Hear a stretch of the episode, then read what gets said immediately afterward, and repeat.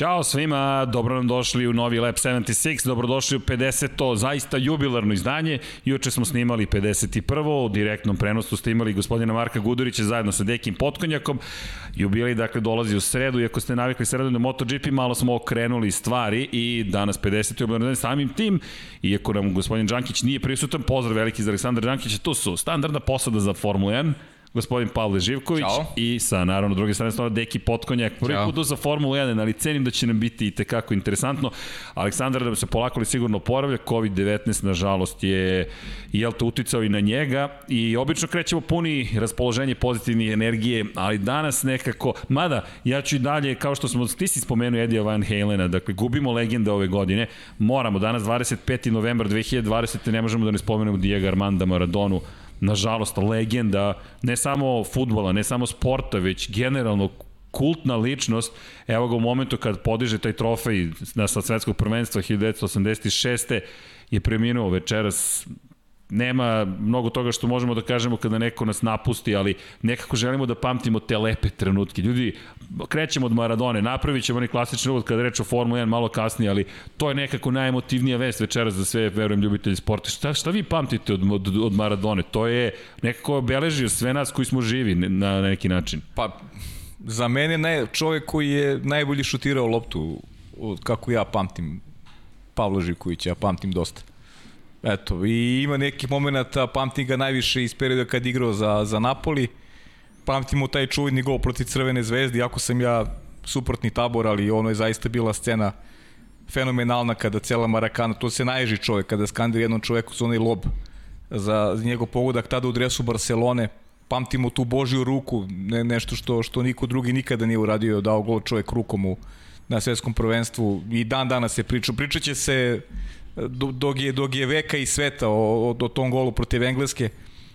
Pamtimo čoveka kao zaista najveću legendu kada je futbol u pitanju. Iz mog ugla on je najveći koji igra u futbol. Na, Pele ja nikad nisam gledao, ne znam, gledao sam snimke, ali ono što ja pamtim za mene je Maradona najveći. I taj moment, to je protiv Velike Britanije, protiv Engleske protiv zapravo, engleski, protiv engleski. a Falklandi su bili, rat na Falklandima se završio nekoliko godina ranije i ti tog ljutog, mrskog I, rivala i, iz, izme, Između ostalog i, i to je dobilo onako dodatnu dimenziju baš baš cel, cela priča Globalna koliko, epizoda. koliko je značilo recimo Ardiljesu, recimo taj pogodak Ardiljesku izgubio brata recimo u tom ratu, tako da je zaista bilo onako, u Argentini mislim da se ništa nije toliko slavilo kao ta pobeda protiv Engleske. Čak i, čak i, i više nego, nego, nego svetske titule. Ali čak i Gary Lineker kasnije, decenijama kasnije kada ga je pitao jesi dao rukom go, i čuveni intervju njihov kada Maradona kaže da, dao sam rukom go, tada je prvi put priznao koliko ja znam javno. Pa, pa i ona i ona priča sa možemo, mislim, no, sećaš se Emiru Kustirici, da Emir Kustirica pravio film i, Jest. i šta je govorio da Zamislite kakav bi tek igrač bio da da nije bilo kokaina u mom životu. I to je da, onako jedna Da, to je to je te izjave iz iz Napulja. Jeste, jeste, ispo, ispovest onako lična i nekako iskrena, eto kako kako bih rekao. I zaista kakav bi igrač bio da da je onako živeo nekim nazovi normalnim životom u, u, uz celu tu sliku o njemu koja postoji kao igrač. Pre, pre ne, ne znam, deseta godina bio sam na kratko u Napolju, dva dana bukvalno, i zalutali smo u neku sporednu ulicu i stoji ikona Diego Armando Maradona u Napolju, to se podrazumeva u Buenos Airesu, ali u Napolju i dalje su pamtili te dve neverovatne godine. Napolj koji da. nije, Napoli zapravo nije, Napolj nije grad koji ima šampione tako redovno, dolazi najveća zvezda u tom momentu svetske. Da, ali ima neverovatne zaljubljenike u futbol, tako da ako, yes. ako je negde treba da igra, to je, to je Napolj. Kako ga ti pamtiš? Pa, ja ga pamtim baš ono što što je Paja rekao, ovaj, dugo pamtim. Ovaj, nekako sad razmišljam, mislim da je Diego Maradona prva velika sportska sportska zvezda koja, koja se pojavila i razvijala uh, za vreme mog boravka na ovoj planeti. Sve, svi neki drugi su već postojali i onda sam ja saznavao šta su radili, ovaj, koje su njihova dostignuća bila, a za Maradonu sam nekako prvi put čuo kad sam ja počeo da, da, da ovaj, ozbiljnije pratim neke stvari i jednostavno ono, bukvalno sam da je neki njegov početak te reprezentativne karijere mogao da ispratim. Tako da onako ba, baš sam nekako ovaj ja, ja generalno ono ja sam što se tiče fudbala i reprezentativnog fudbala privržen i Brazilcima onako generalno i u Formuli 1 tako da ti to već znaš da. tom nekom portugalskom da, govornom da, da, području ovaj ali Maradona je stvarno bio neš, nešto posebno on je bio za mene rok zvezda fudbala Maradona i George Best to su bili koji mm -hmm. takođe bio opet u nekom suprotnom taboru od onog kojeg ja gotovim ali njih dvojica su mi stvarno bili oni su ljudi koji su se igrali futbala. E, e vidiš, sad, deki, ja recimo svuda da. više volim Brazilce zbog Maradone, da. samo u futbolu uvek ne bio da. za Argentinu da. protiv Brazila. Eto, to je... Pa znaš kako, ja ono, Brazilci su mi stvarno ono, broj jedan, ali znaš, i, i Kempes, i Ardiljes, i, da. i Maradona, i Kanidja, i to su sve ono, Filjol kao golman, men isto jest, onako, to, jest. to mi onako ne, neke stvari, onako stvarno vezano za Argentince, ono, tu ne bih mogao da, da, da se sad kao nešto odlučim da kažem da presečem, da, to mm. je tako. Ono, kad igra Brazil Argentina ja uživam u toj utakmici jednostavno ne, ne, nema tu nekog onako strastvenog navijanja za jedne i s druge nego baš sednemo onako i uživam jer oni se igraju fudbal i to Jeste. je ono e, Maradona se tako igrao fudbal e sad nažalost on je i život shvatio kao igru baš u svim segmentima kao i taj George Best i to je nažalost eto zbog svih tih nekih stvari nismo mogli obojicu da dobijemo onako maksimum da vidimo šta, šta bi šta bi ovaj postigli ali jednostavno ovaj, on, i to što su radili stvarno onako on je, on je onako fudbalska ikona to je, to je to je onako baš to što si rekao, ta, ta slika tamo, taj mural, to je to. Da, to, i, to je Maradona što tiže fudbala. Čovek ima svoju crkvu, dakle, crkva Maradoni je posvećena, s obzirom da njeni sledbenici veruju da je najbolji igrač futbola svih vremena, najbolji futbaler svih vremena, toliko je njegov uticaj velik, dakle ogroman uticaj i mi kada nemamo, nemamo šta da kažemo za Diego Armanda Maradona osim Diego Armanda Maradona. 60 godina imao, da. napunio Samo 60 dana, godina, da. 60 godina, A da. koliko je sa nama i, i koliko Jeste. smo njemu slušali i Ali, sve. Ali iskreno i kako je živeo Jeste. Dobro jest. i poživeo, ja se sećam sad neki skoro onih detalja, ne znam, Boka Juniors neka utakmica je bila, pa on maše publici, ne znam kome je bio trener, ti vidiš neku odsutnost u pogledu, on, on kao da ne zna ni, ni, ni gde se nalazi. Pa jeste, znaš kako, zdravstveni problemi već 20 godina traju, to je stvarno za, za jedan organizam koji je toliko iscrpljen, što je, sportski, iscrpljen. a kasnije i tim nesportskim životom, to Pre je svega nesportskim baš, da, životom, da. da. To je, to je ovaj, jednostavno to, ali eto, pamtit ćemo ga, ovaj, on, on je čovjek, mislim, nije, nije, nije čovjek koji je davao gol, on ih je stvarao i baš ta, ta utakmica sa engleskom, što se spomenuli, taj, taj sporni go, ta, ta Bože ruka, s druge strane imamo go koji je go ono večnosti, go, go, go stoleća, onaj drugi no, god je prošao da, kroz čitav tim engleski. Yes, znači, jednostavno na toj utakmici je pokazao stvari ko je on i, i to je taj njegov neki lični... Iz Argentine je krenuo i izustavio se u, u mreži. To je taj lični pečat kad je on motivisan bio kako je futbol izgledao. E, to, je, to je to. Argentina je, iako sada se to zaboravlja, iako Brazil sada nekako je veća asocijacija za Formulu 1 imala velikog Juana Manuela Fangija. Ma, bilo je tu, bilo, Argent, bio je tu i Carlos Reutemann, Reutemann malo je nedostajalo da, da osvoji titul, ali, ali izgubio baš protiv mog yes. Brazilca, tako da... tako da nema žalbi. tako da sve okej, okay, da, da. Da, rekli smo da ćemo posvetiti taj početak nekako uvek odvojimo za ljude koji obeležavaju, prosto ovo je život, dakle i pogotovo sportista, obeležili smo i kada je Eddie Van Halen nažalost preminuo od gitara i dalje, ostaće trajno Van Halen izovano, dok možda neki zub vremena je ne, ne, ne načne, ali da, večeras pričamo o Formuli 1, jubilarne emisije trebalo je da bude juče, ali nekako se sve potrefilo, dakle Marko je bio dostupan samo juče, pa ti si bio na sport klubu u direktnom prenosu. I ja sam dostupan danas. Tako je, dakle Marko i Paja. Dobro se nam da. Hvala Marko, hvala, hvala Paja. Tako je, da, da, da. Pozdrav Marku, zaista, da. pogledat ću obavezno. Da, bilo je zabavno, zaista. Da. Ranije sam ga slušao i stvarno jedan super momak i po, vrlo voli izuzetno MotoGP, pristojan čovjek da, i zna. Baš onako, ali baš izuzetno pristojan čovjek, zaista. Jeste. I, i, i ostaje baš nekako, ja, zaista smo rekli, čast nam i zadovoljstvo. E sad, vidjet ćemo naravno i kada reč o Formuli 1, naći ćemo i poznavalce drugim sportovima, prolazi nam polako sezona, standardni uvod, dakle kada pričamo o onome što vas čeka u Lep 76 broj 50 ljudi, na, na, najavljamo poslednje tri trke godine, krećemo od velike nagrade Bahrina, krećemo od toga što će i naredne nedelje biti ta druga velika nagrada Bahrina, Bahrein 2, to jest velika nagrada Šakira, dakle, ili Sakira, sad zavisi koga pitate, to je isto, dakle, Šakir nekako... Dilema, da. Da, dilema postoji, za sada nekako pričamo Šakir, pošto je to nekako izraz koji je već duži niz godina u upotrebi, ali ta spoljna staza, spoljni krug je glavna tema čak i ovoga vikenda, nekako kada da. smo se spremali za ovu emisiju, a šta se sve događalo, pa kao najveća priča je zapravo ono što će se desiti tamo za 10 dana, ali nećemo preskočiti veliku Novog. Pozdrav inače za, za, za našeg sponzora, dakle, tu je je dakle kompanija MOL u novembru, imamo mesec Movember, dakle brkove smo pustili, ne znam zašto, ali moram ovo da vam pokažem zašto je ova knjiga osvanula pored mene. Dakle, sasvim okay, slučajno. Da, sasvim slučajno, ali nisam na tom nivou, pazi, ja mislim da tu Ne, ne, ne. Da, da nedostaje zapravo. Ali samo ti kažem, ako budu birali najbolje brkove, pobedit ćeš ti. Ja, deki, ja Ne, ne, tanko tanko pirata. skroz, Vidi, da. ja sam se Tanko si, posvetio ovome. ti si se posvetio brkovima, jesi? Da, da, dakle imao sam onaj Lemmy Kilmister moment. Ne, ne, ovo mislim da, da je ovo pravi potez. Evo, Vanja se zabavlja, dakle, sa kamerom, hvala Vanja. Ali da, imamo, dakle, Nigela Mansella, nisam baš Mansell, ali lepo je biti u rečenici sa Ne znam šta, ne znam kakvu nagradu podelimo to za najbolji brk. Ti bi dobio tu ovaj, Za najbolje brkove. najbolje brkove, Kako da. ćemo to da organizujemo? Da ljudi pošalju fotografije iz Movembra. iz Movembra, da. Ok, Nije loša ideja. Čekaj, smislit ćemo neki mehanizam. Nije ne da znam može koliko neko ti pare. Ljudi, ja puštajte mojim- brkove, imate još Još par dana. Dana, ja Pa svojim mojim da lažnim ne vremena. Ne, moramo neku, neku dobru nagradu smisliti. Nešto moramo baš, smisliti, da, da, baš neka kvalitetna A mora da nagrada. ima veze sa Mansellom onda. Mora da ima veze s ćemo Mansellom. nešto, da. Smislit ćemo, okej.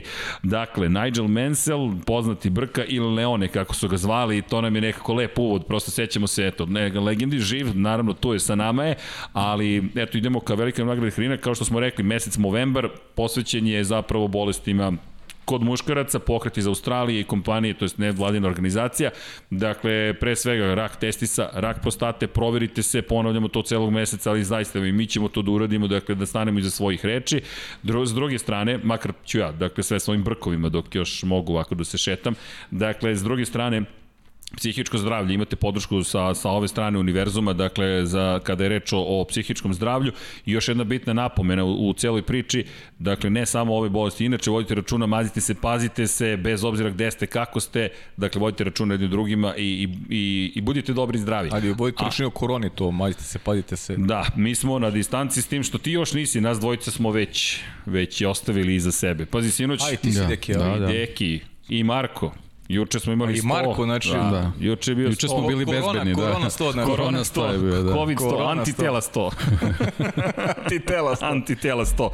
Tako da da, I inače Deki nazvao ovaj mesec mesec Molembar, pošto smo dobili prvog sponzora u Da, našoj odlično, istoriji, odlično, da. Molembar, moram ti priznati da je baš, baš onako dobra Originalno. stvar. Da, i pričat ćemo malo kasnije standardni deo i za pozdrav za one koji slušaju na ovo na, na podcast, dakle platformama, kad idemo direktno malo kasnije stigne podcast, ne zamerite, ali prosto to je deo, deo zabave kada smo uživo i uživo to znači da post, pratit ćemo i chat, pratit ćemo i postavljanje pitanja, na kraju obično posvetimo ceo deo pitanjima, ali usput ćemo, ja ću se truditi da ispratim i chat i šta se tu zbiva, mada kada se pokrene diskusija teško ispratiti. No, ljudi, Da krenemo mi sa Formulom 1, jubilej nam je, eto, parni brojevi su nekako pripali Formuli 1, poslednje tri trke sezone, titule su odlučene. Lewis Hamilton na trci u Turskoj za mene je bio zaista izuzetan po onim vremenskim uslovima u tom momentu kada treba da osvojiš titulu do još jedne pobede došao dakle četvrta pobeda za redom trenutno opet deluje nezaustavljivo Mercedes je svoju titulu u šampionatu konstruktora kada govorimo međutim o ostalim pozicijama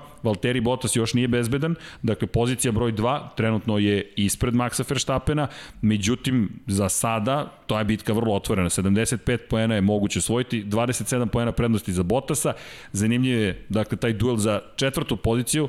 Sergio Perez protiv Charlesa Leclerca, Daniela Ricarda, to trenutno tako izgleda. Četiri poena njih trojicu deli, a u šampionatu konstruktora i koji Red Bull završio u velikoj meri svoj deo posla, Racing Point protiv McLarena, Renaulta i Ferrarija, 24 poena između ovih timova, to je ono najuzbudljivije iz perspektive bitaka i sad stižemo u Bahrein, nekako smo se pitali kako da najavimo Bahrein. Pa ljudi, da ćemo da krenemo od možda prošle godine. Charles Leclerc prošle godine zapravo stupio na scenu na pravi način, nije došao do pobede, da nije bilo kvarana Ferrari, bio nadomak, nadomak pobede. Sećamo se, sećamo se ne? te trke. To je izgledalo kao da je početak neke nove ere u Ferrari. Pa izgledalo je kao da, kao da je za, za bolidom Ferrari neko ko je prošao sito i reštu u tom timu, kao neko ko je upravljao tim bolidom x godina unazad. Meni je tako delovo. Zaista je bio dominantan. Jedna sjajna trka, prava štete što je završen način na koji je završena. Uh, pričali smo, često smo polemisali oko toga, oko, oko mogućnosti Charlesa Leclerca, definitivno vozač koji će se boriti u, u nekoj bliskoj budućnosti, možda, možda oni Max Verstappen najveći rivali u nekoj novoj eri Formule 1 kada ne bude više bilo ovih ove, ove, ovih vanzemaljaca, kako smo prozvali Alonsa, Hamiltona i Fetela. I neko ko vozi sjajno u posljednje vreme. Ajde da, da sad zanemarimo ono što se dešavati u Bahreinu i tu, i tu trku. U posljednje vreme Charles Leclerc zaista izlači maksimum iz Ferrarija. Mislim da možemo složimo oko toga. Uh, rekao bih da da radi nešto što što radi Max Verstappen u Red Bull. Eto, mogu bi da uporedim recimo Charles Leclerc sa Maxom Verstappenom, da izleči bukvalno maksimum. Ti znaš da ja nisam neki veliki fan Leclerca, od momenta kada je kročio u Formuli 1, malo sam bio skeptičan, iskreno, i dalje negde nekako uh, kao, da, kao da nisam baš najsigurniji uh, u tu neku procenu da, da, da je to nivo Maxa Verstappena, mora da priznam, ali prosto on čovek uh, uh, sve te neverne tome poput mene uh, iz nedelje u nedelje dovodi do toga da mu skidamo kapu i kažemo ok, taj momak definitivno potvrđuje da ima potencijal. Da, imajući u vidu s čim raspolaže ove sezone. Pogotovo imajući u vidu s čim raspolaže ove sezone. Zaista neverovatno kako Ferrari u njegovim rukama izgleda. Uh, on, je, on je ispustio drugo mesto uh, u prošloj trci. Posljednja krivina greška na kočenju uh, i reakcija njegova, to, to je reakcija šampiona. On je čovjek bio ljut, njega je tim hrabrio uh, Ma da, nije htio da ih sluša uopšte. Nije, ma nije htio da, da sluša, da, on, on je sve to ignorisao. Uh, ne znam da li se slažete vas dvojice, za, za mene, za mene je ovo bila najbolja trka Charles Leclerca u, u karijeri. Meni deluje da, da je ovaj, i on svesta nekih svojih nedostataka i upravo s tim nekim reakcijama kad se završe e, trke gde, gde on eksplicitno prihvata krivicu uh mhm. -huh. ako je on o, pogrešio, da su to jednostavno stvari na osnovu kojih on uči. Tako da kad dođe možda neka situacija, nadam se da će doći gde, u kojoj će raspolagati sa nekim boljim automobilom, tu ćemo u stvari možda moći da vidimo kakvi su njegovi potencijali, koliko uči iz tih grešaka koje iz njegove perspektive su prilično skupe. On, da, ono, da. kao što si rekao, on, on nije mogao da se smiri po, posle one greške mm. zaista, ili je stvarno, stvarno očekivao ovaj, taj neki plasman koji će neki dodatni boost da bude i njemu i Ferrari. Eto, imao je, da kažemo, sreća što je Vettel bio taj koji iskoristio tu grešku, pa kao ajde, malo se desila neka kompenzacija, ali on je jednostavno ovaj zna šta hoće i to je u stvari njegov njegov veliki ovaj jest, ovaj jest. potencijal. Upravo taj Bahrein prošle godine ta ta pol pozicija je bila stvarno nešto spektakularno. Mm. Sjajno to izvezo izvezo nazlo što trka taj cilindar. Da. što je da. popustio da. pa, pa je pokvario ovaj planov, ali ali nekako kad pogledamo te kvalifikacije prošle godine to, to je bilo jedno od redkih izdanja da je Ferrari zaista bio dobar. I on i Vettel, posle toga nije, nije to baš tako sjajno funkcionisalo, ali, ali očigledno da kad je Ferrari u formi, on to zna da iskoristi. Yes. On je vozač oko koga ja najviše... Za razliku, izvini, za razliku od da. Verstappena, da. kao što si rekao, tu bi se složio s tobom, da. i kad Red Bullu ne ide, Verstappen yes. je taj koji gura čitavu ekipu i vuče i to je odlika onako šampionska zaista. Vidjet ćemo koliko ćemo pomoći sada činjenic uh, Lecleru, to što dolazi ne znam kako ti gledaš ta stvari. Ja, ja gledam Sainca kao, kao drugu opciju u Ferrariju. Tako ga doživljam, da dolazi da bude potpora Charlesu Leclercu. Tako gledam na stvari. I, i, I zanima me kako će se Leclerc ponašati u varijanti kada je lider ekipe. U suštini on je i sada lider ekipe, ali nekako sam sklon tvrdni da, da Ferrari definitivno ima dve različite, da kažem, dva različite, to su dva različite automobila. Ne može da ubedi niko da, da je Vettel toliko slabiji od Charles Leclerc, niko ne može da ubedi to. Ali me strašno zanima kako će se Leclerc ponašati u opciji gde je on broj 1, gde je on taj koji treba da bude lider ekipe. I jedva čeka zbog toga sledeću sezonu. Kažem, e, zaista negde menja mišljenje, ali sam sada bliži toj opciji, sam sam negde sebe onako doveo do toga da Leclerc mnogo više pošto nego što bio slučaj e, kada se pojavio, kada je kročio u Formuli 1. Upravo to. Ja, ja mislim da će on e, moći da pokaže svoju svoju ovaj lidersku poziciju uh, upravo i zbog toga što u poslednjih par nedelja, možda ajde da kažem mesec, mesec, e, dva, ovaj, mene Sainz onako malo zabrinu s nekim svojim izjavama, kroz, gde onako kroz redove vidim da se on malo uplašio te situacije koje ga čeka u Ferrariju. I to mi nije, nije dobar znak da će on uspeti da se uključi u priču. Možda je, malo ga je uljuljkala ova cela e, priča sa McLarenom, dobri rezultati, onda super odnos sa timskim kolegom i tako dalje.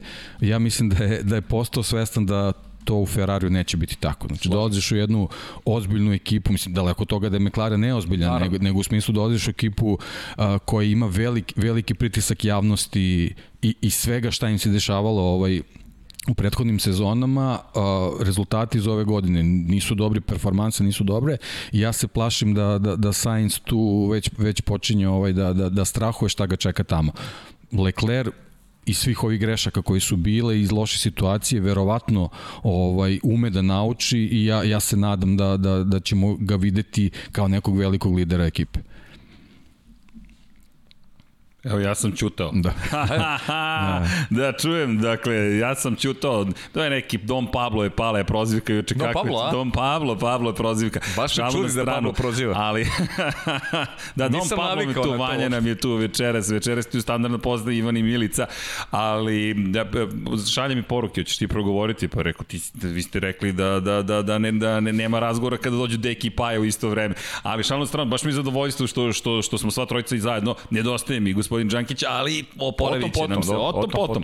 U svakom slučaju, kada pričamo o, o, o Lecleru i kada pričamo o tome, meni je tu zanimljivo i dalje priča o Carlosu Sainzu. Samo mala, ma, mala evo, digresija. Digresija, dakle, to- dobro, to- da, digresija, čučivi. ajde. Pazi, stiže i ona reč na A, ali malo kasnije. Dobro. Samo da znaš, dobit Koristimo ćemo... i obojica, koristimo i obojica. Tako je, samo da, da se javim, dakle, kada je reč o stikerima, bit će tu i stikera. Pozdrav još jednom za Đorđa Radojevića koji nam se javio. Dakle, Đorđe, javljamo se, nema ništa da brineš, pravimo Zoom sa Brđom i onda imamo stikere sa svim našim uzrčicama, poštapalicama i samo Ja što vam moram koristimo. nešto kažem, izvini. Da.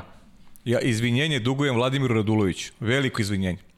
I imam u, u, u džepu mi je treba se jedan do pošte podignem poklon koji nam je poslao.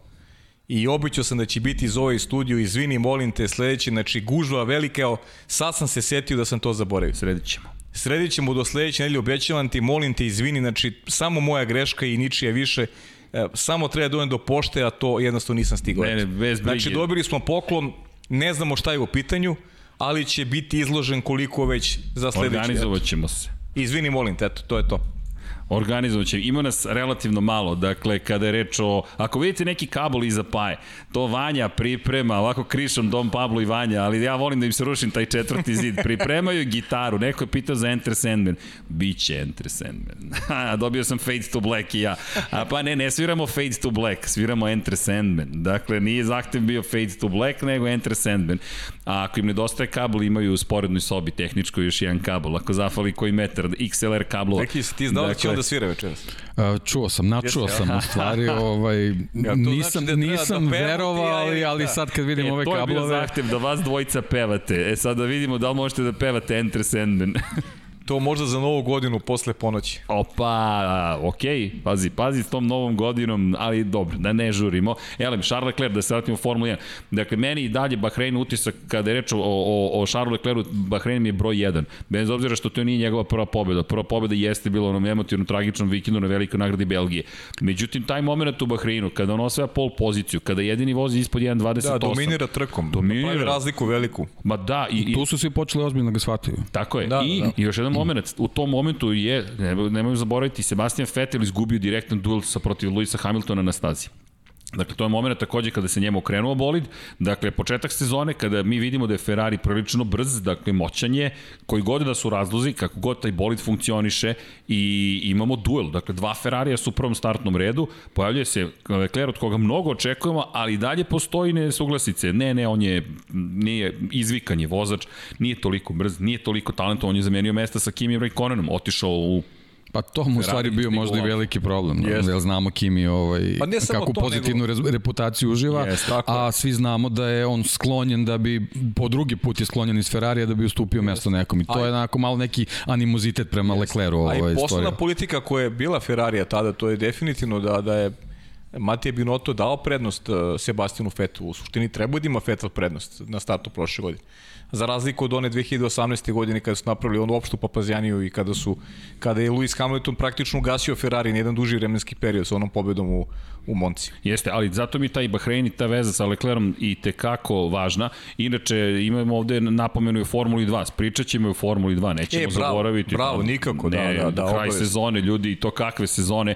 I o, priča o Miku Šumacher. Inače, Mik Šumacher, nemojte zaboraviti, u Bahreinu prošle godine i prvi put dobio priliku da bude u jednom bolidu Formula 1. Dakle, to je malo drugačiji period, s obzirom na činjenicu da je početak sezone zapravo. Mi smo, to je druga trka godinu 2019. Prođe godinu i pod onda, Mik Šumacher u tom trenutku nije bio ovaj sadašnji Mik Šumacher, ali ima tu mnogo veza koje... koje E, ko, mogu samo kažem, opet Naravno, jedna molim te. digresija, kada je Formula 2 u pitanju, u nedelju ćemo gledati, čini mi se od 12 sati tu drugu trku, da znaš, na, na, čini mi se na sport klubu 1.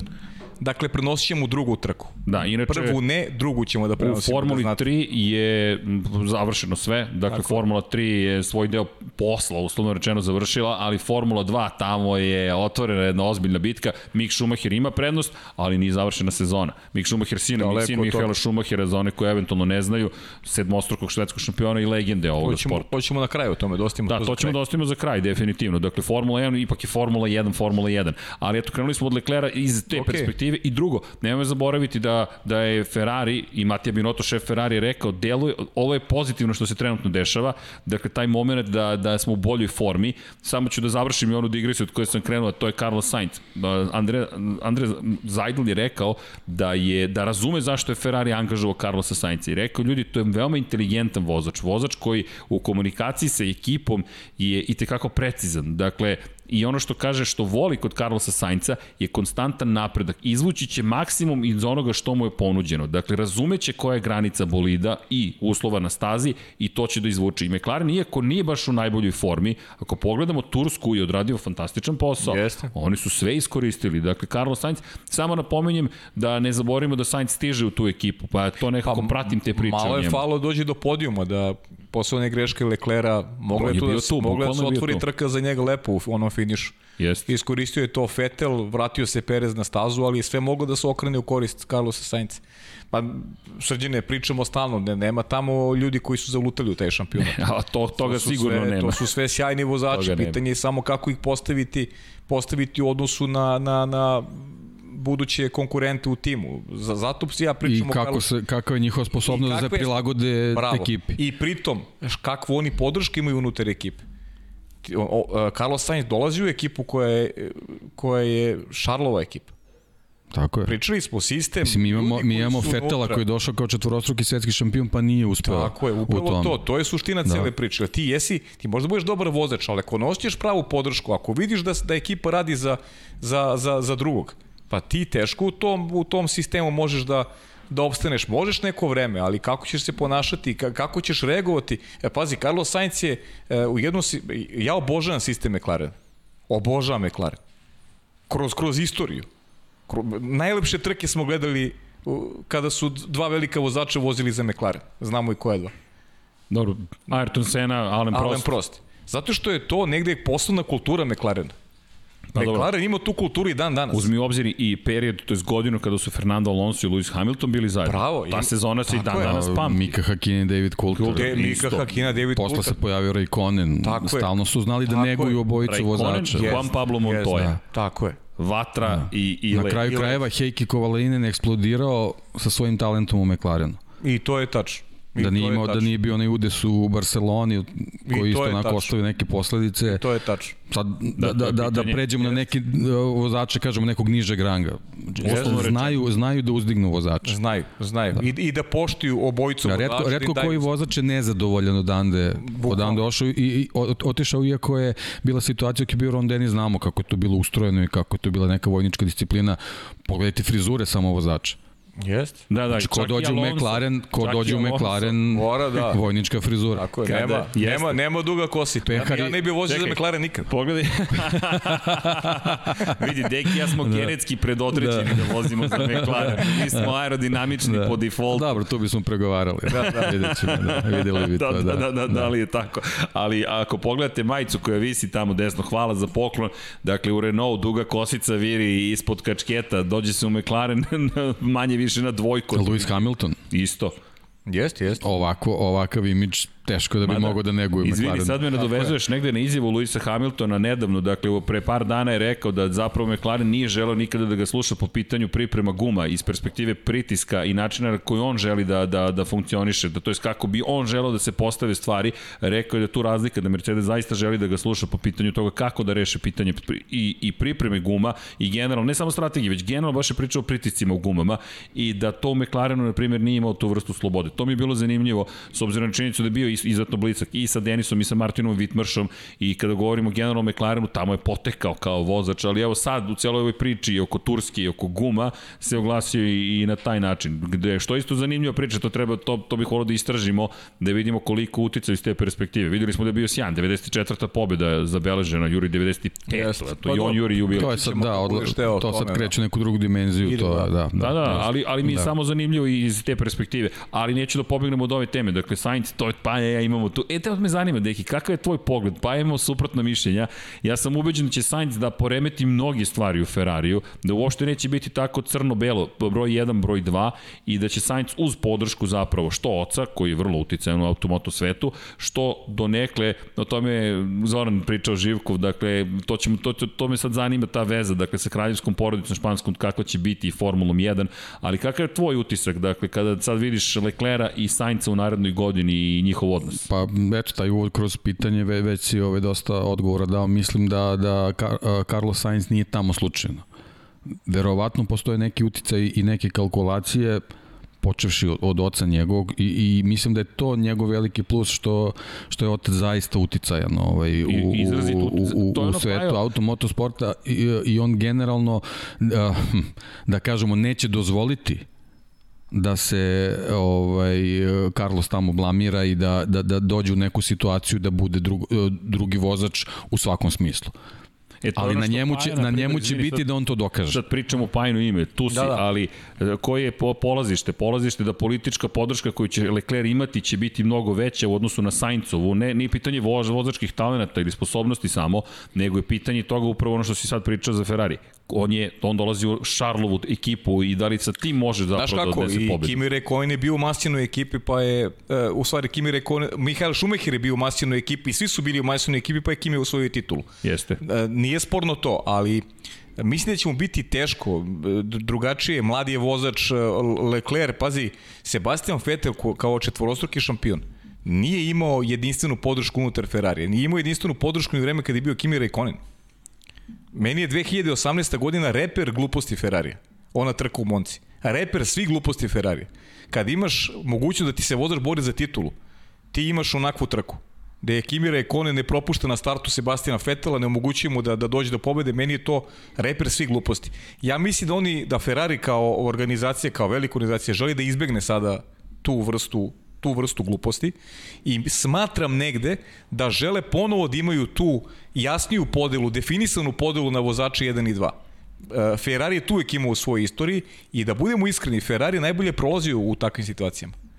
Imali su Mihala Šumahera, kasnije su želi to sa Fernandom Alonsom, nije uspelo, sa Sebastianom Vettelom nije uspelo. E, šta je još predno Charles Leclerc? Charles Leclerc je prošao kroz akademiju Ferrari ima jako uporište u ljudima koji su unutar organizacije, koji su njega protežirali kroz, kroz karijeru mladog vozača, neko koji je bio perspektivan svoja titula u Formuli 3, Formuli 2, a mlađi Todd i da ne nabrajam sa sve ljude. Upravo to, cela porodica Todd cela porodica, u toj priči, da. Cela porodica Todd. Dakle, e, Todovi protiv Sainz. Tod, ali, ali pazi. Pa velika glavobolja za Binota. Da. Velika glavobolja za Binota. A već ih ima. već ih ima.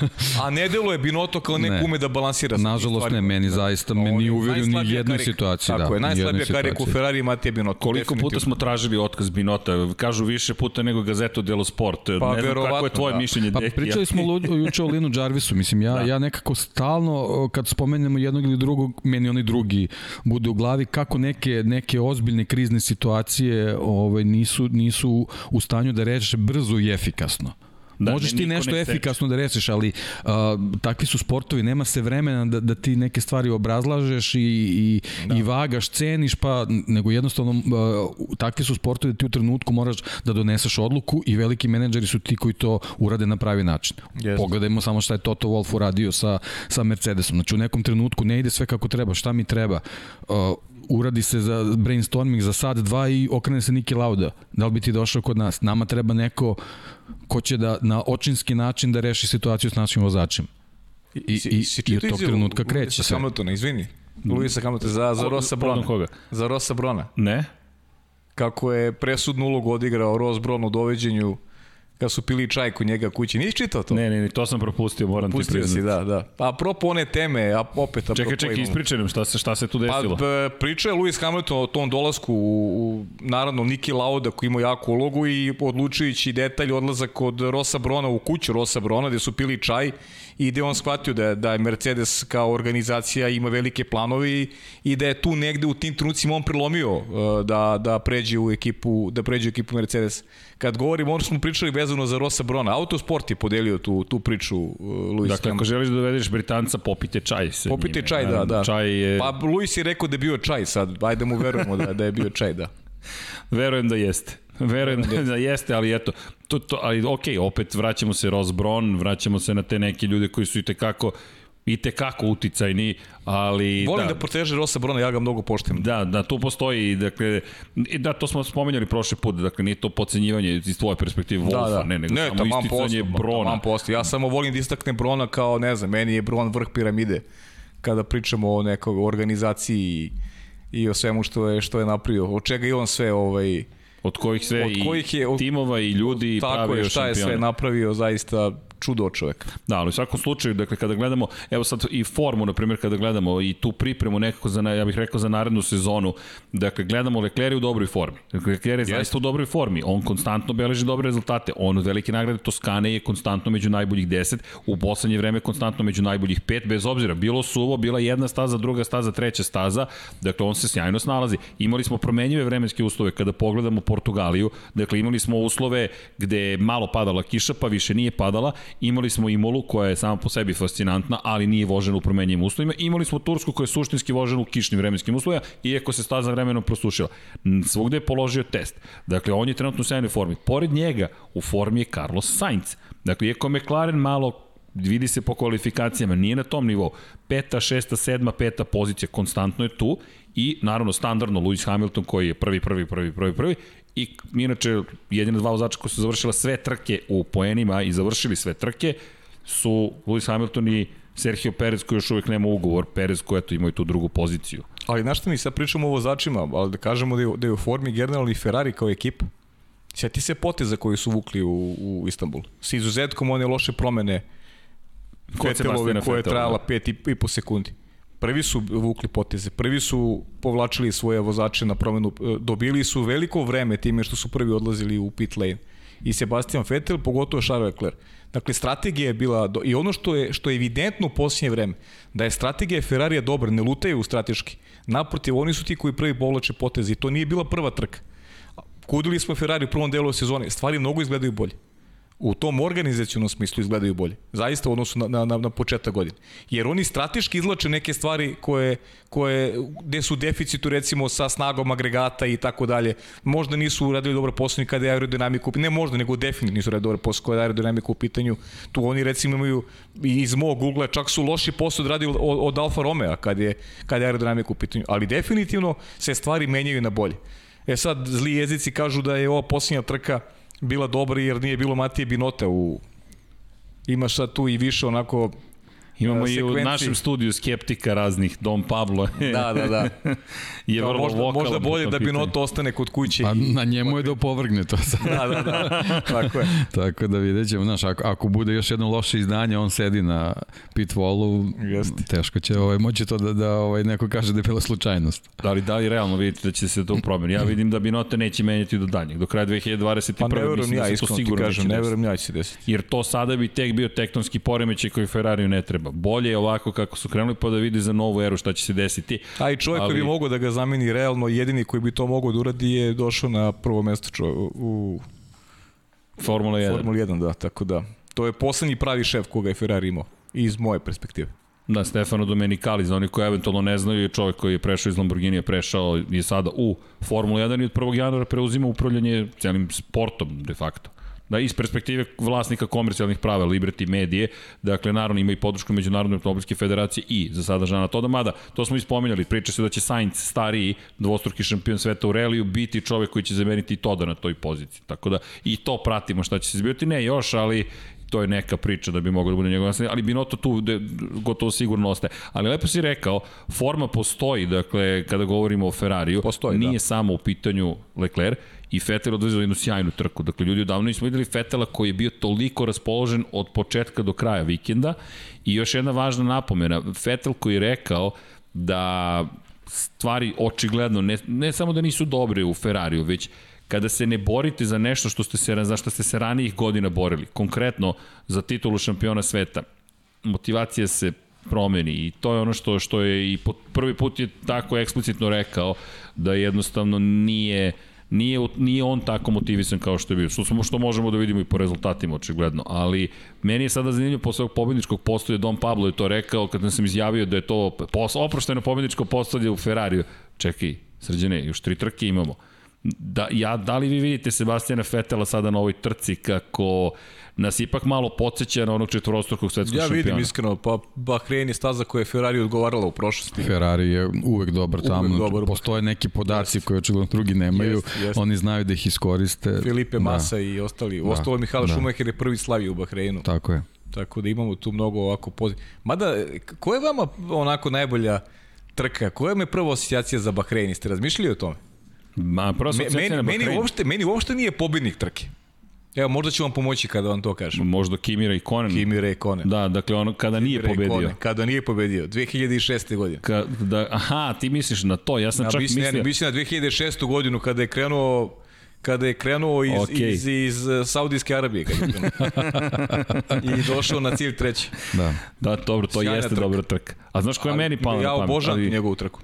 Da, to, to je jedno, ali meni je ostalo na, u, u, u sećanju zapravo, ako se dobro sećam, to je 2012. 2011. je otkazana trka s obzirom na činjenicu da smo imali političke 2011. nemire. 2011. misli otkazana. Da, 2011. Da, kada 2011. trebalo mi, to je prva naša sezona. To smo mi trebali da radimo ali, otkazana. Znaš protiv koga se borio? Imao je šansu, ako se ja ne veram, da pobedi tada Sebastijana Fetela u Red Bullu. Jedan jedini pokušaj u Lotusu na startnom ciljnom pravcu, to mi je nekako u glavi. A mislim, I, mislim da su tada oni Grožan bili drugi i treći i moguće, jeste, na pobedničkom postolju. Da, oni Grožan bili drugi i treći. I o, u sećanju mi je Fetelova iz 2018. ne iz 2017. kada je toliko dugo ostao na jednom setu guma da na e, kraju bravo, je jeste, bilo, da. ja mislim da ga je Bottas sustizao zapravo i da je bilo pitanje da li će, da li će uopšte uspeti da zadrži prvu poziciju, samo jedna promjena pneumatika tada u Bahreinu i iskreno to pa, paralela mi se desila sada sa Hamiltonom u Turskoj i Fetelom te godine u Bahreinu. Zato mhm. nekako i gledam ka Fetelu, Fetel koji je slavio dva puta sa Red Bullom, jest, dva puta s Ferrarijem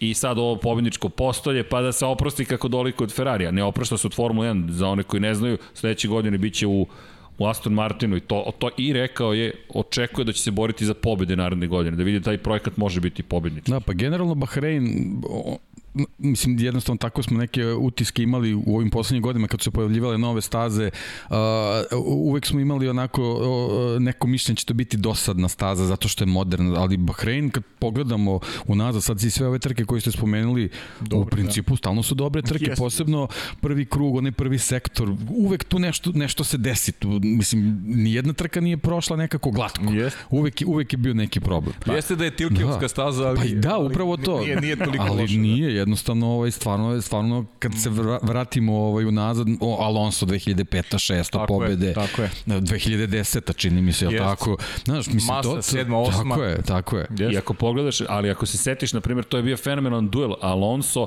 koji izlazi u poslednji to je sad Formula 1 baš pustila snimak iz 2005 dakle Bron koji cupka i gleda u Ferrarijevim bojama ovako da li će uspeti da prođe Schumacher koji je već obavio promenu guma? Je da Baton je dobio 2009 I, tako? Da, Baton, da, da, za Bron, ali, da. ali, ali, ali, ali pazi sad ovo, ovo je kada je bio Ferrari u Bron, čeka Schumachera, Schumacher ide startno s jednim pravcem, puštaju iz Renaulta Alonso i izlaze jedan pored drugog i Alonso koji ne da svoju poziciju i Schumacher koji samo mora da prihvati tu poziciju pored dva. Cele godine u Imoli i u Bahreinu stalno ti dueli između njih dvojice i baš su bili izjednačeni, ali na kraju odneo pobedu Alonso, to je ta šampionska pa, prva godina. I peta i šesta njih dvojice su onako imali dosta zanimljivih duela. Da. Da, A godine- Bahrein je, Bahrein je pokazao ovaj, da, da može napraviti zanimljiv scenarij. Mislim, na kraju krajeva ta prošla godina, to, ajde, mislim, desio se taj peh sa, sa Leclerom, ali jednostavno to, to je donalo neku zanimljivost toj Ali- trci. Ali da nije otkazao motor, Ferrari bi imao tri pobjede za redom. Da. Dva triumfa Fetela imao bi pobedu Charles Leclerc. Dakle, Mercedes se stalno pominje kao dominantan, kako će da izdominira Bahreinom, kako će sve da pojede u Bahreinu, ali mi ti moraš da se vratiš u 2015. da bi gledao da su ostvarili pobedu bez nečijeg problema. Dakle, Dobro, Ferrari je u jednom momentu promenio. Samo su sami sebi mogli napraviti problem. i, i 2014. Da. da. se sećate, to je bio dobar duel. Nico Rosberg i Pa, Lewis Hamilton. to ti kažem, taj prvi da, da. da. sektor na stvarno točak. zna, zna ovaj da donese dobre stvari tu, da. tu je prilično i prljava staza. Ko tu izgubi, pa, jako je i- teško da se vratiš u ritam pa se, ali, do, do sledećeg ajde, kruga. Kad pričamo recimo o tim trkačkim stazama gde je Mercedes dominirao Ferrari, je tu malo promenio nešto, to je onako, da kažem, karakteristika je bila unazad tih 7 godina, kada je počeo Ferrari u jednom momentu da pobeđuje konstantno na pravim trkačkim stazama, gde nije slavio vreme te dominacije Mercedesa. U Silverstonu su počeli pobeđuju, u Belgiji, u Monci Ferrari dugo nije pobeđivao, pa smo imali triumf Charles Leclerca. Dakle, e, Ferrari je znao da pobedi Spa, Spa Frankorchamps najbolja možda i trka Sebastiana Vettela u Ferrariju kada je pobedio u direktnom duelu Luisa Hamiltona. Pre toga Ferrari ne pati kada je poslije put slavio na Spa Frankorchampu. Dak, tako da je Ferrari uspevao na tim Mercedesovim nazovi stazama da. da ih pobeđuje. Ali kažem, ono što što je meni onako ostalo urezano i dalje i dalje jeste, to je ta 2008. trka u Monci. Ja mislim da je pritom negde se vezuje i za smrt Serđe Markioneja koji je baš negde u tom periodu i preminuo možda neki 15 dana pre te trke u Monci i neko od tog momenta Ferrari više ne liči na ekipu da, koja je sposobna da se... e, Nije zanemarljiv detalj. Moguće da, Da. da to uzdrmao ceo sistem ovaj, odlučivanja i menadžmenta, da je, da, mm. da, dobro se se toga setio. Moguće da je to povukao ovaj, ne, neki sled događaja u nekim mesecima koji su, koji su nastupili, očigledno da, da, da se tu poremetio taj, Definitivno. taj, taj sistem odlučivanja. Ali znamo koliko on bio i prisutan i u garažama i kad su trke, yes. verovatno je bio ključna osoba koja je tu da preseče nešto. Sigurno, E sad, sigurno. njegovim odlaskom verovatno je nastupio nek, neki vakum, neki, vakum, neki jest. tako je, neki period gde, gde, gde su prilično bili uzdrmani pre svega zbog tih odluka. I nema te nema nema snage ličnosti, ne, nema nema Da. da. neko ko je mogao da se nametne kao naslednik Serđe Markione i dalje mislim da ta figura Da, upravo to, mi smo pre toga imali Luku di Montezemola koji je jednostavno Jeste, pa Luka Di Montecemolo koji je bio čovjek je bio bog. bog, bukvalno. Da, pa on je bio tako je. neko koga je, koga je pokojni Ferrari Tako je. obožavao. Pa, bukvalno mu mislim, kao sin- kao sin delovao, je bio, da, bukvalno. da. Bukvalno je bio kao sin, de, deo, deo familije, deo, deo, ne znam, porodični ručak, Luka je tu. Dakle, bukvalno je pravio njega neko. Pa na kraju krajeva imidž, imidž ovog, da kažemo, dela gde se izrađuju serijski automobili Ferrarija, Luka Tako di je, Montezemolo je je. zaslužan za ovaj kompletan imidž koji je Ferrari dobio u godinama posle Enzo Ferrari. Tako je. Slobodno ti, A, nemoj a, da ovaj, promeniti temu ili nešto drugo. To da, da, da, bih, kada da. ovo je super, ja uživam. Dakle, mi moji prijatelji su tu, pričamo o Formuli 1. Evo, Pa ne, to su- suština je da, da se nadamo da će Ferrari neki svoj Tako je. džoker izvući u, u Bahreinu. To je poenta priče, jer, Jeste. jer prethodne godine su to pokazale. Pa da, ali zato i, I u ovom nekom naletu ove trke u Istanbulu da, da je to to. Meni je ono što je tu, tu zaista impresivno jeste ovo što ste spominjali, dakle da, da Bahrein nekako uvek nekako pruži nešto posebno i, i suzdržavam se da odem na, na trku broj 2 jer je suviše lako nekako najavljivati trku broj 2. Samo ukratko, kraće od minut će trajati taj krug, idemo na taj spoljni krug, fascinantno je, to smo i rekli u uvodu, da svi pričaju zapravo o toj drugoj trci. Ja ne bih da pobegnu do ove prve trke jer verujem da će biti Ne bih ni ja, ali opet, sjajna. opet s druge strane volao bih da iskoristim i deke dok je tu da, Naravno. da pričamo i o, da pričamo i o trci broj 2. Da, spoljna, spoljna staza. bi- bi- Tako je, da malo kažemo i o trci broj 2 nešto, Ajmo, ali ajmo, ono ajmo da... pre toga samo, šanse Mercedesa, gotovo da izlišno spominjati ih, a favoriti su, tu nemamo šta da pričamo. Aero, inače rekao Lewis Hamilton da su spre, rešili problem rotacije sa, sa bolidom. Filozofija, to imate lep tekst na motorsport.com-u, dakle, rotacija bolida za, za bolid koji je dužeg međuosmovinskog rastojanja je problematična. Dakle, samo to okretanje tokom skretanja u krivini je nešto s čim su se donekle mučili. To niste mogli da vidite, ali je to postalo. Hamilton je rekao da su čak i to rešili. Dakle, da je taj bolid napredovao, iako nema kraće međunarodsko rastojanje, to je neka filozofija koju je samo Mercedes primjenjivao i taj rake spušteni koji je primenio Mercedes, imali su problem s rotacijom, kaže to, toga više nema. Dakle, kada govorimo o snazi, Mercedes opet ima ogromnu prednost. Kada govorimo o bilo čemu, Mercedes ima prednost. Strateški znamo da su dovoljno dobri, da ne kažem, pokazali su u Turskoj da su sjajni iz te perspektive. Jesu. Dakle, malo toga gledamo kao slabosti. Mercedes je lako najaviti iz te perspektive. Osvojili sedmu titulu za redom, prestali da razvijaju bolid, Lewis Hamilton osvojio svoju sedmu titulu, nije za redom, ali ukupno, 94 pobjede za njega, Juri možda i 95. 6. 7. ko zna, verujem da neće stati i ono što je rekao zastrašujuće, rekao je imam osjećaj kao da tek počinjem, što sigurno zvuči zastrašujuće I, I kada govorimo o Mercedesu, broj 1 i broj 2. E sad gledamo ko može da bude broj 3, 4, mada Bottas, skeptičan sam da će Bottas da, da, da se oporavi od još jedne veoma loše trke. Opet je pod ogromnim pritisak. Šest puta se okrenuo u Turskoj. Znaš kako, može da se oporavi iz, iz jednog banalnog razloga, to je da sad više nema nikakav pritisak. On u okviru ekipe, u okviru briefinga, verovatno neće imati nikakav pritisak. Ekipi je ključno da, da se dođe do bodova da bi se obezbedila i ta ovaj, zvanično ovaj, konstruktorska titula koja naravno već je, već je obe, ono, bezbeđena gotovo sigurno, ovaj, tako da možda njegov plus može da bude to što će biti rasterećen. Slažem se, da. da jer on je očigledno pokazao da vozač koji je pod pritiskom, on ne može da funkcioniš. Slažem to je, to, to, je, to. to je suština cele priče, da. zato, zato i nije u kategoriji velikih vozača. Pritisak, kad god je pritisak, to je loša priča. To je Dobro, to. Bottas... Ali i, i ono što mislim za Bottasa generalno, kad bude otišao iz Mercedesa, ne da će pronaći angažbu u nekoj drugoj ekipi. Mislim da će to biti Labudova pesma njegova Mercedes da posle Inače, toga... Inače, pa izvini, Pascal Verlaine se oglasio ovih dana i rekao da je, da, su, da je Mercedes se lomio između toga da angažuje njega kao juniorskog vozača Mercedesa i toga da dovede Valterija Bottasa i da su prosto u tom momentu izabrali Valterija Bottasa. Ne sam ne da zamislim kako se osjećaš kada znaš da si mogao, kao Niko Hulkenberg, mogao si tu da Just. budeš, a na kraju nisi. Pascal Verlaine koji je izuzetno talentom, bio je najmlađi. Ne, ja sam njega pratio, pratio sam ga ovaj, u mlađim kategorijama i zaista su moji prijatelji znaju ovaj, koliko sam stvarno želao da se on nađe ovaj, u, u Mercedesu i u jednom trenutku sam zaista verovao da će tako da bude i prilično sam bio iznenađen ovaj, njihovom, njihovom odlukom, ali jednostavno možda je to sve nešto uslovljeno i povezano sa Mercedesovim angažmanima u, u drugim timovima vezano pa za motore. Pa i, pa i Tota Wolf u Williamsu, vjerojatno. Tako je, i, tako je, i, pa, da. i menadžerstva njihova i to su vjerojatno te neke kombinacije bile u kojima Verlaine jednostavno u tom trenutku nije bio. Tako je. Da. Ali ovaj, zaista sam mislio ovaj, da, da će on biti drugi vozač i baš sam želeo da im kako će se pokaže tu, ali nažalost, eto, kako se ta, ta jedna odluka kako promeni neču karijeru potpuno. Pa da.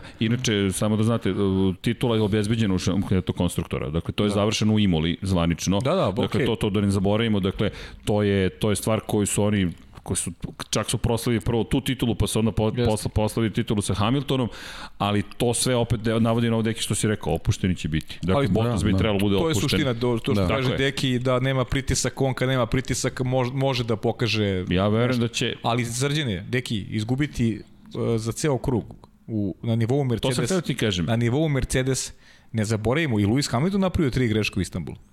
Lewis, uh, Bottas je pogrešio šest puta. A, Samo što su i greške bile mnogo manje. Dakle, do, okay, to su bile mnogo... I možda su vezano što se on žalio preko radio veze kočnice tako i tako ali, dalje. Ali je greši Luis. Da, da. Znači, uz Luise nije sad to samo šest Bottasovih grešaka. I Luis je grešio, ali ga pobedio za ceo krug. Uprkos greškama. Uprkos greškama. Za e, ceo krug. Ti kažem, na ja, istoj strategiji su bili. Ja imam utisak da je pitanje da li će Bottas biti na pobedničkom postolju. Evo, najiskrenije. Na, ali to je samo utisak. Ja sam Ovde tebi rekao, ja, ja, sam, ja sam neki, neke informacije su govorilo o tome tokom godine, da Bottas čak možda neće biti u ekipi Mercedesa naredne godine. Neki ugovor je potpisan, verujem da će na kraju ostati, ali zaista nisam siguran, okej, okay, e, hijerarhijski to je jasno postavljeno. Zna se ko kosi, ko vodu nosi, to odgovara Toto Wolfu, sistem koji funkcioniše, najbolje su, najbolji su konstruktori, Lewis Hamilton pobeđuje, to je sve super. Ali valja se pripremati i za nešto što donosi 2021. 2022. Neće Lewis Hamilton da ostane u Mercedesu zauvek. E, treba potrošiti momka kao što je George Russell. Kako, potro, kako iskoristi potencijal tog dečaka? A George Russell, izvini, je rekao da sve te lepe reči koje za njega imaju trenutno, dok je u Williamsu, su zapravo samo takozvani background noise. To je potpuno I ta, i irelevantno. Tako, tako i jest. Tako, Tako je. i jeste. Relevantno je. Šta, šta, pohvalili ste me. E, George, ti si super. Hvala vam. I? Da, dok se ne desi nešto s potpisom... Nešto mora se nema- dogodi, ljudi. Ok, Lewis, vi, napr, kažite, objasnite momku. Lewis Hamilton treba da bude broj 1, hoćemo da obori sve rekorde. Ok, možda će onda kaže važi, uradit ću na tome, ja želim da budem sledeći. Ja želim da budem taj koji će bude sledeći lider. Ali dajte mi dobar boli da vozi, dajte mi da pokažem šta mogu. A vozi dečku Williamsu već godinama unazad bez... A, a svi pričamo o tome i svi veliki vozači govore kako je George Russell neko ko će se boriti za titulu. Ali bude li vozio za ovakav Williams i naredne godine i ne bude li Williams napredao i za dve godine, pa šta će biti sa tim George Russellom? Ne, Pa pri tom Mercedes nikakvu satisfakciju mu, mu ne pruža, a on je, on je e, milione kilometra prevezao razvijajući Jeste. bolide nekoliko sezona unazad. I, znaš, kakvu poruku dobijaš, da je jednostavno to što ti kažeš, dobiješ samo nešto kao tapšete Tapšanje, po ramenima i to je to. Ni, ništa dečko. konkretno nije dobio, da. Zbog, zbog Valterija Bottas, koji, koji da. zaostaje ceo krug u utrci. Ali tu se vraćamo opet, da li bi George Russell eh, po, kao Charles Leclerc div, po, po, po fabričkom podešavanju ugrozio Luisa Hamiltona. dobro, to, sad, to je pravo pitanje. Znaš, sad, i onda unosiš Pa- jedan nemir u Mercedes koji očigledno da niko u ovom momentu ne želi.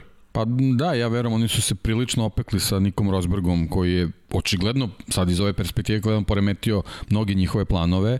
Ovo, I sad ne žele da dođu tu situaciju, ali, ali i sport i, i tim gube, Gube. gube na taj način kad imaš dva vozača koji su diametralno suprotni u Skroz svojim rezul, rezultatima. tobom. Jel to, to, je, to je loša poruka koju Mercedes šalje. Tako je, nije dobar imidž tima. I to ono što smo Tako pričali u je. jednom momentu tokom podcasta. Zamisli kakav bi imidž napravio Mercedes da recimo da je doveo Sebastina Vetela. Kakav bi tu imidž bio za ekipu? Či ljudi, sedam puta ste šampioni iz reda. Imate, imate po rezultatima najboljih svih vremena. Kakav imidž praviš da recimo dovedeš Sebastina Vetela i spajaš ga sa Lewisom Hamiltonom? A dobro, ti ja Kakav smo je to sanjali imidž, o kakav tome. je to imidž To za je ekip? Ali pazi, san. kakav imidž za sport i za, i za sam Mercedes? Kakav je to imidž? Kakav je to potes? Ali je suviše riskantan. Da, Pa dobro, Suviše Kažem, ja mislim da, da, da je. su se prilično opekli sa, sa Rosbergom i jednostavno ne žele uopšte da dođu u tu si- situaciju da, da postoje neke trke koje one ne mogu da kontrolišu. Sve se slažemo. Ali ovo je, ovo je malo preterano. Da. Da. To je jednostavno, jednostavno mi tako deluje, a posebno kad vidiš neka Bottasova izdanja, shvatiš da, da on jednostavno nije na tom nivou, nažalost. Nije, ma Mislim, imao neke svoje trke gde je pokazivao da postoji potencijal, ali kad se sve sabere, mnogo je više onih razočaravajućih, posebno iz naše perspektive kao gledalaca, tako da, ne, ne, vid- ne vidim zašto bi zadržao tu poziciju. Da, ljudi, znate kako, mi, kako bi nekad deluje Bottas? E, Držimo Bottasa tu da vam pokažemo koliko je Luis jak u stvari. Pa, Valteri, evo jedan od komentara, ajde, inače... da, sad da vam pokažemo koliko u stvari Luis jak. Inače, izvini, pozdrav samo za Daniela Delića, kaže Bottas 9 pobjeda, 51 podijum u karijeri, mnogo nepoštovanja za, vača, za vozača sa ovakvom statistikom. Čujte, nije ovo nepoštovanje prema Bottasu, ali da li je to dovoljno za nekoga koji je u Mercedesu? Da li je to dovoljno za nekoga ko bi trebalo se boriti za titulu šampiona Nije, sveta daleko suštinski? E, o tome pričamo, prosto, dakle, govorimo o relevantnim odnosima, daleko toga da ne poštujemo Valterija Bottasa, ali ja ne mogu da se pomirim sa činjenicom da si u ultra dominantnom bolidu i da ne dobiješ, da, a, da li nisi dobio mogućnost ili prosto si re, prosto nisi dorastao tom izazovu da se A, suprotno Pozicija u Mercedesu uh, jedino što je relevantno je da se boriš za titulu konstantno. Bukvalno. Devet pobeda mi imamo i nepoštovanje, to je neka, neka ovaj, grupa ljudi oko Formula 1 poštovalac ima veliko nepoštovanje prema Pastoru Maldonadu. On je pobeđivo u Williamsu. Jeste, Jeste. to, to, poslednja Znači pobeda. čovjek koji je, koji je izvrnut posmehu. Jeste. A inače pre svega je sjajan momak, veliki sportista, veliki radnik. On je jednostavno u svetu Formula 1 u, u, u, ovaj, tako bio izvrnut nekom podsmehu, a on je pobeđivao u automobilu koji je apsolutno bio nekonkurentan. ali ima tu- u Barceloni. To je dublja priča od samo statistike. Dakle, kada pričamo o Valteriju Bottasu, da, da, da, da to dodatno obrazložimo. Dakle, ako pogledate, Valtteri Bottas je već četiri sezone u Mercedesu. Dakle, mi govorimo o skoro 80 trka. Daleko toga da je, tu nema loših vozača, to je ono što ste rekao. Tako je. Ne, loš taman vozač, posle, to se tako je. podrazumeva čim ste ušli u Formulu 1. I ovo mi je drago za Pastora Maldonada, postoje Crash Donado, a taj momak Jest. koji nije toliko loš koliko je imao veliki broj incidenta, čak i kada nije bio kriv, već je imao to nasledđe. Kao Joan Zarko, na primjer, u Brnu ove godine. Pa ostao on je šampion. Greška on je je tuđa, on je kažnjen. Grand Prix 2 serije je bio, pa Jeste. Maldonado. Sećamo se one trke u Valenciji sa Hamiltonom. Jeste. Kad se trkao sa Trkao se sa Hamiltonom, Hamiltonom. pa ceo taj incident opet je sve prebačeno na njegovu odenicu da on jedini Da, krivac. to je trkački incident. Da, to je trkački To je incident. bio. klasičan trkački incident, Tako pri je, čemu u to vreme u McLarenu. To je jednostavno tu, ti kad, kad te neko etiketira, Jeste. to Pa je ljudi, jednostavno pa mi, tako. Mi pričamo, evo, ja, ja sam, a, najviše sam kritički raspoložen ove godine prema Grožanu. A ne zato što mislim da je to loš vozač, pa ne naprotiv, pa zato što mislim da je dobar vozač, meni je nedopustivo kako je on u formi u poslednjih par godina. Zato što ga vrednujem ko vozač, zato što pamtim šta je radio u vreme kad je, kada se takmičio sa Žilom Bjankijem u, u, u Grand Prix dvojici. Zato što pamtim period iz Lotusa, zato što ga, stvarno ga poštujem, ali mislim da je ostao na jednom nivou Pa, ajmo, Zaglavio se na jednom nivou i, i nije krenuo napred. Ajmo, ajmo, da, ajmo da pogledamo ovako stvari, dakle, malo drugačija perspektiva. Dakle, mi govorimo o Valteriju koji ima 20 trka, 21 trku po sezoni. Ako uzmete prosek u najjačem bolidu, daću sebi slobodu da kažem, u istoriji Formule 1, pogotovo apsolutno pa i relativno, dakle, imati dve pobede prosečno godišnje nije dovoljno. Prosto to nije dovoljno, nego još gore je to za Bottasa da kažemo da nije učinio dovoljno, nedovoljan uspeh. Zato toliko pričamo o Valteriju Bottasu. Dakle, me, meni je nezamislivo da se neko nađe u toj situaciji da ima bolid kakav jeste, ali to isto vremeno govori nešto i o Lewisu Hamiltonu. Dakle, kada pričamo o Maxu Verstappenu kako jede svoje klubske kolege, kako li je pojeo Valterija Bottasa Lewis Hamilton? Lewis Hamilton koji je pojeo Nika Rosberga koji je šampion sveta Formule 1, Niko je jedva preživeo psihički tu sezonu. Jedva je Da. čovjek pre, jedva je preživeo. Niko Rosberg, inače zapratite kanal Nika Rosberga, to je poruka svim gledalcima, o, ozbiljan kanal, testirao je Rimčev sad, sad hiperautomobil. najnovije, da. To je najnovije, baš sam gledao jutros i smejao sam se, došao je kod Rimca i kaže Niko, kakav automobil? Ljudi, to je tu u komšiluku. Dakle, u Hrvatskoj neko proizvodi hiperautomobil. Meni je to fenomenalna priča i imate automobil koji je vozio jedan šampion Formule 1 i ono što je fascinantno rekao koliko truda ulazi u tih poslednjih 5%. 91 posto automobila, ma stvoriš ih i onda ovo je deo vremena za prvih 90%, a ovo je za ostalih 10, 5 do 10%. I smejao se i sad diskusija njihova, kamenje udara u automobil, kao šta da stavim da bih sprečio da udara kamenje? Pa kao ne možeš da sprečiš, ali da ti ne bi gre, da ti se ne bi izgreba karbon, to je ugljenična vlakna, mogao bi kao kod La Ferrarija, a, ovaj, a Rimac odgovara, da li želim da se ne čuje kako kamenje udara, kako, kakav razgovor, ali mi za, zabavno mi prosto preporučujem toplo da zapratite Nika Rosberga, čovjek je, čovjek je šampion sveta Formula 1, kraj, tačka. I jedva je to preživao. Kažem, govori o Hamiltonu i zato kada pričamo o Bottasu, Pa, više nam nedostaje apropo one priče o, o vozačkim porodicama, znači Niko, Niko Rosberg je došao iz porodice koja je veoma ugledna Jeste. u svetu uh, autosporta i opet nije uspeo da, da se izbori onako kako on želeo sa, sa Lewisom Hamiltonom i, i tom pričom oko njega.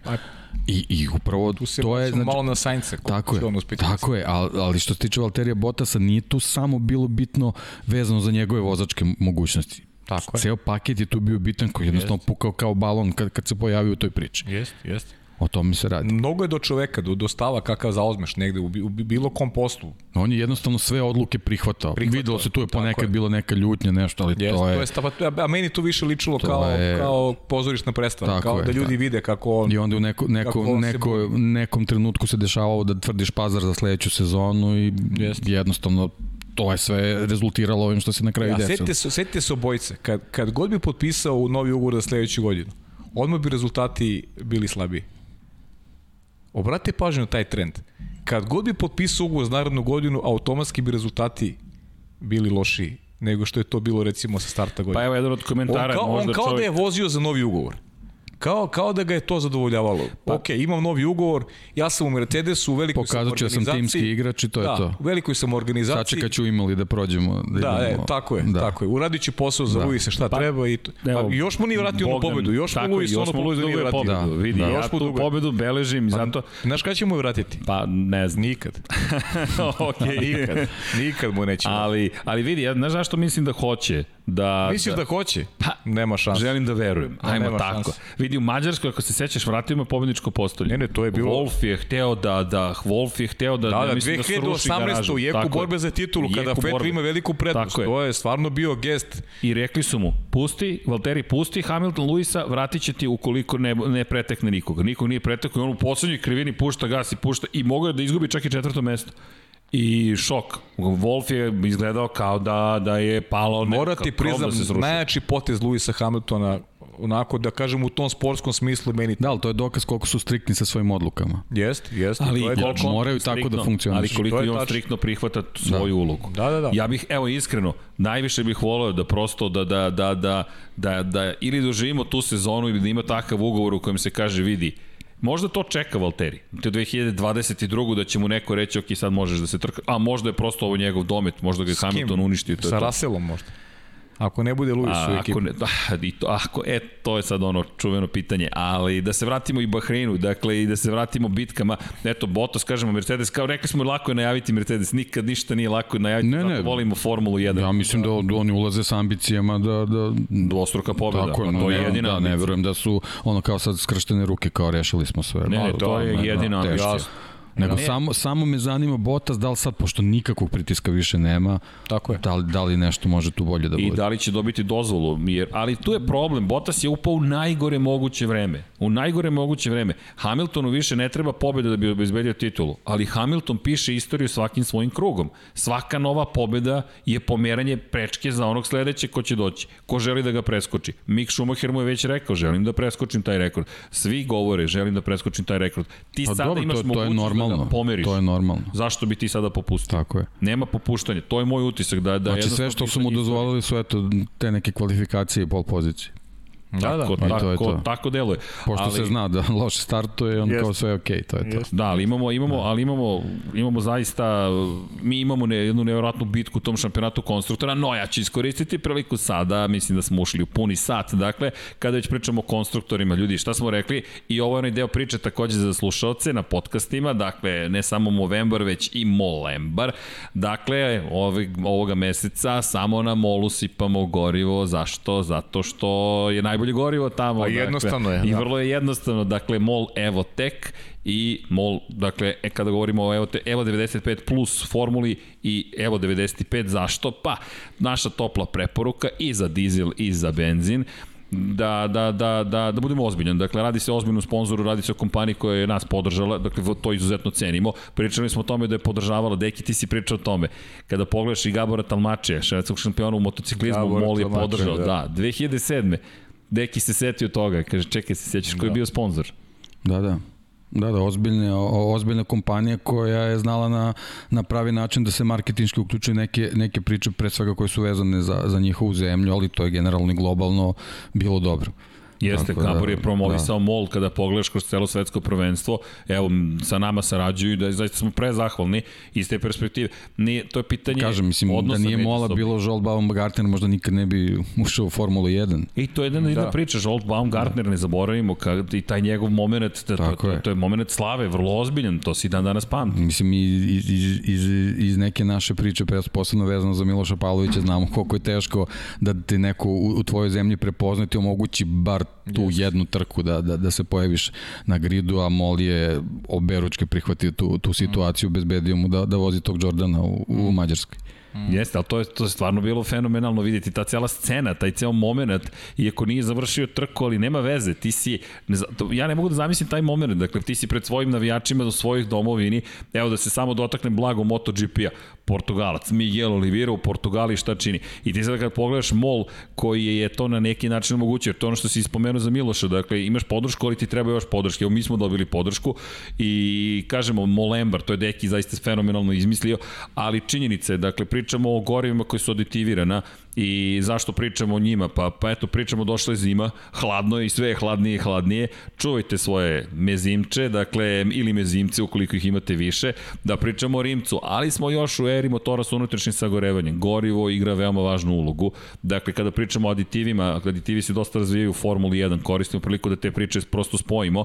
MOL ima evo tek formulu, dakle i ove godine ta formula poboljšana, govorimo, kažem, i o dizel motorima, govorimo i benzinskim motorima i postoje razlike u tim aditiviranim gorivima, dakle, kada govorimo o Evo Plus, dakle, kada govorimo o Evo 95 Plus, dakle, postoji razlika i naša preporuka je, dakle, Diesel Plus, Diesel, dakle, klasičan možete da sipate i evo dizel, kažete ok, danas jednom, treći put evo dizel plus, isto važi i za benzince. E, dakle, Evo 95 i Evo 90 plus, zašto svaki treći put?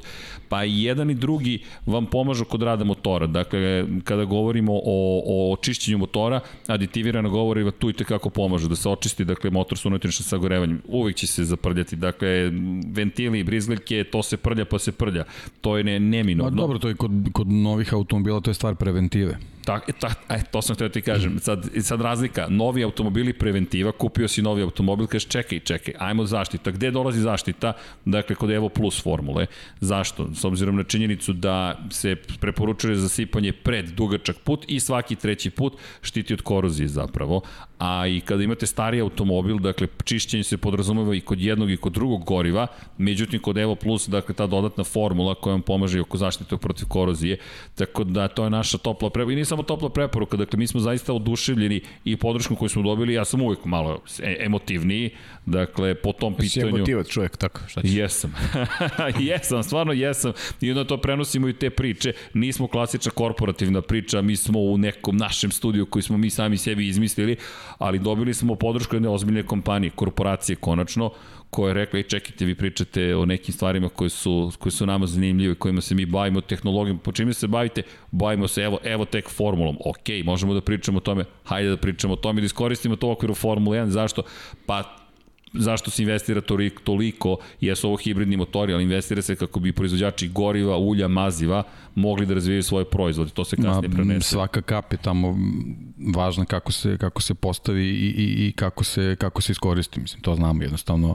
Formula 1 je nešto što, što ovaj, stalno funkcioniš na svom limitu i, i, i svaki segment je jako važan. Jeste. Tako, a, a po, posebno ti elementi. A znaš šta mene zanima? ulje. Kada pričamo o gorivu, dakle kada pričamo, dakle kažem, mi pričamo konkretno o gorivima koje se sipaju na, na benzinskim stanicama u, u, u Molembru samo na, kompa, na, na benzinskim stanicama kompanije MOL, ali šta je meni zanimljivo iz perspektive goriva? Sledeća trka. Dakle, kada pričamo o tome kako će izgledati potrošnja goriva kada dođe taj spoljni krug. Ljudi, ja to ne smem ni da zamislim i pričamo o šampionatu konstruktora, pričamo o tehnologiji, pričamo eto o velikim kompanijama. Kada pričamo o spoljnom krugu, dakle nadovezuje se na priču o šampionatu konstruktora. Mi ćemo imati sada neverovatan duel u prvom Bahreinu koji koliko toliko poznaju. Dakle, kada pogledamo rezultate trenutno u formi, Pa Ferrari u formi. Pazi, ono što si lepo rekao, nije samo pitanje Charles Leclerc, Ferrari u dobroj formi. McLaren specifičan je McLaren. Čak i Renault rekao, to jest Daniel Ricardo, da su outsideri u borbi za poziciju broj 3 u šampionatu konstruktora, iako u poslednje četiri trke dva puta bio na pobjedničkom postoju. Rekao, mi smo trenutno outsideri. Oni su bili 10. i 11. Nisam baš siguran da se slažem nužno sa time, ali je Ferrari sada na samo na 6 pojena od Renaulta. Kako se Ferrari odjednom uključi? I opet se vraćamo na, na, na Ferrari. Zato što je važno da imaš dva vozača koji funkcionišu. Tako je. A opet ja dajem najveći prednost Racing Pointu. Zbog Serhija Pereza. Da Racing koji ima, kao da ima dva vozača. Kao da ima dva vozača sa Serhijom. Sergio sve To trke su završio. fantastični rezultati. Posljednjih pet, on je konstantno među, među 5-6. Dakle, Konstantno. peti, četvrti, četvrti, sedmi, I, šesti, drugi. i, I moment se prepoznao. Sećaš se momenta kad je tražio, kad je tražio iste delove kao što ima i, i Lance Stroll. Stroll. I I, dobio ih. videla se ta želja, videla se ta energija, želja da, da, da ostavi nešto, da, da završi tu Odiseju u, u ovoj ekipi na pravi način. On je neko ko je, ko je onako vezivno tkivo za sve dobre rezultate koje ima La Force India. I pričali smo o tom i, i nekom finansijskom delu, Carlos Slim, cela priča, znači Sergio Perez je neko ko je napravio, ko je napravio svojim vozačkim umećem napravio tu ekipu velikom. Doveo je do toga da, da žele da je kupe ljudi koji imaju novca. Pa i Nikita Mazepin je želeo da, da ne Nikita nego Dmitri Mazepin je želeo da kupi istu tu ekipu. Na kraju je završilo u rukama, u rukama uh, Lorenza Strola. Meni je Sergio Perez Sergio Perez jedan od, od uh, junaka ove 2020. godine. I još Da, s tim što, što imamo dve, dve trke koje nije vozio. Imamo dve trke koje nije vozio, tako Da, je. COVID Zbog Covida, da. Tako, Tako je. je. U Zbog Britaniji ni jednom se nije pojavio na stazi. Da. Tako je, I tako je. kad već to spomenju, koliko će možda biti važno ti bodovi koji je Hulk u stvari i osvojio. I osvojio, jest. Da. Mogu da budu važni. Razmišljajući dakle, o onim bodima koji su izgubili Da. zbog, zbog one afere. Pa čitave. Hulk kada pogledaš kada je da. zamenio Strola je opet osvojio poene. Dakle, da, u Nemačkoj da, se da, pojavio da. osvojio Tako poene. Je, jeste, jeste. Tako je. Hulk, dobro, Hulk koji tek, eto, pa šta, dobro, će, Hulk svima... šta će biti sa Hulkom? Da, pa, Šta će biti sa Serhijom Perezom? Mi pričamo, pazi, pazite sad ovo, mi hvalimo od tri vozača u Racing Pointu ove godine, dvojica koje su i zaslužuje pohvali Stroll za svoje ne, za naravno, poziciju u, u Turskoj, skidamo kapu, apsolutno, ali kada pogledamo ukupnu celu godinu, ne može da se poredi sa onim što radio Sergio Perez. Sa Hulkenbergom je teško porediti, ali ne zaboravimo izjave. Dakle, iz Racing Pointa da je zapravo Niko Hulkenberg pomogao u razvoju bolida, da im je rešio probleme koje su imali s početka godine, da njegove da. su povratne informacije bile kritične za razvoj dalje tog bolida. A oni ne, ako je to tačno, onda to stvarno onda ima Hulkovog udela u ovim dobrim rezultatima Serhije Pereza. Da, mislim, to je neka poruka timovima. Jeste angažujte Nika Hulkenberga pa za jeste, ali, ali tu je, tu je Perez verovatno u nekom boljem položaju u odnosu uh, vezano za sledeću sezonu zato što on ima dobar sponzorski paket pa i sve to. Hulk očigledno možda nije, nije u takvoj priči, mislim verovatno bi već i, i, i bio u nekim ekipama, to sad ne možemo da znamo, ali mislim i on, i on ima dobre menadžere oko sebe, da. ali bilo bi stvarno lepo da ih vidimo sledeće sezone. To je interesantna priča vezano za, za, za Red Bull i to šta će Red Bull raditi ukoliko otpuste Alex Albona, da li Hulk, da li Sergio Perez, ima tu dve teorije sada. Jedna koja meni deluje onako vrlo, vrlo realno zbog tih dobrih konekcija porodice Verstappen sa Nikom Hulkenbergom, da su oni ti koji zagovaraju dolazak Hulka e, u Red Bullu. S druge strane imamo Sergio Pereza koji sa sobom nosi, znamo i, i šta nosi sa sobom i, i dobar priliv novca u situaciji kada Red Bull uh, mislim Red Bull je kompanija koja ne kuburi sa novcima, ali svakom je jedan onako a, naravno. priliv, novi naravno. priliv novca ne dobar, tako da, a pritom ima kvalitete Sergio Perez, tako da vidjet ćemo šta će tu biti odluka. U suštini samo čekamo odluku Red Bulla. E, to je to je nešto što, što je meni najinteresantnije i naravno Haas Uh, mada sam ja sve bliži teoriji, to sam rekao srđene još pre dve nedelje, da meni deluje najrealnije da će Nikita Mazepin i, i Mick Schumacher voditi za ekipu Hasa. Uh, i mislim da je zbog toga povukao i tužbu uh, Dmitri Mazepin uh, sećaš se zbog priče vezane da. za, za ilegalnu prodaju uh, uh, Force Indije. Mnogo je bilo ilegalnog izgleda. Mnogo je bilo u toj priči sa je, Racing Point Force je, Indije. Ali da. mislim da je Dmitri Mazepin dobio neku satisfakciju i da se zato povukao, a satisfakcija možda bude da. ulazak sina u Formulu 1, tako da ja zaista vidim opciju Nikita Mazepin i, i, i Mick Schumacher u Hasu naredne sezone i da vidimo šta će biti sa, sa Red Bullom da li ostaje Alex Albon ili dolazi jedan od ove dvojice koje mi apostrofiramo konstantno kao zaista dva vozača koji zaslužuju poverenje. Kad bi sklonili sa, sa strane e, priču o, o, o porodici Mazepin, ja bih najviše volao da se situacija reši tako što da, da dobijemo Hulka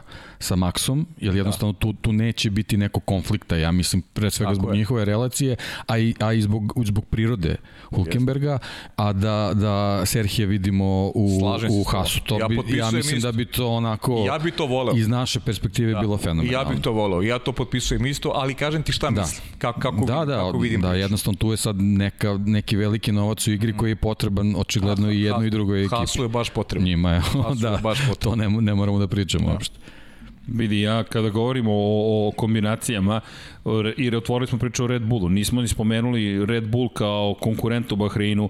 Svodi se opet na Maxa Verstappena, to jest Max Verstappen, inače koji je rekao posle trke, u, pratimo ovde i komentare, dakle, ne zaboravite, imaćemo i onaj deo, imaćemo deo kada ćemo odgovarati direktno na sva pitanja, vodim računa da ispratimo neke stvari. Dakle, kada, kada pričamo o Red Bullu, Max Verstappen je broj 1, to nemamo šta da dodamo. I ono što se desilo u Turskoj, on je sve one zapravo pogrešno podešavanje prednje krila bila je lepa analiza toga, dakle Autosport je radio tu analizu, kako je moguće da podešavanje prednjeg krila toliko utiče na ceo bolid. Međutim, bolid je od prvog, prvog dana testiranja po prirodi nestabilan. Izuzetno nestabilan, zadnji kraj konstantno beži vozačima. Ispostavilo se da je razvojem prednjeg kraja bolida, koji je mnogo lakše razvijeti nego zadnji kraj. Zadnji kraj je konstrukcijski problematičniji, mada se Ferrari tu dosta bavio difuzorom i testirao difuzor za 2021.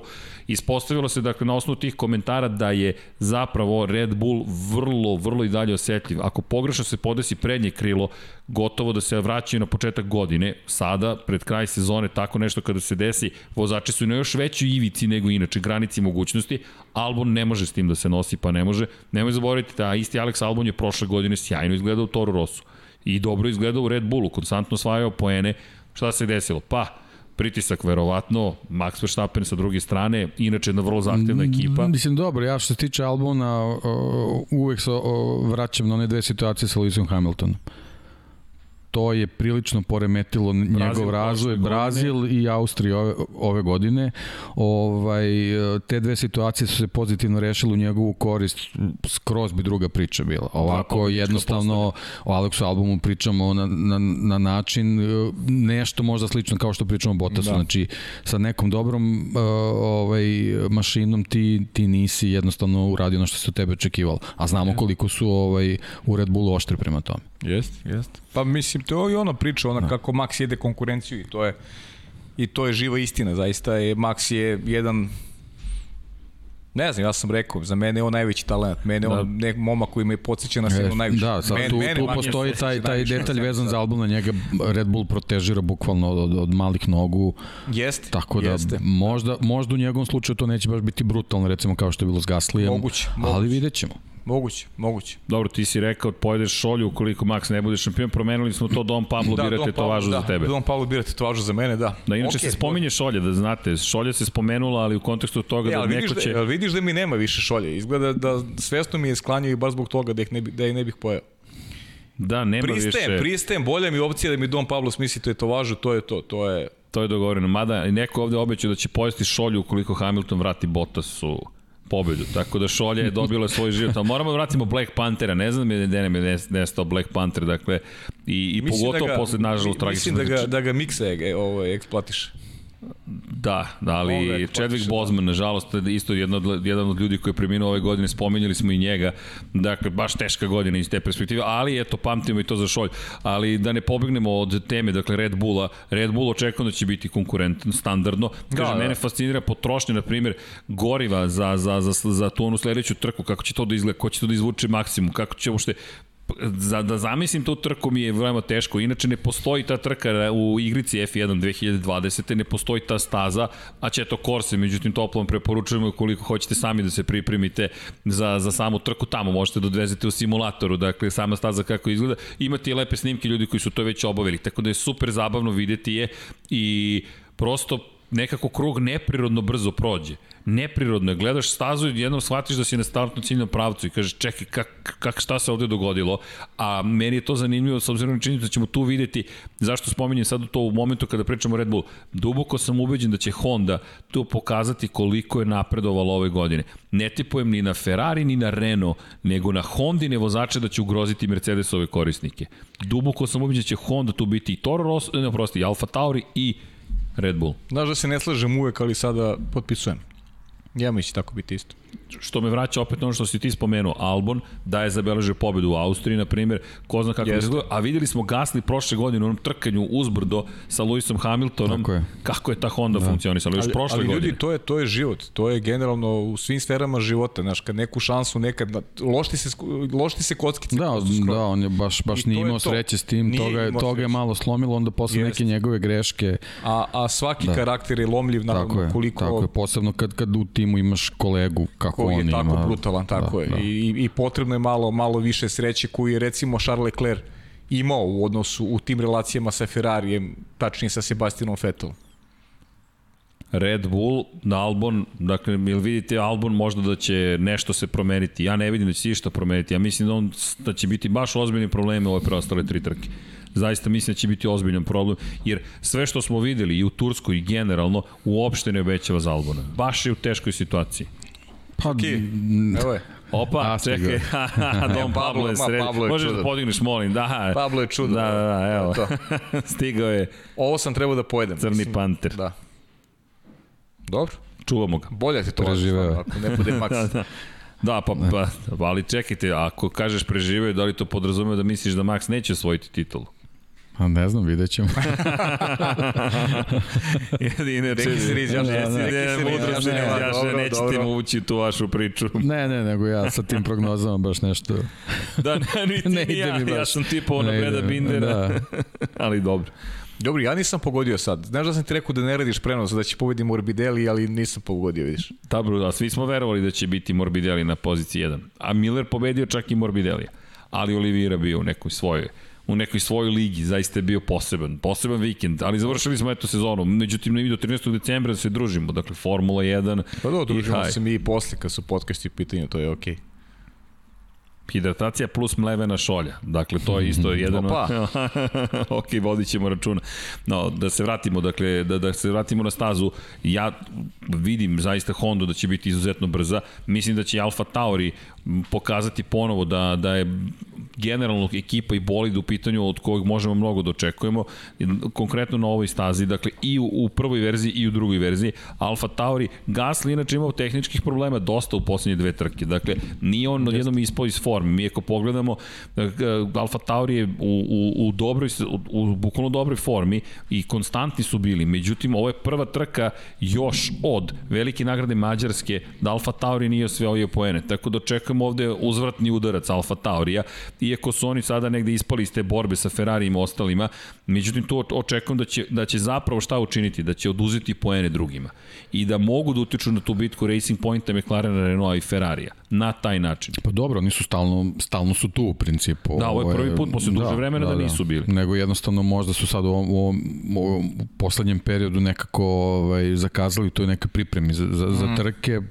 i iz toga su ovaj, izašli ti problemi. Sad, mislim, već je ono, približavamo se i kraju sezone, možda su se neki resursi već istrpeli. Tako je. Ovo, ipak nezgodna sezona za sve, tako da ovaj, mogu, mogu da budu ti elementi presudni. Sad ćemo u stvari videti kako će ući u ovu trku, pošto bila eto ta kratka pauza. Odlično za paženje. Da. Prvo je to, ipak, da. je, ipak pričamo o jednoj maloj ekipi. A finiš je godine i opet i Honda je strane, u, u celoj igri. Tako, a s druge strane Ferrari kao finiš pa veliki godine, moćan ve, veliki moćan Tako tim je. i dolazi taj neki kvalitet dolazi ipak do izražaja u finišu godine, što opet možda im otvori ta vrata borbe za, za, za, za neku point, po, bolju poziciju nego što imaju trenutno. Racing Point udara jače nego što bi trebalo, dakle, pa, dobro, da. reći, i ima ogromnu podršku, ali opet udara jače nego što je trebalo. Renault, McLaren i Ferrari s druge strane su Pazi, ja bih najviše ja bih najviše vidim Renault na trećoj poziciji. I, i najviše iz te neke percepcije njihove budućnosti i nekog novog motiva, jačeg motiva koji treba da se javi u toj garaži, ja stvarno mnogo poštujem tu celu organizaciju i pričali smo o tome tokom čitave sezone. Zaista bih voleo da, da, da budu nagrađeni kvalitetnim rezultatom, što će biti zalog za neku budućnost za neku istrajnost e, kada budu došli u, u, u onu opciju, kao što je došao Mercedes, hoćemo da uložemo još novca ili nećemo, da, da, da ova sezona bude reper za to da kažu ok, mi, mi možemo još. Ajmo da, ajmo da, da uložimo još, da, jer, jer možemo da se borimo sa najvećima. I, još jedan takav vrhunski rezultat Daniel Ricardo mislim da bi pomogao Renault u, u toj nekoj bliskoj budućnosti i pripremi onoga što svi očekujemo za 2022. godinu. Tako da tu bih volao, iskreno ti kažeš da vidim Renault, Ferrari će po defaultu biti dobar. Biće bolji sigurno nego ove sigurno, godine. Sigurno, sigurno. će biti bolji. o Bahreinu, da. Tako je, biće bolji sigurno u da. Bahreinu, a mislim i u narednoj godini. Ne možete dilema oko toga. Ali volao bih da Renault dobije jednu satisfakciju u radu sa tom nekom uh, trećem pozicijom na kraju konkurencije konstruktora. Iako mislim, kažem ti da će Racing Point imati prednost jer, jer je forma Serhije Pereza izvanredna, definitivno. Renault možda ima mali problem vezano za ovaj, Okona.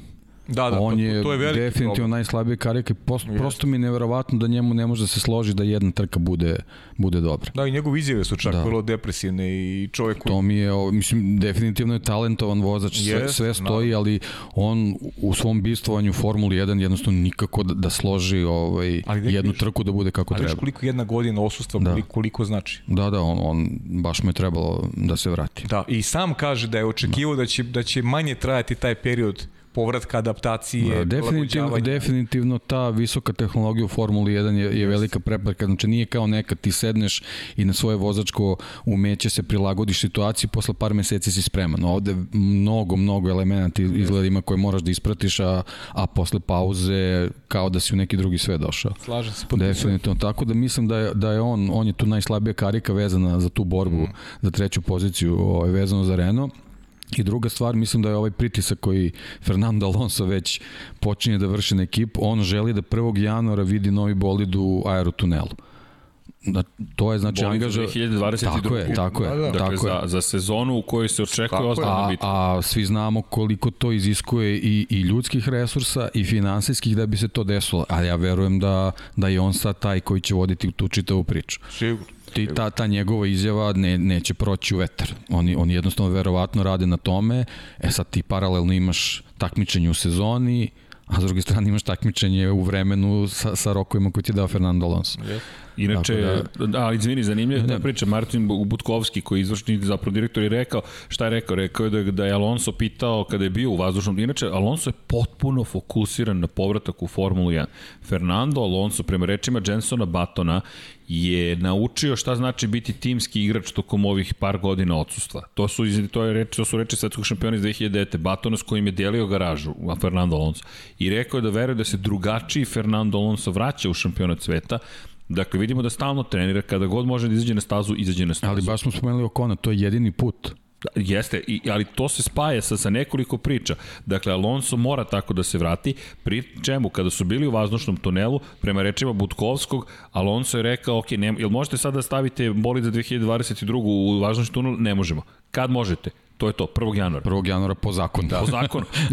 Čuj, 1. januar je neradni dan. Da, ne, da, ne, da. on je rekao, da. nije rekao čak ni tražim tada, nego je rekao, dakle, 1. januara će bolid biti u vazdušnom tunelu. To je ono što smo pričali o odlukama menadžera. Yes. Ne, ne postoji razlačenje donošenja odluka prvi trenutak kad moraš da je doneseš, ti moraš tada da je doneseš i on, i on to vrlo dobro zna. Yes. I, I u takvim ekipama je radio i kad je osvajao titule. Nema predaha. A pritom, I on to mora da ih nauči. Pritom on i mora da bude takav. Mora tako se ponaša, jer ja iz mog ugla, ne znam da se slažeš, deki srđan, ja smo već polemisili oko toga, dolazi u ekipu koja je, koji je Daniel Ricardo postavio na jednom visokom nivou.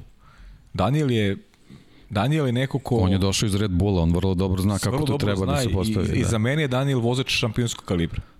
Iz, iz moje prizme. Vozač šampionskog kalibra. Postavio zaista visoke standarde. Alonso jeste šampion, ali Alonso je dugo odsutvovao. I Alonso zna da mora... I u godinama je. U godinama je i mora da održi taj, taj visok standard koji je postavio Daniel Ricardo. A to neće biti lako. Pogotovo prva godina, rekao bi 2021. godina, 2021. mogla bi da bude čak... Da, on dolazi kritič... stvari na Ricardo teren. Dolazi na Ricardo teren, tako je. Njemu oko neće biti smetnje.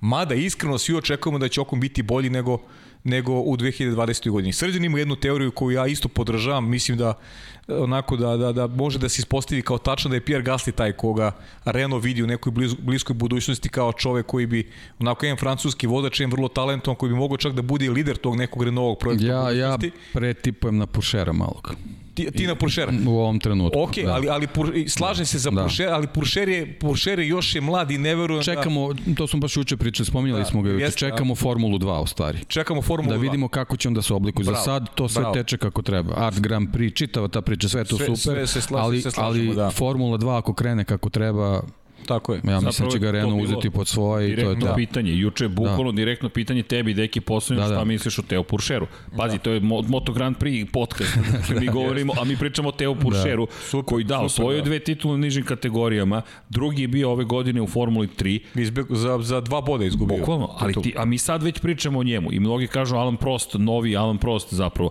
to su velike reči. Alan Prost je četvorostruki svetski šampion, čovjek se, koji se sa Senom borio rame uz rame. Pa pazi, kad neko sa 16 godina uđe u, for, u Formulu 3 i, i tako bude konstantan cele godine, to je... I već ide u Formulu 2. Da, Znaš kako, neko ako, ako ga povezu sa Alanom Prostom, koji je inače deo cele priče. Cele priče u, u Alpini, mm. da, da više, da, da, da počnemo da, da koristimo polako. novi, novi da, termin. Da, ka Albini. Ovaj, ako, ako, ako on ovaj, dođe pod, pod ovaj, prosto u patronažu Ne, ne, ima logike, to. malo sam zaboravio, mislim, da, da. nisam ga zaboravio, pričamo Srđan ja, pričali smo često o Puršeru, ti nisi s početkom godine imao priliku mogu da gledaš zbog, zbog korone. Da ali je zaista bilo onako velika zadovoljstvo vidi slušao tog momka, i da. gledao da. samo nisam mogao da komentarišem da. sam bio Mislim, s tobom stvarno, stvarno je momak fantastičan ima malo godina, ali što ne bi sao kad je mogao Max Verstappen da uđe u formulu sa tako malo godina što ne bi mogao i Teo Puršer, ali... Znaš kako, uh, pod Renovim pa, uh, patronatom je bio Antoine Iber, mislim, nažalost njega smo Jeste, izgubili, da, da. On, je, on, je, on je bio u Renovom programu i eto, nažalost, to, to, to se tragično, tragično se prekinula ta priča, tako da verujem da je Renault usmeren na mlađe vozače, ipak Pierre Gasly jeste mlad, da, ali... Te makazice ali, nisam, moram ti priznati, te da. makazice nisam uopšte sagledavao. Gasly da. mi je nekako bio čovek koji je sada ovim mom pobedom i u Monci do doživeo je taj jedan moment sazrevanja i on baš priča o drastičnim potezima koje je preuzeo, ne bi li se vratio u igru. Da. Jer za njega nije bilo odsustvo iz Formule 1, za njega je to bio psihički udar, to je jedan, jedan ogroman udarac. Ti iz jedna ekipa koja se bore za pobede, ti neko kaže nisi dovoljno dobar. Neko ti je rekao ti nisi dovoljno Ne, dobar. zabrljao si. Pa, Zabrljao si. može i tako. Mislim, znamo kako Helmut Marko Yes. razgovara. Nije, nije tu sigurno bila neka diplomatija i uvijenje. Ne. Mi smo ti nešto zadali, ti to nisu radio, zabrljao si. Da, Kraj. jednostavno. To je to. I, i to je to. Jednostavno poslovanje. Da. Da. Dr. Helmut Marko je postavio te, te vrlo, principe. vrlo jasno. Da. Vrlo jasno, ali se kasnije Rigidno vratio. baš. Jeste, vratio Isto, se. isto kao i Kvijat.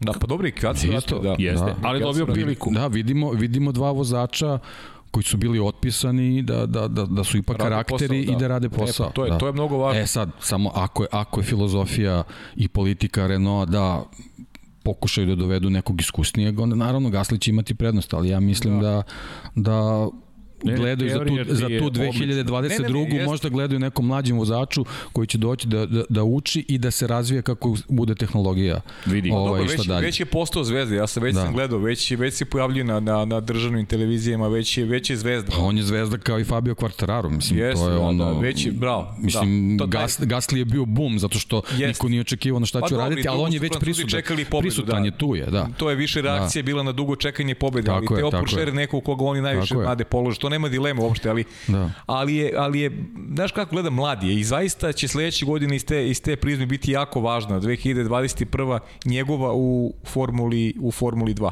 Jako važna. U krajnjem slučaju vidjet ćemo ga već za vikend. Znaš kako, i on je, i on je uh, sad u nekoj priči ovaj, pod patronatom uh, Tot porodice, Jeste. koje sad, sad se malo oslobađa nekih obaveza, ako se i oni budu usmerili ka njemu, Da. mislim, mislim da, da mu je budućnost onako baš ovaj, svetla, samo je na njemu i njegovom talentu va, važno, ali Formula 2 će biti ključna. Ovo sve do sad je super, ali Formula 2 je ključna za Francuzi njega. generalno lepo rade. U, u, Da. Mislim, za one koji ne znaju, koji nisu u toku, a eto moramo imamo obavezu prema njima za vikend. Ljudi gledajte Teja Puršera, on debituje u Formuli Da, 2 to je- u posljednja dva vikenda i zbog toga još onako veća draž celoj priči. Da, i to je, to je veliki ispit za njega. Veliki ispit za njega već sada, da. Već sada je veliki ispit. Da zaokruži ovu 2020. koja je onako briljantna, da, Da, se odmori me- sa... meteorski, meteorski, Jeste, da se da, odmori sa vozačima koji će mu većina njih biti rivali naredne godine. A bu- bukvalno mu treba pratnje u avionu, ne sme sam da putuje otprilike koliko je mlad, ali Da. govorimo toliko talentovanom vozaču i da, velika se fama podigla, s razlogom se podigla fama, tako da ćemo mi vrlo pažljivo da pratimo, ali, ali možda je jedina stvar koja može da ga spreči tako rano da debituje, možda baš te godine, možda će tu biti godina zadrške, pa Pa ga da, ali znaš kako, možda, možda iz, iz nekog ugla promocije, marketinga, možda oni sad traže neki pandan Landu Norrisu, pošto vidimo da su to postali trendovi. Da, Klinci pravu, koji su 100%. na, na internetu, Twitch, YouTube, Čekaj, ti, voze si, trkice. ti si na Čekajte čekaj. ljudi, čekajte ljudi, a, a šta mislite opciji Teo Puršer i Pierre Gasly zajedno u ekipi? Pa kao promena do 2023. Znaš kako, kao Renault je, Renault je u, u nekim onim prvim početcima insistirao na tome da francuski vozači Tako budu je, tu. pa kao što je Ferrari u tim prvim Tako je. početcima dok nisu Da. krenule tragedije, pa Da, Alonso, da. dakle, onda je bilo važno ne biti 2022. Italija. Ne, mislim da je Alonso ovim svojim željama i svojim sponzorskim paketom malo to ovaj poremetio, ali Jeste. ovaj neke neke planove, ali mislim da je on Alonso je potreban Formuli 1, tako da Jeste. pronađe se tu ne, neki Slažem ovaj se, ali neki pitanje balans. je samo kako će se Alonso vratiti, na koji način će to, taj povratak izgledati. Jer Alonso, ukoliko bude video da ne može da se bori za te, viso, za te najviše plasmane, ne verujem da će imati Ja. strpljenja i želju da, da potraje. Njima je sad sportu. ok, Okon je tu, francuski vozač je prisutan, Jeste. to je za sad ok, ali Okon mora na, nešto da uradi. Mora, Jednostavno, mora. ne, Pa ne. prosto je neverovatno kako ga nema. 2021. Da. je godina, godina poslednje šanse Esteban Okona, to definitivno. To smo rekli x puta i... Ne, ali pazi, videli smo, niko ne beže toga, na, na polovini sezone se dešavaju promene. Pa Znači, dobro. uopšte ne može da bude opušten što ima da kažem ugovor za sledeću godinu. Ne, ne, pa naravno, Nikako. naravno. A ove tri trke u ovoj borbi za, za, za treće mesto, zato smo i počeli priču o njemu, mora da se priključi Ricardo. Mislim, ne, Da. ne može Ricardo Ali... sam, jer imaš Ferrari koji u ovom trenutku ima dva vozača Ima koji su do- u ima formi dobar balans, da. i imamo McLaren koji kroz čitavu sezonu ima dva vozača koji su jedan uz drugog. To je, Jeste. to je velika količina bodova. Ne može Ricardo sam protiv, protiv Jeste, njih. jeste. Ali nemojmo zaboraviti jednu bitnu stvar, ovo, ovo deki što si spomenuo, da, dakle taj moment sam ja zaboravio, pocenio tu dimenziju, iako obožavamo igrice i time, i time volimo da se bavimo. Ali činjenica je da kada pogledaš, to je zaista nova generacija, da, ja se ni ne šalim, mi smo evo, neka generacija 40 plus, pa smo na YouTube-u, dakle vremena su se promenila. Mi sad imamo mogućnost i zadovoljstvo da mi pričamo neke naše priče i da to možemo da prikažemo mnogo jednostavnije nego ikada ranije. A mi nismo deo te generacije svojim rođenjem. Dakle, to su devojke i momci koji su odrasli u tom univerzumu. Dakle, gde se podrazumeva da si na platformama koje streamuju, jel te, i novi termin se stvorio. Tako da, Lando pa, Norris kada na kraju kraja, momci, vi ste, vi ste prenosili video igre pre, da pre početka sezone. Što ste to radili? Zato što to, to neko gleda. Niste to radili za kućnu upotrebu. Pa da, dobro, i zabavljali smo se. Pa, ne, vi zabavljali ste se, zabavljali su se oni koji su to gledali, sve okej. Okay. I koji su ne, učestvovali ne, i koliko smo se šalili sa Landonim onim Wi-Fi-em i... Pa jeste, da ispadne malo, malo pa je Lando pa Ghost. Pa smo tako kao, kao, kao da je dial-up imao, ne... Mislim da je Naska najbolju promociju imao kroz, da. te, kroz te video igrice. Da, da. Jeste, ali, ali ne zaboravimo, bilo jedno od pitanja prošli put, da li ćemo prenositi e-sports Pro seriju, dakle Formula 1, ne znamo, ne znamo kako stoji trenutno situacija s pravima, činjenica da imamo još tri vikenda, da, to jest tri trke, runde 10, 11 i 12, vozit će se, neće se voziti bukvalno u Japanu, vozit će se širom sveta, ali velika nagrada Japana, velika nagrada Meksika i velika nagrada Brazila, dve trke 16. decembra i jedna trka 17. decembra. Dakle, biće toga još i to ćemo pažljivo pratiti, ali tu se slažem s tom Teo Puršer, tu jedan na jedan pa, za Dobro, to je moje razmišljanje ne, kako ne, okay. bi možda bilo. Ne, ne, okay, okay, ne, ne, ne, ne, ja da sam, moram priznati, ja sam malo, malo sam, uh, znaš kako, Formula 3 završena odavno, stalno uh, ovde potenciramo Teja Puršera, ali zaista da, da. velika je zvezda, definitivno nadolazića velika zvezda, neko ko je pre svega francuska država stoji iza tog projekta, francuska kao ozbiljna država, on momak vrlo talentovan, generalno kao auto motosport, pa u ostalom i ta pojava Fabija Kvartarara, nije, nije ni to slučajno, znači Francuzi rade, rade vrlo dobro i pogledajte koliko se vozača realno pojavilo iz Francuske posljednjih godina. Imamo u, u Formuli 1 generalno imamo bujuk vozača Nažalost, izgubili smo Obera. Imaš, da, da, imaš Zarka i Kvartarara u MotoGP-u. Tako je, znači Stvarno... I francuski tim koji je zabeležio dve pobjede ove godine. Da. Teh 3 je francuski tim. A ne zaboravite, nismo tako davno izgubili Žila Bjanke takođe. Da. Dakle, da, da, Francuzi da. su stvarno... Da, tu su se desili veliki potresi sa nekim momcima koji su sad trebali da, da, da budu, budu tu. Tako je. Jest. Yes. Znači imali bismo mnogo Francuza. Na kraju krajeva, mislim, i Leclera, oni nekako svojataju. Pa mislim, pa normalno, oni, načani, pa, sa tog je pa, govornog područja pa, i na kraju krajeva pa, Kneževina je pa, on je deo geografski, škole, to je to. Tako je, tako Jeste, to je to. Jeste, ali e, e, kada je reč o Renault, bitna je tamo promjera koja će se desiti. Dakle, inače Renault je rekao šta će im najviše nedostajati, Pavle, ono što si ti pričao, šta će nedostajati odlaskom Daniela Ricarda svi kažu, Sirila bi to, to ponovio. Kaže, ljudi, taj čovjek kada uđe u prostoriju, promeni se atmosfera, nekako svi se podignemo, svi živnemo, nekako je sve lepše. A ima neku harizmu, ima, ima neko, neko ludilo pozitivno ima u njemu taj momak. Baš je pozitivno zaista, ludilo, lepo si rekao. Zaista je neverovatan i, i neverovatan na stazi. A on je australijanac, mislim, znamo, znamo kako Jack Miller podigne atmosferu u Moto da, Grand Prix. To, to, ja, ja, ja, to, ja nemam baš... to je ta veza, to je... Australijanci ali, su ili, ili, izvini, samo znaš šta mi je pao pamet? Da. Mick Duan, i Casey Stoner. Ili neće progovoriti, pa, ili će da pričaju previše. Imali smo Alana Jonesa. Jeste. Ali ljudi, koliko imate nekih njegovih izjava i citata. ali pazi, nema. Australijanci su, nema. Australijanci su poznati na, na, na, na dva točka, ovaj vaš Reon, dvotočkaši. Ali ti, ti pratiš, ti pratiš deki sve i naravno i ti pratiš sve koliko ih ima sada u Formuli 3, u Formulu 2 momaka iz Australije. A ti ne pratiš. A dobro, ne, ne, ne da. pratim u toj meri, ne, ne, MotoGP ne pratim tako kao vi, ali zaista dobro. nisam, nisam ali potkovan tu. Ali na četiri točka... Ali četiri, ok, ali da, ovo, na dva točka nisam tako potkovan kao ovaj zvoj, nisam ni blizu.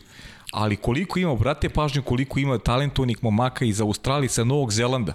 Pa koliko ih ima da, što u Formuli 3. jedna regija praktično. Jedna regija, koliko su napredovali, imamo Pjastrija šampiona u Formuli 3, imamo i naslednika Uh, imamo Jacka Duana, sina to Mika Duana. kažem, Duana spominjemo, da, ima, Duan je imamo, tamo. Da, imamo zaista plejadu jednih vrlo dobrih vozača koji takođe prete da se nađu u skorije vreme u Formuli 1, a to je takođe imaju jako dobru finansijsku, finansijsku Tako podršku, je. što je mnogo važno. Pa, imaš samo u Formuli 3 koji je osvojio titulu, kao što si rekao, imaš Pjastrija, imaš Lijama Losona koji je bio Liam odličan. Lawson, Meni se Liam Lawson najviše svida u, u toj konkurenciji, ne računam, ne računam Naravno, Porsche. naravno. I imaš Aleksa Peronija, imaš koji Aleksa opet Peronija, predstavlja takođe. Okeaniju, takozvani region Okeanije. Jest, tako ga, tako pa ga da, regioni, ali to su momci koji zajedno rastu. Zajedno su rastu, jest, pa da. To je to, je to da. područje. To je. Jest, jest. Kalan Williams takođe. Ljudi, to su sve imena koje mi spominjemo iz perspektive, da li Novi Zeland, da li Australija, ali pažnje. Da, mislim, generalno nema mesta za sve, ali onaj ko složi najbolji paket može da isplive cele priče, a- a- posebno što je velika regija iza njega. Tako je, a velika baza baš dobrih Da, vozača. i, on, i oni su oni su bitni za sponzore. Kako jer ne, dolaze sa velike ne. geo, velikog geografskog područja koji će njih da prati. Jeste. Tako da ne, ne smemo to da, da, da zaboravimo. I, Nikako. I koja je prva trka sezone? Velika nagrada Australije. Dakle, kako otvaramo godinu, svake godine mi odemo zapravo na južnu polu loptu i kažemo odavde kreće sezona.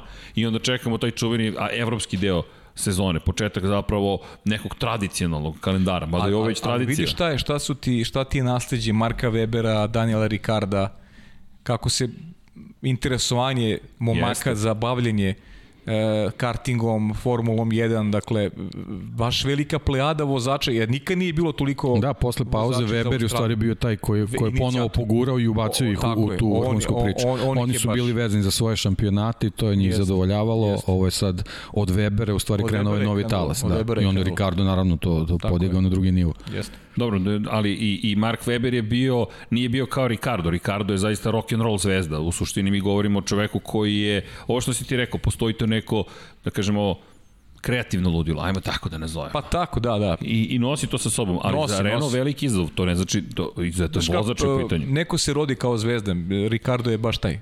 Jeste. Da, Weber, Weber je posvećeni sportista, mislim, on je Jest. čovjek Iron Man i Jeste, tako ja. dalje, tako dalje. Imamo On, se on Ricardo čime god da se bavi da, Da, da, bi bio da. zvezda. A vidi, samo Da, da, osmeh tako na da. lice Da, da, da, da. izbaci čovek Da. i ne krene da se sme, nekako Jeste. se svi raspolože. A, a i pozitivno utiče, ne zamerite, ali kada pogledamo demografiju, lepša populacija, ako smijem tako da se izrazim, dakle dame mnogo više posmatraju Daniela Ricarda. Jeste, pa I on iz te je. perspektive takođe važan, dakle to nemojmo poceniti. Dakle sad pričam samo marketinški, dakle pro, prosto govorimo o nečemu što je veoma Pa, važno. ma Ricardo je kompletan paket. Jeste. Kompletan Fernando paket, Alonso da. s druge strane nije baš tako nasmejan i čio, ali donosi sa sobom dve Ma titule dobro, šampiona Fernando sveta. Alonso je superstar, to- Superstar, nema legenda. Ma da, ma da. Legenda. Formuli 1 treba, trebaju, trebaju neki balansi vezani za Luisa Hamiltona i Imaćemo dobro, ajde Sebastiana. Fetela koji pokazao, on je porodičan čovek, on, nije, on ima, ima, ima svoju harizmu na neki drugi način, ali treba neki superstar kao što je Fernando Alonso, je sad ovo što si ti rekao, posle tolike pauze i njegove godine moramo da vidimo kako će to sve da, da, da se uklopi. Nije lako. Jer on ulazi u nešto s čim se do sad nije susreo. Nije, nije, nije lako zaista. Da, i- Vrhunski sport, vrhunski sport sa tim, u, u tim godinama Ali vidimo, mlade- vidimo, vidimo njegovu posvećenost. Posvećen, on, to je- on to je- vrlo to je dobro dobro. zna ovaj, Pa mislim da drugačije imalo, ne bi imalo smisla vraćati se. Takav šampion dozvoli sebi da se vrati, a da nije... e, e, Znaš na što posjeća malo? Sećamo se obojica povratak Mihajla Šumahera u Mercedes. Mercedes tada u to vreme nije, e, nije bio toliko moćan, ali, ali je mnogo pomogao Mihajl Šumacher da, da danas Hamilton bude to što jeste. E, Zaboravljamo Bilo je udeo- potrebno njegovo iskustvo iz njegovog ugla kako se tim je. priprema. E, tako je. E, to je ono što je Zaboravljamo kakav je udeo Mihala Šumacher dao onome što, danas, što je danas Lewis Hamilton. Tako je. A, vrlo moguće da će Fernando Alonso da da svoj udeo onome što će biti sutra možda Teo Puršer. Možda Teo Verovatno, moguće, moguće. Moguće Mislim, će to je, to je možda, iskustvo- možda i njegova želja da, da se oduži Renault koje je u principu da nije bilo Tako je. Renaulta ne bi bilo njegove karijere. M- Možda deki on sad da. razmišlja drugačije. Možda možda Fernando misli da da je, da je, da je zreo da se bori za šampionsku titulu, a možda njegova uloga bude baš ovo što sada pričamo. Da Renault da taj neki taj neki, da kažem, korak u napred, neku viziju koja će Pa pomoći vidimo da im treba, vozaču. jednostavno im treba. Tako je, da. On, oni moraju da imaju neko ko će da ih vodi, ne, ne vezano samo za menadžment, nego i neko ko će biti u sedištu i da iz te perspektive zna da im kaže šta, šta neštima ili šta je super. Sigurno, sigurno Tako da, da, da da takvog moguće da je vozača, to, takvog da. šampiona, ta vrsta iskustva je dragocena. Pritom e, mi Schumacher u povratku, nažalost sad, sad već to vidimo kako istorija ide, on, on već nije bio u fizičkoj, Nije. fizičkom stanju da se vrati onako kakav Nije. je on bio, To- to definitivno a sa druge nije. strane Alonso verovatno može da bude tip top spreman ovaj, da, da krene u, u tu neku priču, sad zavisi naravno kako će taj paket da se složi. Vidjet ćemo. To vidjet ćemo da to ne možemo sad u ovom trenutku nikako da znamo. Da, inače ima ovde par pitanja, a šta ako se desi da Alonso ipak ne osvoji, to jest ne, ne postigne ništa ozbiljnije od onoga što je postigao u, u McLarenu sa Hondom, ne znamo, Pa, dakle, to, da, to je to, jednostavno... to čekamo, ali... Ali, ali pozitivne su stvari kako sam priprema. To Ali je ono što je to, važno. To, da. to je deo našeg, mi delimo sa vama, ovo čak nije ni promocija Formule, mi delimo autentično uzbuđenje. Ja jedva čekam da vidim Fernanda Alonso. Da, a, čak, a on tome i služi u ovom da, trenutku. pa, da, ali iz čak, naših ugla. Tako je, ali čak i da bude neuspešno. Meni je fascinantno posmatrati kako su ljudi posvećeni tome što vole i rade. Dakle, neće Alonso, verujem, više imati takvu priliku. Ne verujem za tri godine će neko biti spreman da ga ponovo vrati u Formulu 1, da će se naći, da će se tako kockice složiti. E, ja iz te perspektive posmatram i Valentina Rossi, Fernando Alonso i sve te velikane koji imaju veliki broj godina, ako pričamo o sportu koji su spremni u krajnjem slučaju da rizikuju sobstveno nasledđe. Mogli su da se povuku na vrhuncu i kažu to je to. I mi bismo svi govorili legenda, legenda, kraj. Dakle, on je ranjiv sada i spreman je da uđe u taj rizik. Meni samo po sebi to je već ok, skidam kapu. Mene inspiriše. Pa ne, kao i Schumacher. Koliko je pokvario svoje, svoje svoju. procente, da, Jeste. da, povratku. Ali je došao. Ali to, to nije njegov primarni cilj bio u tome čime, čime se on bavi. Pa da. vidi, ali to je neka vrsta, meni, meni je to lepota života i lepota jedne priče. E, imamo Teja Poršera na jednom kraju spektruma. On je klinac, za njega mora da ide dokazivanje. Ma samo pobede, pobede, pobede, pobede, pobede. Dođeš do 20. godine, malo se menjaš. Dođeš do 30. godine, malo se menjaš. Možda dobiješ decu među vremenu, pa se menjaš. Evo, Rossi je počeo da priča o deci. Dođeš do 40. To već niko ni ne očekuje od tebe bilo šta. Da budeš konkurentan. Sada se menja to. Čak i Sebastian Vettel rekao, od 33. do 40. će voditi u Formulu 1. Očekujem da neću voditi što nam je dao informaciju da je spreman još dugo da vozi. Ne zaboravim, to nije star čovek. Dakle, Sebastian Vettel nije neko ko je star. Naprotiv, to je mlad čovek i dalje. Ali je činjenica da eto 40. deluje kao, jel te, nove 20. Nove 30. ili se ja to tako nadam. Ali kažem, meni inspiriše Ljudi, mi smo živi isto, dakle, mi, mi volimo Formula 1, gledamo je decenijama i mi imamo neke svoje, neću reći baš junake, da evo kažem da je Alonso moj junak lični, a meni je Mansell, ali kad sam bio klinac, klinac, ali mi jeste junak Formula pa 1. Da, junak, pa naravno. I, I to je meni lepo da ga vidimo u tom izazovu. Šta god da bude. Ljudi, ajmo da uživamo u tome. Hamilton 7 titula, Vettel 4 titule, Alonso dve titule. Upravo i to, to sam, to sam baš teo da kažem. Mi imamo Kimija Raikonena i Fernanda Losa ko, koji imaju samo jednu i samo dve titule. Samo. A kakve su zvezde? Da. A, a, a Vettel koji Zašto su oni potrebni Formula 1? Tako je, tako titule. je. Tako je. Imaćemo odličan to su, balans. To su stvari za, za diskusiju. Velikana da. i, i tih mladih vozača koji će sutra Jeste. biti, koji su nasledđe svega onoga što su I kažem, pričali smo ti ja, imamo, imamo na jednom mestu, ćemo imati sledeće godine čak e, koliko? 14 titula na jednom mestu. Da, da, 14, 14, 14 šampionski titula. titul imamo na jednom mestu, puta ove klince koji sutra pretenduju da možda jednog dana pričamo o tome kako su Max, Leclerc, ne znam, Gasly, Puršer, kako su na jednom mestu imamo 15 titula. Recimo. Meni je već to, je... to samo po sebi uzbudljivo. Pa jeste uzbudljivo, kako nije uzbudljivo? Pitanje je samo čovek koji se vraća, koliko je spreman na taj povratak. Znaš, da li je taj... E, I ono što je lepo vidjeti kod Alonsa, što je on u garaži je, pričali smo o tome, posvećen, trenira, željen izazova, to je lepo videti kod čoveka koji je već zašao neke godine, a ima iza sebe lepu karijeru. Sećate se one slike na zidu, on, Sena, Piquet, Prost, Mansell.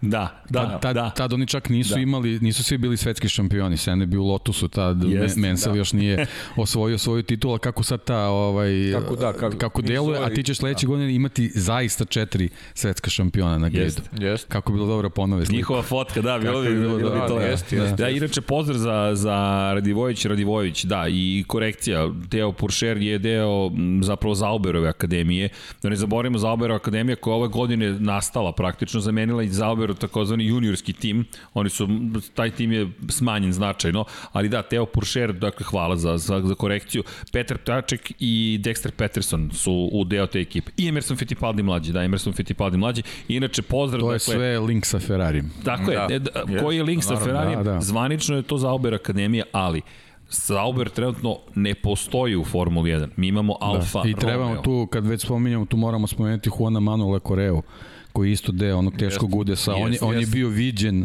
za, za mesto u Formuli 1. Jest, jest. Jest, on se oporavlja. I oporavlja se, se 22 operacije, jest, čini mi se već tako imao. Je, tako je, da. Znači, momak koji stvarno veliku volju ima. I, da, pojavio ovaj, se u Spa Frankošna, pojavio se na stazi. Jest, pojavio jest. se na stazi. To je onako, sigurno emotivno baš bilo za njega. Da. Za njega vidi se da, da teško da. hoda, ali, ali ideja ne, je... Ne, ne hoda, mislim, on jednostavno ta noga je katastrofalna ali, situaciji dalje, da. ali on se bori stvarno ono svakom čast za to. Bori se sa idejom da se vrati. I, i, i, i psihički i fizički verovatno veliku borbu borbu imao, ovaj, tako da, da kad smo spomenuli Zauber Akademiju, on je, on je bio ovaj, deo i jako bitan šraf koji je već treba možda se nađe u Formuli 1. Jeste. E, kad pričamo o tim povredama, Robert Kubica, za njega je Bahrein jako važan takođe.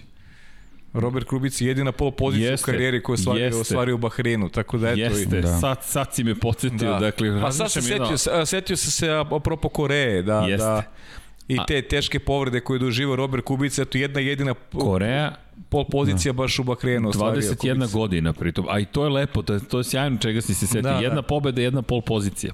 Za, jest, za čoveka jest. koji još uvek testira, dakle još uvek je on tu je prisutan i dalje, da, prisutan. Dakle, i pa želimo, želimo veliki. i Koreji želimo da bude prisutan, da, da držimo mu palčeve. Držimo palčeve, zaista.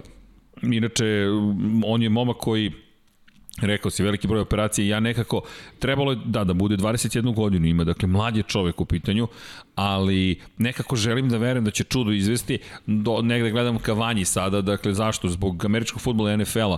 Alex Smith koji je pre dve godine doživao stravičnu povredu. Polomljena noga bila tako ružno da je operacija bila kompleksna sama i komplikovana po sebi. Međutim, šta se desilo? Alex Smith se nije predao, došlo je nažalost do infekcije. 14 operacija kasnije, čovjek je sada ponovo startni quarterback u NFL-u, u najjačoj ligi američkog futbala. Dakle, to su profesionalni sportisti, znate vrlo dobro o čemu pričamo. I započe utakmicu i evo, Washington, bezimeni tim, futbolski tim se zove, on je ponovo na terenu. Tako da, želim da verujem da će i Koreja nekako naći svoju ne, šansu. Ne, njegova posvećenost je ogromna, stvarno se vidi ovaj, na njegovim društvenim mrežama on ovaj, redovno svoje, svoje pratioce ovaj, updateuje sa, sa yes. novim informacijama ovaj, i on jednostavno, mislim, on živi život na operacijnom stolu, bukvalno ovaj, od, od, od trenutka te, te nesreće i ovaj, stvarno se vidi njegova ogromna posvećenost, on je čak krenuo s nekim tegovima, radi teretana i zaista je ovaj, o, ozbiljno, ozbiljno jaka ličnost, je sad, naravno, ne zavisi samo od njega, to, to je jednostavno organizam je taj koji će da odluči da li će, da li će moći ovaj, da, da se vrati u, ne, u nekom, nekoj, nekoj trkačkoj formi u da, nekom periodu, ali naravno jasno. želimo mu da, da, da se to što pre desi i da bude na, na što boljem nivou. I kada spomenjemo sve te vozače, dotaći ćemo se očigledanje, pre, već smo prešli uveliko mi na Formulu 3, Formulu 2, ali da, da, da napomenem još jednu bitnu stvar, pozdrav za Eda, ako sam dobro video, dakle Edo koji podsjeća na jednu važnu stvar, na Dina Beganovića. Dino Beganović, momak koji je rođen u Švedskoj, inače porekla iz Bosne i Hercegovine, dakle sa ovih prostore poreklom. Dino je zabeležio prvu pobedu u italijanskom šampionatu Formule 4, inače imao je savršen vikend u Imoli, bio je drugi, prvi i treći u tri trke. Tako da je bilo fenomenalno vidjeti. Izobro dobru stazu gde će da. to dobiti. Ako da, nešto, svaka čast. Da. To će da, da. biti standard sledeće godine Čestitke, u Formuli da. 2 i Formuli 3, gledat ćemo tri trke tokom Jeste. vikenda. Jeste, to su promene. To je dobar potes. To je, to je dobar da, potez. Jeste, da. dobar potez, da. I Formula W, dakle... Ne, mislim, ne znam za vas dvojicu koliko je dobro, ali, ali je dobar potez za gledalce. Jeste, pa dobro. dobro, snaćeš ti za nekog, ba, da, nešto. Da, da, da. Navikli se. Znaš, pa, pa mi se nešto učuta. Da. Šta će nas oceni? Dobro, on, olakšavajući okolnost što neće biti ono u istim vikendima. Čekaj, da, olakšavajući to okolnost? Pa ne znam. Hteo sam da vas utešim, ali dobro, ako ne pristaješ, onda okej. Okay, okay. Vidi, momci, da nešto bavim s tim. Ovo je vaš društveni život. Da. dakle, imate sto gde pričate o Formuli 1, Formuli 2, Formuli 3 i Formuli W, nemojmo zaboraviti.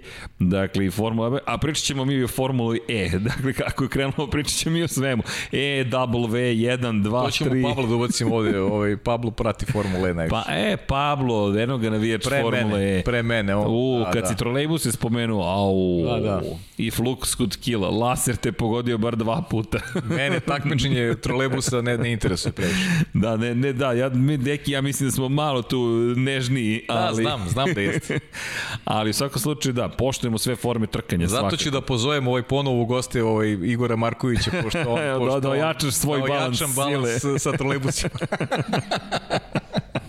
da, Igor će nam se pridružiti, Pridružit ne, ne znamo se kada, hoće, ali... Da, da, zvaćemo da. Deki, ako smemo da, kada da najavimo, smemo da najavimo još jednog gosta, ne znamo tačno kada, ali spomenjali smo Miloš Pavlović. Naravno, ne, ne, to, to je, Pazi, to je dogovorena stvar, samo je želja, ono što smo juče pričali, da, da imamo čoveka uživo. Lako ćemo da uradimo Zoom, sve je to okej, okay, ali da nam bude nažalost ova, ova situacija je drug, Slušaj, drugačije priče kad ti neko uživo sedi. Ja sam moj, Videli smo juče, da, ja sam u mojoj bivšoj firmi jednom imao priliku da ga dovedem u goste i zaista ogromno poštovanje stvarno ga mnogo ga cenim, poštojem i, i mnogo mi je žao što nije dobio priliku, smatram da je on zaslužio tu priliku i daleko svojih prostora neko ko je Pa znaš kako, on je, ovaj, spominjali smo sve momke, znači on, da. on se takmičio sa Batonom, sa Alonsom, pobeđivao Jest. bojicu, Jest. ovaj, do Fetela je, je dolazio koga je takođe pobeđivao na stazi, Mislim, to, to, to, je, to je neki raspon od 96. do 2007. Je.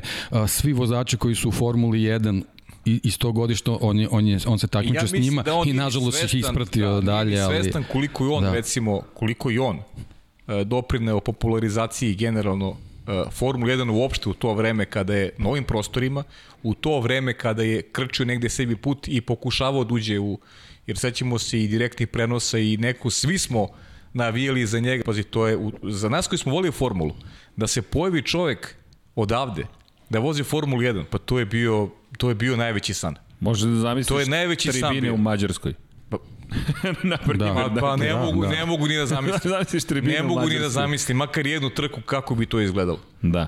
I zašto pratimo Dina? Pa Pazi, navijamo svi smo, srcem. Svi smo, živjeli, svi smo živjeli Milošev san u to vreme. Yes, Bukvalno, yes, svi koji yes, volimo ovaj sport smo živjeli njegov san, nažalost. I ne samo za njega, za bilo koga svojih Pa dobro, ali, ali on, ali je bio, on je bio, tu, on je bio tu. On ne, on je, on je bio, on bio i kvalitet kad smo pričali o, o, o, o tim statistikama, recimo vezano za Schumacher. Miloš je u jednom trenutku ovaj, imao te godine se Kimi Raikkonen pojavio u Formuli 1. Miloš Pavlović imao bolju statistiku rezultata, pobeda, uh, pobedničkih postolja od recimo Kimi Raikkonena. Bio je šampion sveta u kartingu. Tako je. Nemo zaboraviti. Tako dakle, je. bio je šampion znači, sveta u direktnom u duelu je pobedio Jensona Battona i Đorđa Pantana. Da, George koji je kasnije bio je, šampion GP2 je. i znamo koliko je i on imao yes. problema da dođe u Formulu 1. A on je, a, on je bio ovaj, vozač pod patronatom AMG-a.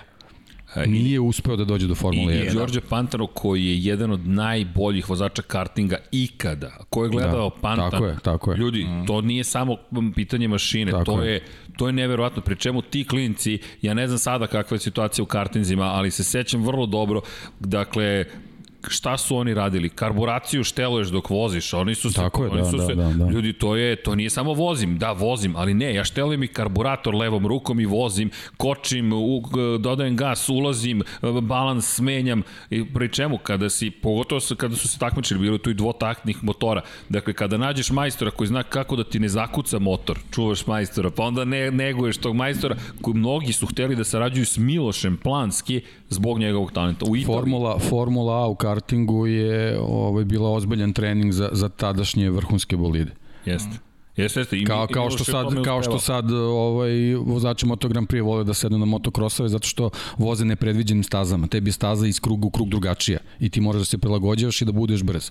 Da, tako da, da. su ovaj, vozači treniraju, mislim, nadam se da je tako i danas sad zbog ove vrhunske tehnologije u Formuli 1, to sad nema baš mnogo sličnosti, ali, ali ta, ta, ta karting, ovaj, ta Formula je stvarno onako bila vrhunski sport. Jeste, i samo nam je žao što nekako nije dobio, ali to je taj moment pričamo. Malo pre smo pričali o sponzorima, o podršci. Čak i sponzori ponekad ti nisu, dakle, možemo da se poistovitimo, verujem, svi na ovim prostorima, nažalost. Dakle, nije samo pitanje da li imaš para, moraš da imaš i vezu.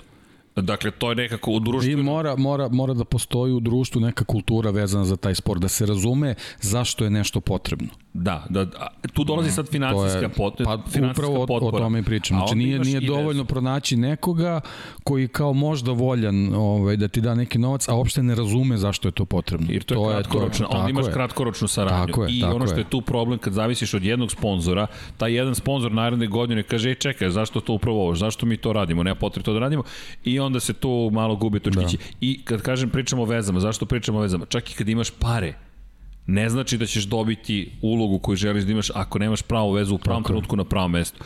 Tako da je to kompleksna Znaš kako, sponzorstvo u automotosportu o, nije kampanja, nego je projekat. Jeste. To je, to, to je, je long tail, tako je, tako to će da ti se je. vrati jednog lepog dana. Ali šta je meni tu fascinantno? Evo mi spominjemo, evo, spominjemo MOL.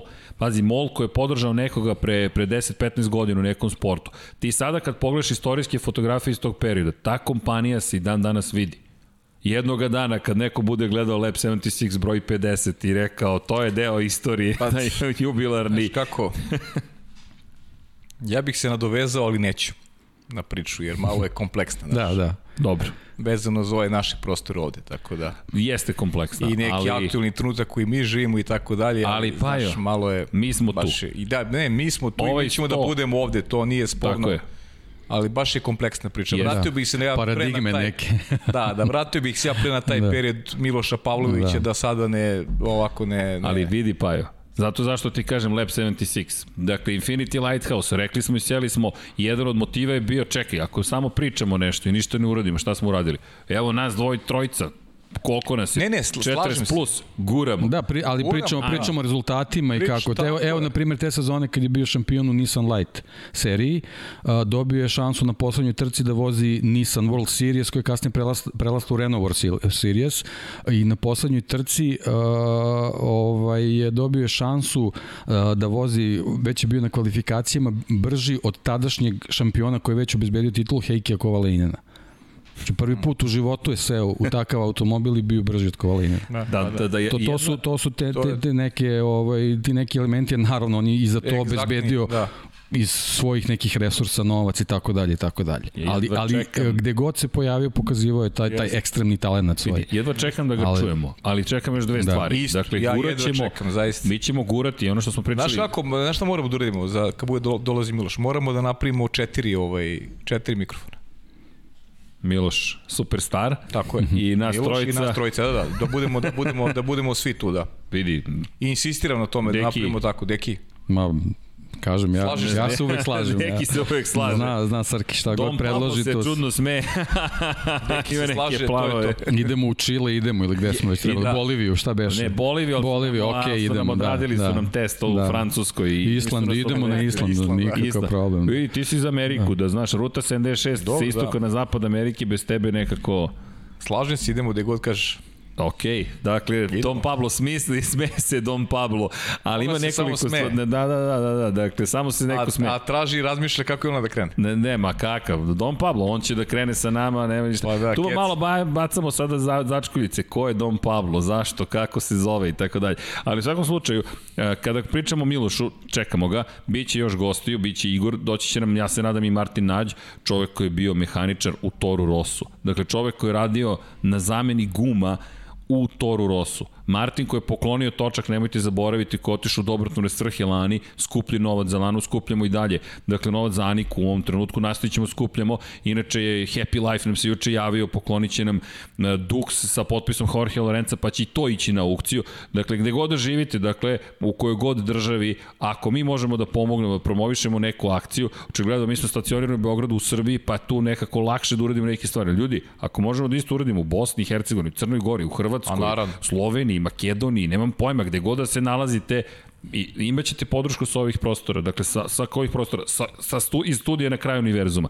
A inače plan jeste da osnovimo tim Moto3, to sam pričao već, dakle ovako, a onda vidjet ćemo za formulu tu te, te budžete, ne znam da li ćemo obezbediti, ali vidi, možemo da sanjamo uvek. Ovo znam da pričaš već nekoliko godina. Tako Znaš da sam ovo, prezentovao ne, ne, ne, projekat. Ovo znam, da, da nije da nisi počeo pričaš ovde u studiju već godinama unazad da slušamo I, o i tebi Dorni tu sam ga prezentovao, dva puta Znam, smo to već znam. radili. I gurat ćemo, e tako se stvaraju neke veze, pa mi uradimo malo, pa se uključi još neko, pa evo mi smo se svi skupili i onda se nešto i postigne. Zašto, kažem, jedva čeka Miloš, mnogo toga Miloš je prošao i jedva čekam da čujem tu priču. A kada pričamo o tome šta je prošao, samo da se osvrnemo na Formulu 2, ima i pitanje za Yukija Tsunodu, da li smo sumnjali u njega na početku i šta mislimo o Yukiju. Pre nego što krenemo, samo da napravim kratak uvod. Mi imamo još dva trkačka vikenda kada je reč o Formuli 2. Dakle, ukupno četiri trke, dve klasične i dve sprint trke.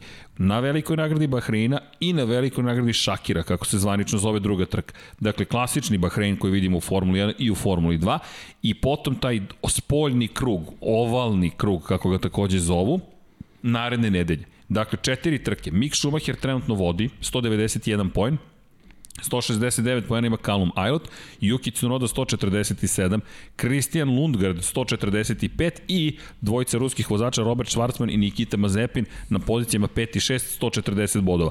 Ima još tu naravno Gvanju Zhou, Louis Deletrazi zanimljiv, ali ovo je neka bitka za titulu šampiona sve- sveta u Formuli 2.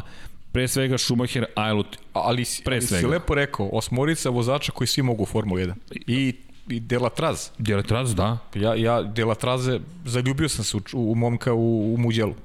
Kako je odvezao? Kako odvezao fantastično Muđelo, dva podijuma u Muđelu na nepoznatoj teritoriji, tu se vidi vozač. Da, to je bila Kad vozačka ti- staza i tu je- se, tu se videlo je. kao, kao i Mick Schumacher. Tako je, a ti, na- ti na Da. nepoznatoj teritoriji, vozačka, ti nikad nisu bili na toj stazi. Luis de la Traz e, dva podijuma ima na toj stazi. To je fantastično. Nije u konkurenciji za titulu, ali, ali to su, to je reper, to, to je ono što smo pričali iz percepcije menadžmenta. Kad neko gleda, hoće da snimi dobrog vozača i, do, i dovede ga na nepoznatu teritoriju i on u toj konkurenciji ima, ima dva podijuma. To je fantastičan učinak za njega. A, da li smo sumnjali u Cunodu? Ne znam da li sam sumnjao u Cunodu, prosto smo gledali sezonu i uživali. Da li on taj za, da li on vozač za Toro Rosso, vidjet ćemo, pokazat će vreme. Da li ima talentovanih, možda ima talentovanih, ali prosto Honda želi svog čoveka. Pa da, to smo to, opet moramo se vežemo za Moto Grand Prix. Jednostavno, to su vozači iz nekog drugačijeg okruženja, drugačije filozofije. Kako Tako će je. se on uklopiti u tu čitavu priču, to, to može samo da se zna u trenutku kad se on fizički nađe tamo. Bukvalno. Ovo sve, ovo, ova sadašnja priča i ono što ga čeka, apsolutno nema veze. Nema jedno, veze. Nema, Nema veze jedno veze. s drugim. Tako Tako, je. da... I, I šta će biti možda sa Cunodom a, Ne kad znamo. ode Honda za 2020? Da, sad je, sad je druga je priča od trenutka kad je Honda rekla da... Pa da, pa da. To On juri svojih Tako je. 300 km. 300 km Tako ili, juri. ili, ili, da Ili- bude među četiri najbolje u Formuli 2 sti- automatski stiče Automatski dobije super licencu. Tako je. Trenutno jeste, ali samo 7 poena deli njih četvoricu. Jeste. Tako da su to ozbiljne trke, zašto jedva čekamo i trke i jedva čekamo da imamo šta će biti, pa i u toj drugoj trci, baš zato. Pritom, Pri čemu- ljudi, ti znaš ko je moj favorit, kad nevezano za Christian Lundgaard. D- a, Lundgaard koji je na poziciji 4 i nije nevidljiv. fantastična vozač. Isto pričamo o for, Danas. potencijali za Formulu 1. Jeste, da, mi imamo Sin Nemca, bivšeg reli šampiona, evropskog reli šampiona, dakle jedan momak koji je Opet, toliko opet čovjek koji dolazi iz trkačke iz porodice. trkačke porodice. Da, da. Ono što ti priča stalno. Da, da. Mick Schumacher, dakle, nemački vozač, sin Mihaela Schumachera, Callum Aylot koji je u Ferrarijevoj trkačkoj akademiji, dakle u, u akademiji vozačkoj, Yuki Tsunoda koji ima veliku podršku iz Japana. Inače, da, da odgovorim za Tsunodu, ja sam uvek slab prema japanskim vozačima, takmičarima generalno, tako da nije pitanje da li sumnjam, potpuno sam subjektivan i silno navijam da se pojavi jedan japanski vozač i da vidimo. Pa evo, ove godine oni čuvene priče o Indianapolisu i 500 milijuna Indianapolisa. Nisam ja tipovao na Takumu Satu zato što sam video da će pobediti nego, nego Japanac koji je pobedio, meni je to fenomenalno. Ajmo ponovo da vidimo Takumu, ali Da, ja sam za Dixona bio. da, ti si bio za... Ja za Alonso. Da. da, nije baš na, najbolje baš. prošlo, ali nema veze. Viš to da će, je da će, da, da će ujedini, da će uspeti ovog puta. A ne mislim da on neće odustati dok ne Neće, ujedini. ni ja ne ver. Ono pre dve godine je bio najbliži. Da, on je prvi, pr, Da, prvo učešće Ono bilo kad je, kad stvarno, je, stvarno da, blizu. Pa da. tada je Ali pobedio. kakva ironija, tada je- Honda ga je izdala. Honda ga izdala, da. Tada je, kad, Da. je, iz, kad je eliminisan, tačnije kad ga Honda izdala bio negde 10 11 ali napredovao. Zaista ima Ne, ne, odličan je- napredak. Išao je sve bolje i Imao bolje. je, neki, nekako tipičan napredak za, za vozača jest. na Indianapolisu. Baš Je, je, e, baš išao kako treba. bukvalno tako. I delovalo je kao to. Delovalo je da može, Ma školski je bilo, ide, Mm. ide nekako Alonso Da. na, na, na pobedu i baš je delovalo i to, to legendarno. Čekaj, ovo će se desiti, jer netko ko je uspevao u tome da, da, da pobedi, kamoli iz prvog pokušaja, Juan Pablo Montoya po tom pitanju je je izuz, evo, anomalija stiže, dakle, Juan Pablo Montoya u dva prva pokušaja u Indianapolisu zabeleži dve pobede. To je nestvarno. Čovjek koji jedva na ovalima u NASCAR-u nikad nije zabeležio pobedu u NASCAR-u na ovalima. Nikad. A, da. Pobeđivao je na klasičnim stazama. Ali kada pričamo o Formuli 2, kome će se da- dati šanse? Schumacher, rekli smo, eto, naslednik velikog Schumachera, čovek koji obično ovako funkcioniše. Drugi deo sezone u drugoj godini takmičenja Upravo sam to hteo kažem, drugi deo sezone upućuje na njega.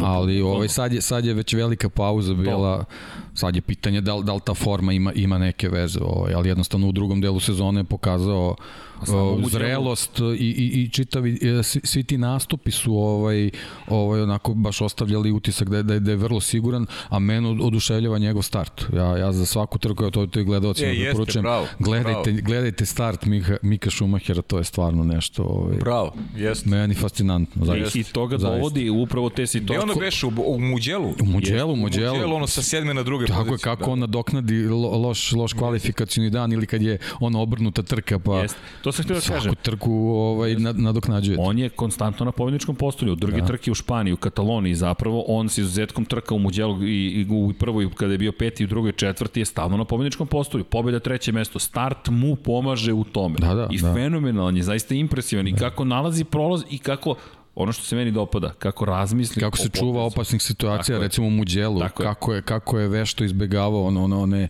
one kritične kritične situacije na startovima. Ovaj zaista on stvarno ovaj ne, ne ide ne ide grlom u jagode nego nego ba, baš procenjuje dobro situaciju i zadovoljava se postojećim ne nema nema preteranog rizika što u ovim kategorijama jako bitno izuzetno inteligentan vozač. Izuzetno inteligentan i ono što kada spominješ Cunodu kako će se snaći, Schumacher je rođen u ovom svetu.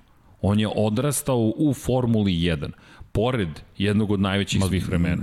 Mislim, Znaš, ne, ne je... moramo da pričamo ali... kad se Mick Schumacher pojavi, iako je dečko još uvek, nema šta. Da, i gde će da se pojavi, to je to čuveno pitanje. Da li pa Haas, najvjerojatnije, da. Pa, da. pa nema drugu opciju sređene, de, de, misli, Haas. I to ima vezu sa Ferrari. Ali znaš kako, na, kako na početku ne. je možda bolje se boriti, nego, Tako nego da je. da dođe nešto, u nešto gotovo, mada ne vidim na što bi nema, gotovo nema, došlo nema, i u Ferrariju, mislim. Da, da, pa ne u Ferrariju. Ferrari tek da, ništa nije da. Da, da. da ali, ali taj Haas će biti zanimljiv. To sedište priča... Kažem, ja bih zato volao Perez da bude tu, koji bi onako bio stvarno za, za Mika dobar reper. Perez Schumacher kombinacija. Da, da, to mi je onako... To zvuči dosta da. moćno. Kao, kao, kao i ovamo Max i, i Hulk. Sve se potpisujem, da, potpisujem da, da, da. sve što si rekao s tim što ja vidim Nikitu Mazepina u društvu. Pa dobro, to je jednostavno da. očigledno iz ove neke želje čitave porodice, da. oni će to pretpostavljam i uraditi. Sprovesti u delu. Da, mada ne smemo zaboraviti, mislim, ni, ni Perez nema, nema ovaj malu zaleđenu finansijsku. Nema, nema, činjenica. Činjenica da, da nema, ali Da, Dobro. da li priča može se završi da budu Mazepin Perez sa Mikom me, kao trećim sumnjivo, vozačem? Meni je sumnjivo, ne, da. meni je sumnjivo to što se što se Dimitri povukao iz te tužbe, na to mi je da, sumnjivo. Da, da, da, da. Jer mislim da je nešto dobio. Neko zadovoljenje je Neko stiglo. Neko zadovoljenje je stiglo, da, to mi je da, sumnjivo. Zbog da. toga sam pomislio da, da, da je to da je to Haas. I negde, ča, znaš da sam ti poslao neki link, sećaš se, srđane, pre koliko ima? Prošle nedelje? Prošle nedelje, da ja. Ne, neko je to objavio, zaboravio sam i ko je objavio čak. Pričali smo o tome u, u našem u, podcastu jeste. i neko je objavio da je to opcija Nikita Mazepin i Mik Schumacher. Zaboravio sam ko. Jeste. Ali još pa, nema zvanične potvrde iz kasa. A gde ti nestala šolja Baba Vanga? Ne znam, neko je po, pojao je neko. dakle. E, znaš koje se teme nismo dotakli, ljudi? Da. E, Red Bulla i Red Bulla, bliži da, se kraj novembra. novembra jeste. Bliži se kraj novembra. Putovao je u Japan dr. Helmut Marko. Čekaj, to sledeće Išao Japan, Tsunoda, E, želi da ubedi Hondu da ostane i dalje. To je on, onaj deo neke priče, nezvanične pa. priče da Dr. Helmut Marko želi da ubedi Hondu da on ostane i dalje u projektu Formula 1 koliko je tu izvesto, šta se dešavati i Christian Horner je opet ponovio da će do kraja novembra biti jasnija situacija oko, njih, oko njihove bliske budućnosti, tako da je Red Bull je, rekao bih, u ovom novembru mesecu centralna tema. Red Bull nam je neophodna za budućnost. Šta će biti, nemam nikakve informacije, ne znam da li vas dvojica imate neke informacije. Za, zaista ne. Ne znam ništa zaista šta se dešava da, po tom da. pitanju. Ovako, Christian Horner poslednje što je rekao, rekao je koliko znamo da je došlo vreme za odluku i da pa dobro, da, da, to, da, ne, to svi znamo. Ovako, da će sigurno, dakle, sada saopštiti ko će. Dakle, šta će uraditi? I, I da nema nikakvog suštinskog napretka, ali ja mislim da će to, da će to biti na kraju uh, ne, neću da kažem baš shuttle diplomacy, onaj moment, jurim na jedno mesto, ubeđujem jednog, pa jurim na drugo mesto, pa ubeđujem drugog. Izbora pa, nema mnogo, to trećeg, je, to je pa, problem. Da, to, a to jeste ozbiljan problem. Zašto spominju taj čuvenu shuttle diplomacy? Dakle, ja imam utisak da on mora sada da, da, da, da ima sledeću navigaciju, da ode prvo u sedište Red Bulla sa Dieterom Matešićem da priča hoćemo ovo, dobit će neko zeleno svetlo, onda da ode u Hondu i da ispriča ja sam dobio ovo zeleno svetlo, pa ako, tre, ako pregovori vuku na neku stranu da kaže ma mogu i to, onda da se vrati na Malo to mesto. blefa da bude, Tako je, da, da, da. I da kaže, ej vidi, dobili smo ovo i da će to zapravo se svesti, jer zašto duboko verujem u, u Hornera i mogu slobodno da kažem Helmuta Marka. Šta će oni ukoliko Red Bull prestane da postoji? Dakle, sada pričam o, postoje ti profesionalni momenti, ali ovo su lično profesionalni momenti. Šta ti kao jedan Christian Horner, ili, evo ja da sam u njihovim cipelama, Ne da bi ih jurcao, to nije pitanje bogatstva, to nije pitanje novca, oni su obezbeđeni materijalno. Koje ti sada snove ostvaruješ? Ti si do juče bio šef najjače ekipe na svetu Formula 1, ti si do juče bio doktor Helmut Marko koji se pita o ljudskim sudbinama i o tome šta će se zbijati u Formuli 1, a sada si neko ko je možda na nekoj margini. Koliko pričamo o vozačima kada dobiju otkaz, šta će njih dvojica ukoliko Matešić kaže ja ovim ne želim da više da se bavim? Hoće opet doći neko ko je ko ima toliko duboke džepove i toliko strast prema Formuli 1 kaže važi, evo vam manje više beskonačno bogatstvo da organizujete samo da mi budemo pobednici, pogotovo u trenutnoj ekonomskoj klimi. Dakle, iz te perspektive, zašto verujem u Hornera i Marka? Mislim da će oni zbog sebe, ne da jurcaju, nego da će na glavački da se posade Pa ne samo, samo da dođu do rešenja. imaju, ima, imaju i resurse. Imaju i resurse da to urade. To je poenta. Sada. Sada. Ajde neki jurca, kako, šta Gene Haas da radi, šta, Pa kako ništa. onda jurca. Da se, pa zato Može da kažem, sedi da, i, i, da, i da kaže, ajde, ok, može Nikita Mazepin, jer ja nemam drugu opciju, ok, daj, daj mi, Dimitri, daj ali mi pare, to je ja ću da... Da, rešio priča. sam veliki deo budžeta sam- i tako okej. je, I da. okej, a ovi imaju resurse, mogu da jurciju. Ja, ali zato i kažem, zamisli da si u situaciji da će se možda desiti za dve godine nemaš više te resurse. Ti više nemaš te resurse za dve godine ako se promeni. Dakle, Dieter Matešić je glavni u toj priči, od uvek bio i ostao. Kako glavni? Pa on kaže, evo vam zeleno svetlo. Evo vam zeleno. A vi sad dalje morate da sprovedete ono što sam ja zamislio. Dobro, i dobio je, i on je dobio mnogo. Dobro, kako nije. Pa, finansijski, ako se kada se urade marketinške analize, Red Bull je toliko više dobio time što je odustao od klasičnog oglašavanja i investirao i to, u, po, pošto je 10 godine već promenio način na koji se, koji se oglašavaš. On je, pa Deki ti ja najbolje znam, zašto gledam ka Dekiju, De, ne, ne toliko ka tebi, pa čovjek koji je uložio svoje pare da napravi da napravi bukvalno magazin. Zato da, Da, da. da. gledam toliko. Da, da. Ja koji se bavim marketingom, pa iz te perspektive gledam, ali pa jo, ti znaš kako je teško doći do, do, do fotografije legalnih. Jeste. Moraš platiš ozbiljnu količinu novca. I sad ti dođe neki Red Bull i vlasnik jednog magazina kaže, nema problema, evo ti besplatne fotografije. Da, da. Besplatne fotografije, besplatni video snimci, besplatni dokumentarci. Pa nisu besplatni, platit ćeš time što ćeš ih objaviti, ali ja finansijski mogu da izdržim to drugačije. Ti znaš, evo, i, i mi polako pregovaramo, uvodimo, dakle, kada govorimo o fotoagencijama, vi morate sve to da platite. Naravno morate da platite, neko, to je nečiji autorsko del, nečiji rad. I onda dođe Red Bull tamo početkom 90-ih sa svojim skaterima, sa svojim surferima, sa BMX-erima, sa, sa ljudima na motokroserkama i kaže, ma evo vam besplatno. Besplatno? Daj. To, pa i, Daj. i mi dobijamo, ja dobijam besplatno za za podcast isto, to su opet ono, lični kontakti naši. Pa, e, dobijaš, e, tako je. besplatno, Tako je. znaš. Tako je, Praviš lične kontakte i isto, a to je nešto što treba da se plati. tako je. I, I sad, koliko to vredi? A ovo je na korporativnom nivou je neko to napravio kao sistem. I onda 15 godina kasnije da se ne bih oglašavao, ja ću da kupim celu jednu ekipu Formula 1. I svi ćemo, koliko puta smo mi izgovorili Red Bull, I onda ću da kupim još jednu. i onda ću da, kupim još jednu i da joj dam I italijanski onda naziv. ti, ti u stvari shvatiš da, da kad je napravljena raču, računica posle prve, to je bilo ok, pa ovo nije tako loše, ajmo, ajmo dalje. A pazi, koliko puta smo pa izgovorili Red Bull tokom prenosa? Ne, Da, ne, pa. neograničen broj Kako puta. ne?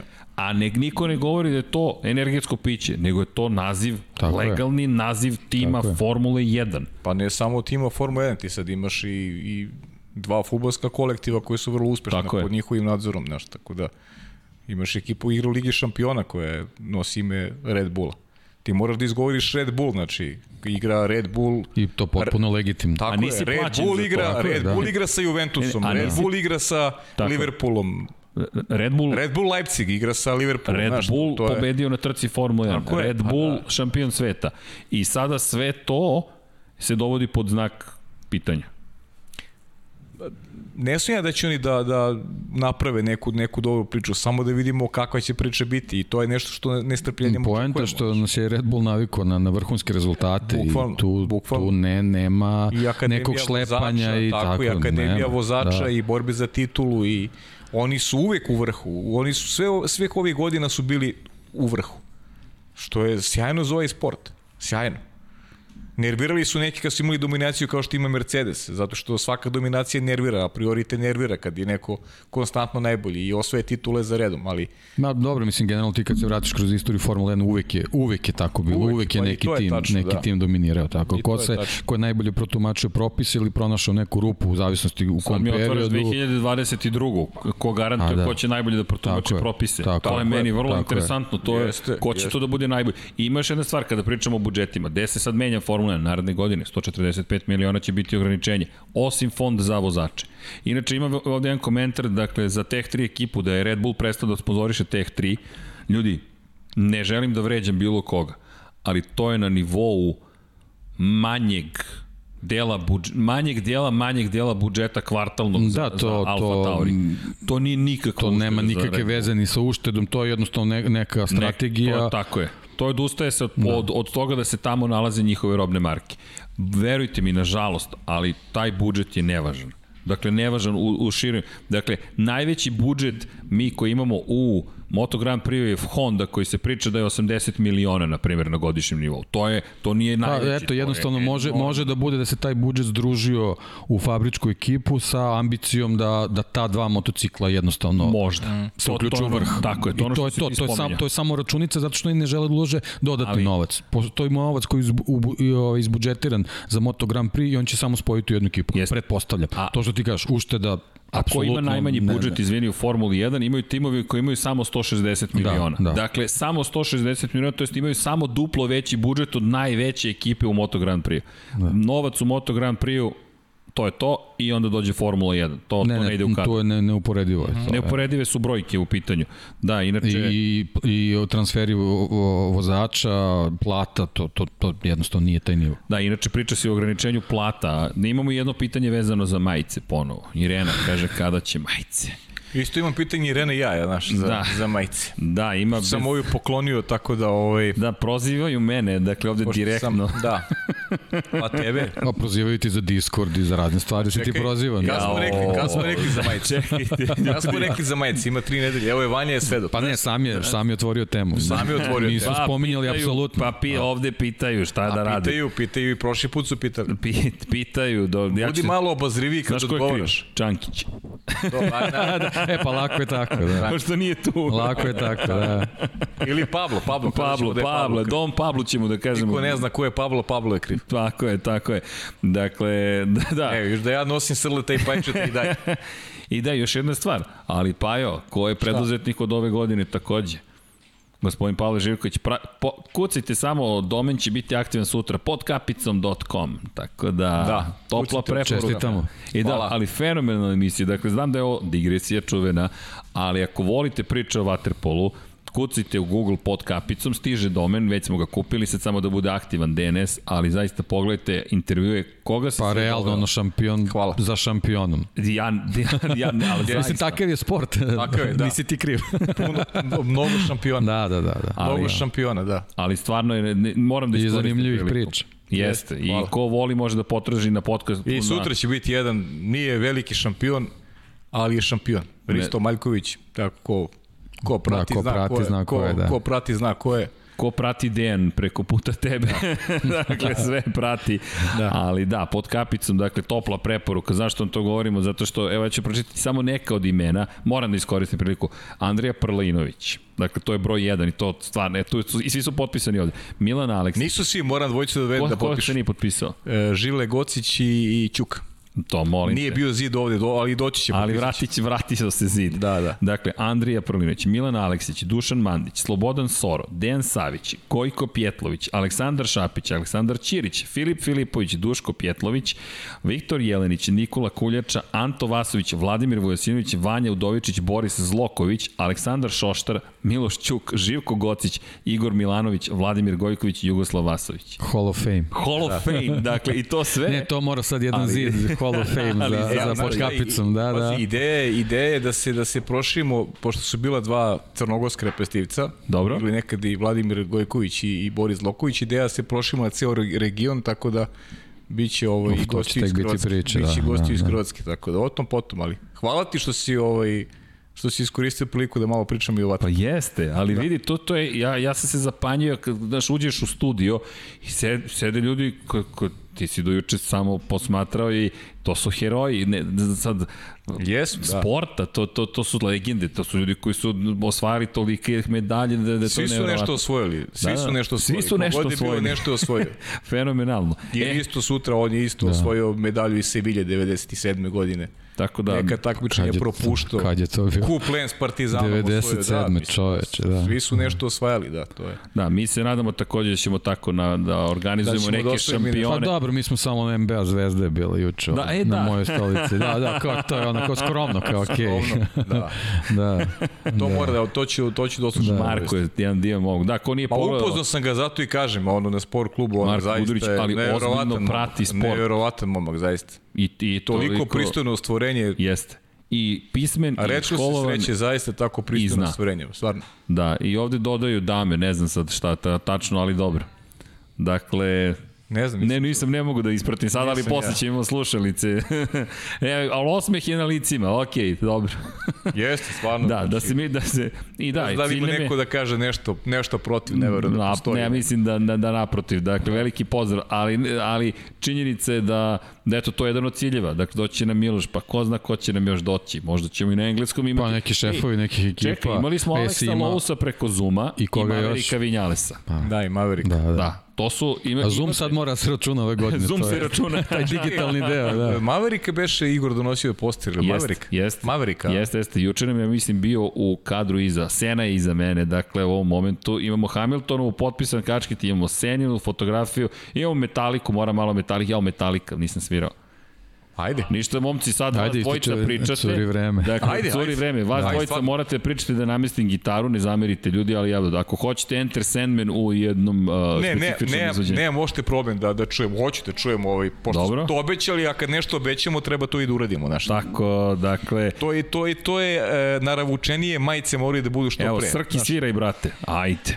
Aj, kako si rekao? Naravučenije majice moraju da budu Naravučenije što pre. majice. Jer kad nešto Da, a obećamo, sve je krenulo od majice. naravučenije kad nešto obećamo, moramo to i da ispunimo. Da, da. Dakle, inače, pod kapicom još nije aktivan domen, tek smo ga kupili danas, pa Od dok se sutra, DNS tako serveri je, da, da, da. propagiraju, ali kucajte u Google pod kapicom YouTube i izaći će vam YouTube kanal pod kapicom. Za Ljudi, početak je dovoljno. Uživajte, dakle, Da. 22 intervjua koje stoje i stajaće, nadamo se, dok je YouTube-a. Dakle, evo ja idem sada. Inače, Dom Pablo, pa ne, da li je muško ili žensko? to je, e, pa ne znamo. Ali evo kažu Vlada Vesić je Dom Pablo.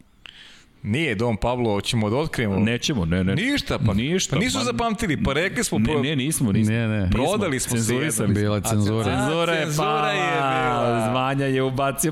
Bravo Vanja, bravo Vanja. Ne Zato se ne treba sve live da bude. Da, ne, ne, ne, okej okay smo sad, za malo da kažem. Vidi, Da. Za malo da Vidi, kažem. jednom je muško, jednom je žensko, ne zna se, tako da molim vas. Ali morate da pevate, dakle... Dom Pablo je funkcija, to je. Fun, Ne, to nije dogovoreno. Dom Pablo je Pevanje nije funkcija. Ne, rekao sam ti pevanje za novu godinu, ne pevam danas. Da.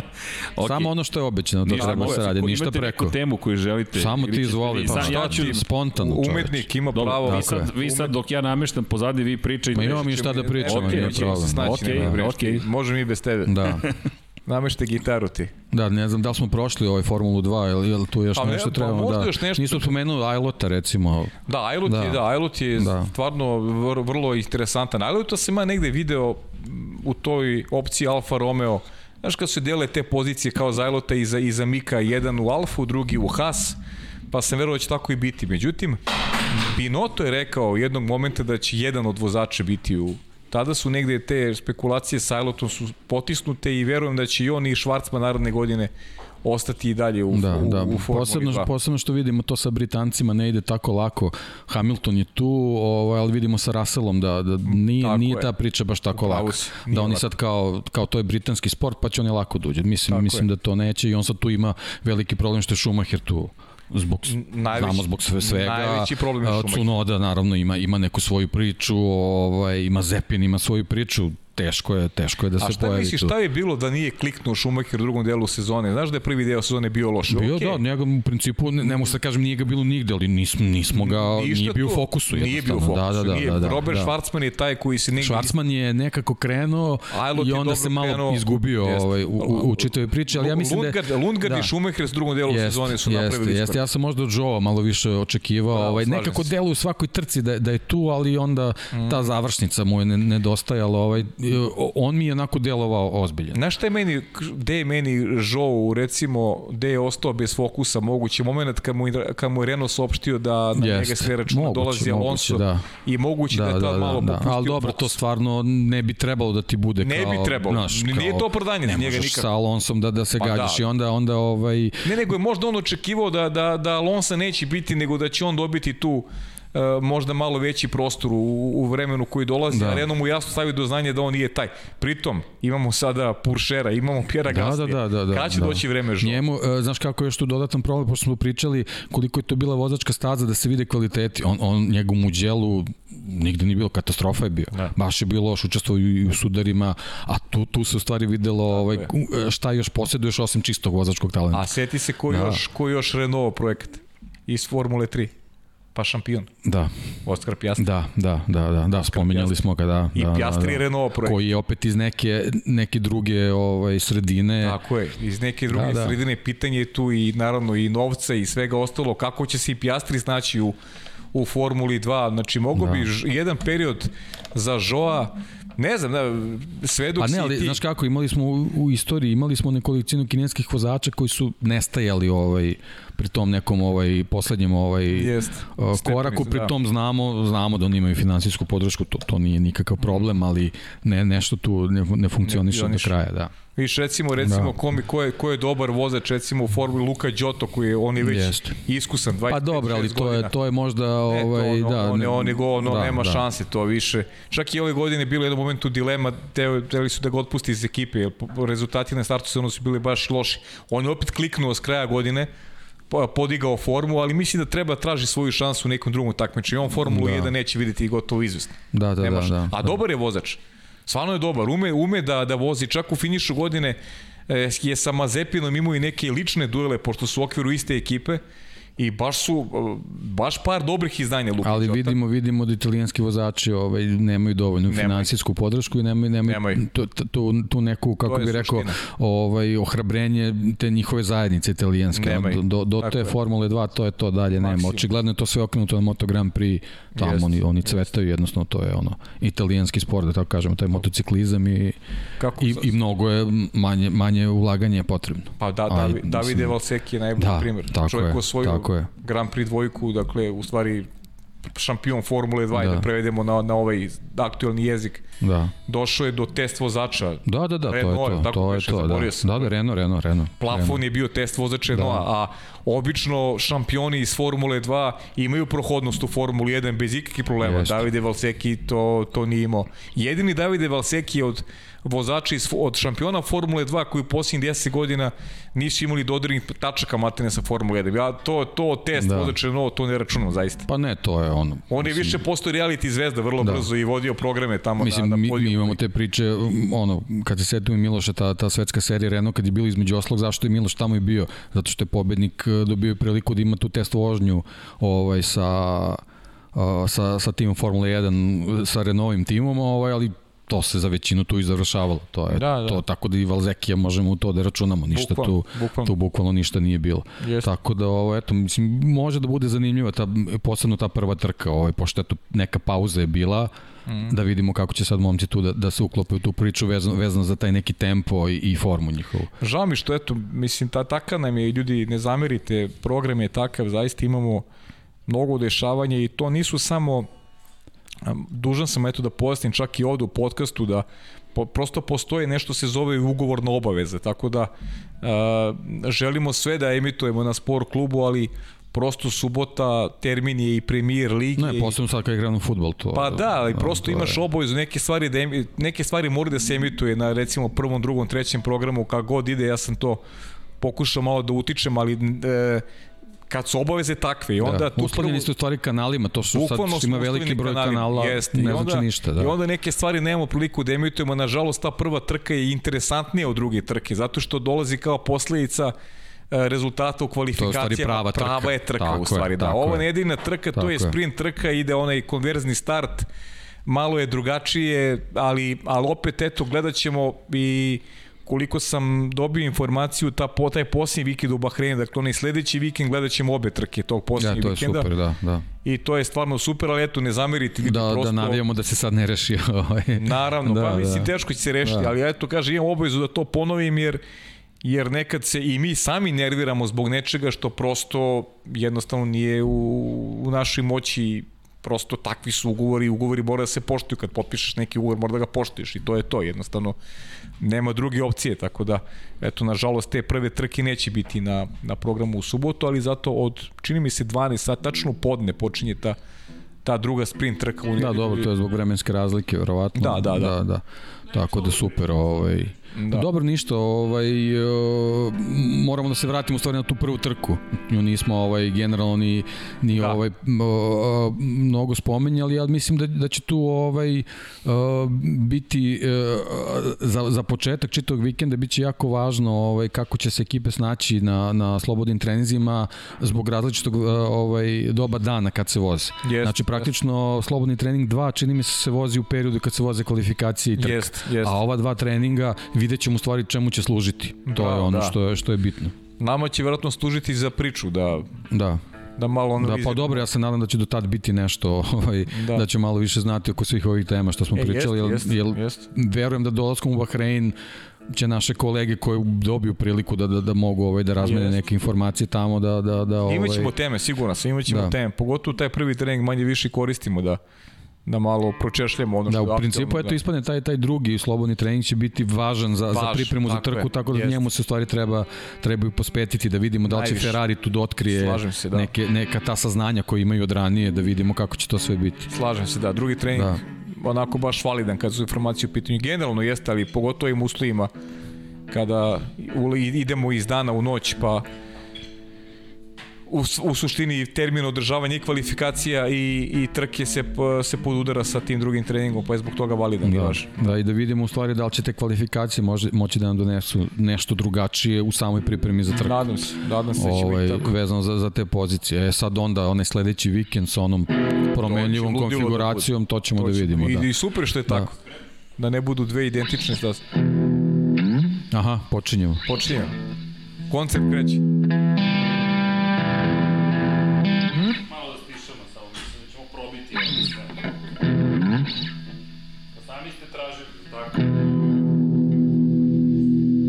Tražila je publika, je tražila.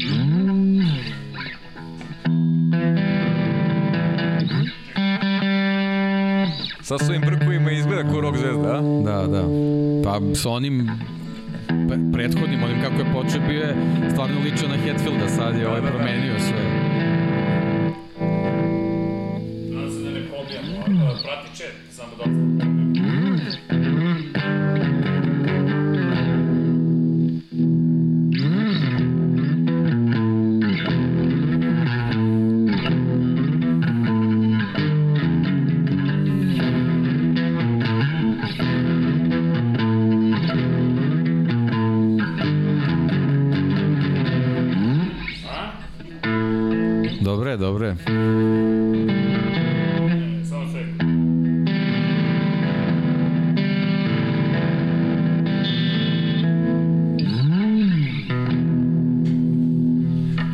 Pa se da me čujete, ali žalite se tamo na četu ako vam ne odgovara. Ovo je jedinstvena prilika. Je neko želeo Fade to Black možda?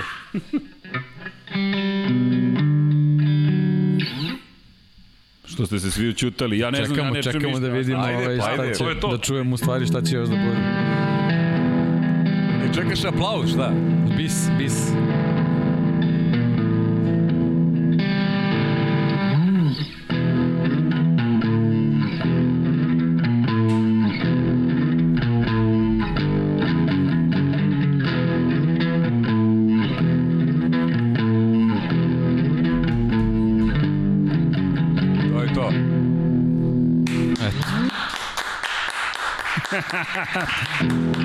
To ste tražili. Sad su ostale još samo majice. Ko kaže da ne smije koncerti se održavaju? Da, da.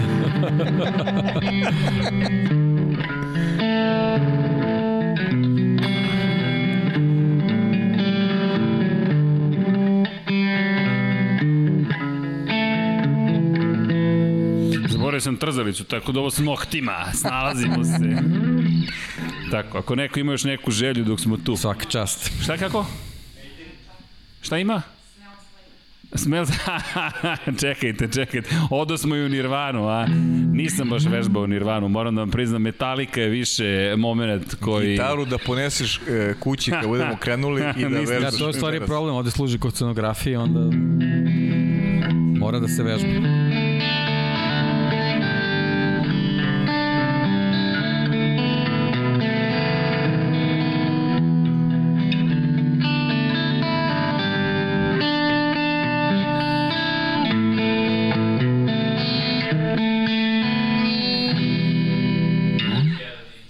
F1, ja zaboravio sam jedan intro, moram da vežbam, izvinjavam se. Evo, obećam za sledeći put ću F1 intro da uvežbam, jel može? I generalno ću bio bolje da se spremim, ali nisam bio danas... E, ali čekaj, da, da mogu ovo noktime da izvedem, izvinite sad.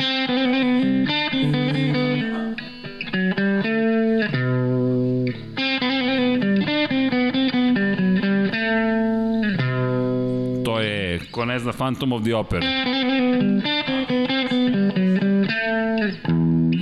Nothing else matters, ajde da probamo.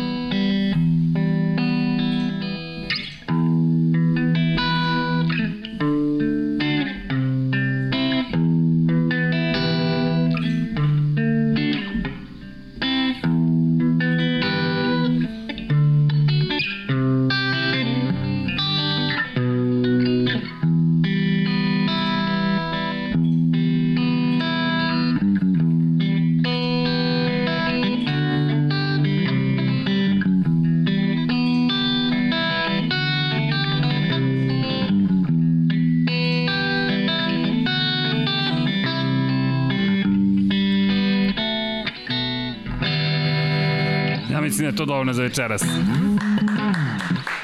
Sledeći put sviramo još.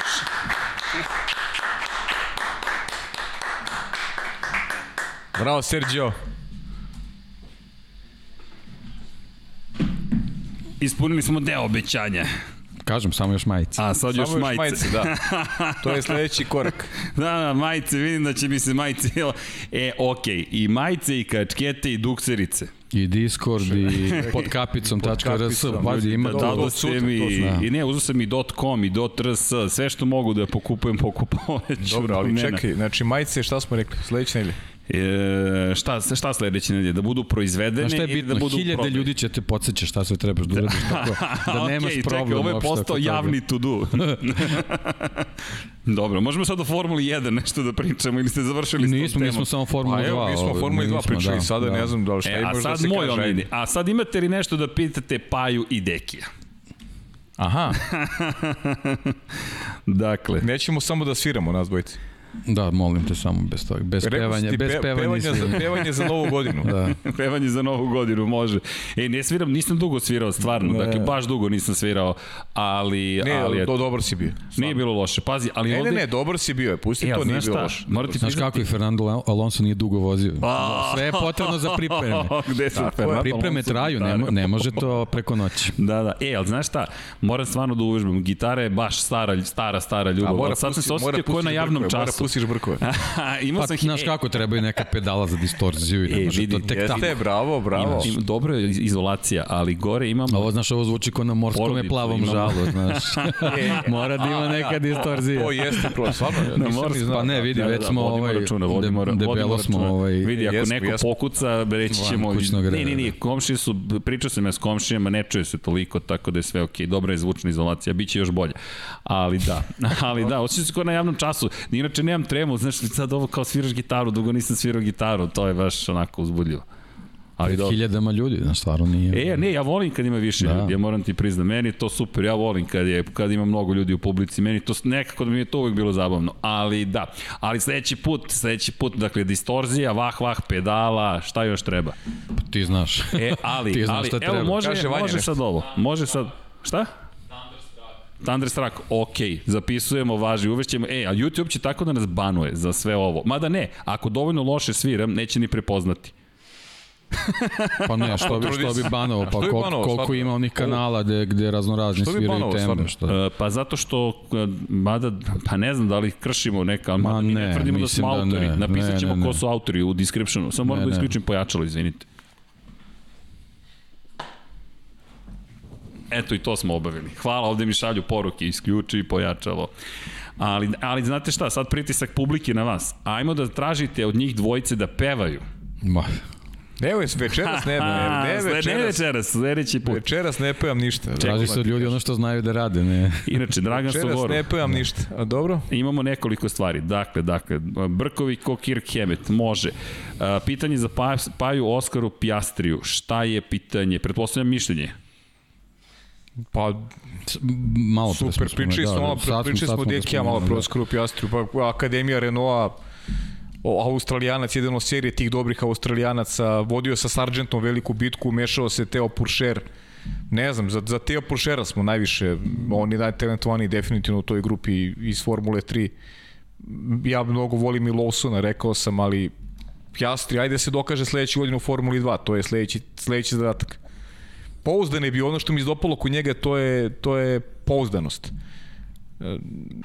imao je najviše rezultate među 10 uh, najboljih tokom cele sezone. Eto, tu se, tu se krije zbog čega osvojio šampionsku titulu. Iako je Sargent, ali pazi koliko su, koliko je to lomljivo, koliko je bitan i tim. Sargent je recimo pre dve godine, sad zaboravio za koju ekipu je vozio, e, osvojio je sve zajedno 10 poena, preprošle godine. Došao je u, u veliku ekipu i borio se za šampionsku titulu. Dakle, mnogo je bitno u tim nižim kategorijama imaju postoji naravno razlika između između timova što je prisutno kao kao i u Formuli 1. Da, tu je možda i veća razlika ipak u, Čak i organizovanosti. čak i veća razlika, da, tako da. je. Posebno što, što neki timovi handlu, handluju tri automobila. Jer su Italijani Nije Italijani to- su dominirali i, i u Formuli tako 2 i u Formuli tako je, 3 da. ove godine. Da. Mislim na ekipu sam mi stao mozak. Da, dobro, nije sad. mi ne, mozak da, bukvalno. Da. Logan Sargent, isto pitanje za vas dvojicu. Pa evo, evo ja sam ti rekao za Logana Sargenta. To je to. To je to. Dakle, Hulku, Red Bull, koje automobile vozite? To ostavljamo kao tajnu za Da, sada. da. Odgovorili smo prošli put. Pričali smo ti ja šta je, da, to je Deki nevjerovatno. ima. Da. Deki, da. Deki je tu se razlikuje da ti ja imamo Da. istu priču. Da, ali polako. Evo, Boris Ja, tu ti ja pita. često menjam, tako da sad, je- sad je malo neki teže. Ovaj, da, da, da. Ali da, za dva točka. Ja sam rekao, evo Borise, saznaćete u martu ili aprilu sledeće godine. Naprićemo emisiju o tome. Šta? Šta vozim na dva točka. A na dva točka šta voziš? Aha. Da, i, da, i pitanje za vas dvojicu, da li vozite nešto na dva točka? Ne, ne, ne. Vozimo. Da. da. Da. Hoće li moći podcast o NASCAR takmičenju? Ajmo E, ovako. moramo da napravimo... Na, moramo da napravimo specijal sezonski. Da prođemo sezon. Ne, ne, mi moramo svašta da napravimo oko Naskara, jer se malo menjaju pravila sledeće godine i bit će Gen drugačiji. pet, Da, Boži konfiguracija, Tatarević. malo i staza, Boži Tatarević, ima Jeste. dosta promena unutar, unutar postava i tako dalje i tako dalje. Ajmo, ajmo, Napravit ćemo obavezno. Ajmo ovako, postavimo ovako stvari. Prolazi nam sezona Formula 1, MotoGP nam je već prošla, dakle pozabavit ćemo se i NASCARom, pozabavit ćemo se i Formulom E, dakle pa ja, pa ti ćeš u jednom momentu biti gost, dakle trke Za trolejbusa. form- trolejbusa, Tako je. Može Igor dođe. Ali, važi, ali moramo, mo- ja osjećam da Lab 76 treba da isprati Formulu E. Prosto ljudi, To je, to je do, stigla je. Dakle, ovako ili onako ona je stigla. Dakle, idemo korak po korak. Čujte, ima nas relativno malo, dakle, koliko god da nas je mnogo, ima nas takođe, ograničeno nam je vreme tokom životno vreme, dakle, da sve postignemo, ali ćemo se stvarno potruditi i tu su neki krugovi. Tako da Njima da treba, treba posvetiti pažnju pre svega što način kako je management uzdigao šampionat dosta liči recimo na Dorninu priču sa, sa motociklima i oni su za jako kratko vreme uspeli da, da, da se postave da budu jako ozbiljan šampionat pod patronatom FIA i tako dalje. Znači jednostavno prepo, e, prepoznat, ovaj, e, prepoznat je način na, na, na, na koji je postavljen taj model razvoja Formula E i zbog toga jednostavno treba ovaj, da im se posveti pažnja i sad samo takmičenje naravno neko gleda sa ove strane, neko gleda sa one da. druge, ali jednostavno način kako su oni uspeli da se, da se pojave u, u čitavoj priči zaslužuje ovaj neku analizu.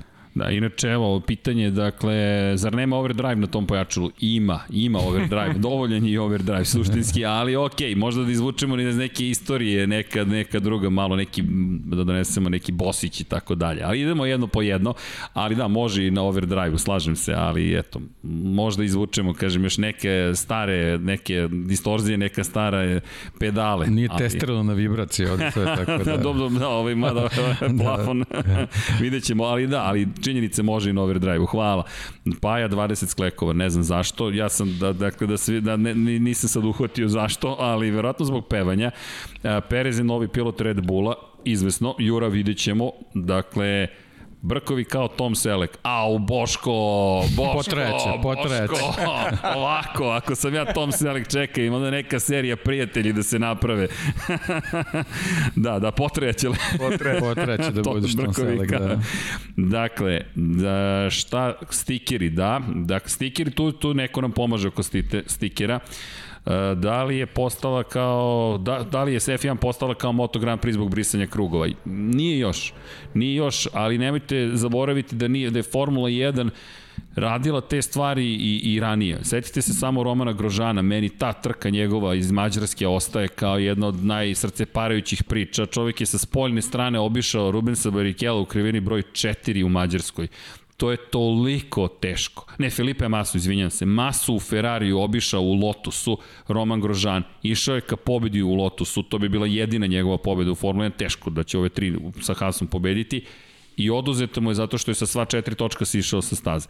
Međutim, sišao je tako što je zapravo bio na pasici, ali su smatrali da to da je prešao liniju same staze i oduzeto mu je pobeda, čak i Felipe Massa rekao ja ne vidim ništa sporno sa njegovim manevrom. Prosto, to je trkanje, i Masa mu nije ostavio, nije mu ostavio prostor, on, nije, on je jedini način bio da, da tu prođi jeste bilo zapravo da tako prođe. Malo je drugačije zato što u automobilizmu davno postoji pravilo tog silaska sa sat četiri točka sa staze, sećamo se Hakinen imao u, u Brazilu slične probleme, sad se više ne sećam 98. 9. ne, ne znam ja tačno koja godina bila, ovaj, ali jednostavno ovo, je, ovo sa zelenim poljima u motociklizmu je neka druga priča. Jest. Mnogo je, u motociklizmu su, posebno u Moto Grand Prix su neke stvari mnogo rizičnije. I, yes. i, i to su neki problemi da ti vozače teraš da, teraš da, da balansiraju o zelenoj površini. Posebno o, o pričali smo stilovima vožnje da, da, da vozači uh, sa, sa ovim moćnim mašinama jednostavno služe da, da praktično prave balans tih, tih teraš da, da u nekim kritičnim trenucima vode uh, dodatnu pažnju oko nečega što generalno stvarno ne, ne utiče na trkanje niti po meni sad nešto ugrožava neku bezbednost. Posebno što su nekonstantni odlukama vezano za ta kažnjavanja. Yes. To je poseban problem. Yes. I taj poslednji krug Ali jednostavno u automobilizmu silazak sa sva četiri točka van staze, to je od uvijek bilo da, da, u svim to, kategorijama. Kažnjavali tako da, su prosto, tako je. to, to su kažnjavali. Tako je, tako Ali ova da... površina meni, izvini, posebno smeta samo da se nadovežem u poslednjem krugu. To je kulminacija, tako je. to je crescendo, to je taj vrhunac opere i ti dođeš i kažeš, e sad kad je došao vrhunac, a vi pazite šta radite. A u Naskaru, kakvu je poslednju pobedu odneo Tony Stewart? Jer olupao je automobil Denija Hamlina. Pa da, mnogi su tako, da. I ništa Denija Ne, evo seti se, seti se duela Rosija i, i, i Stonera u Laguna Seki, da tu postoji zelena podloga.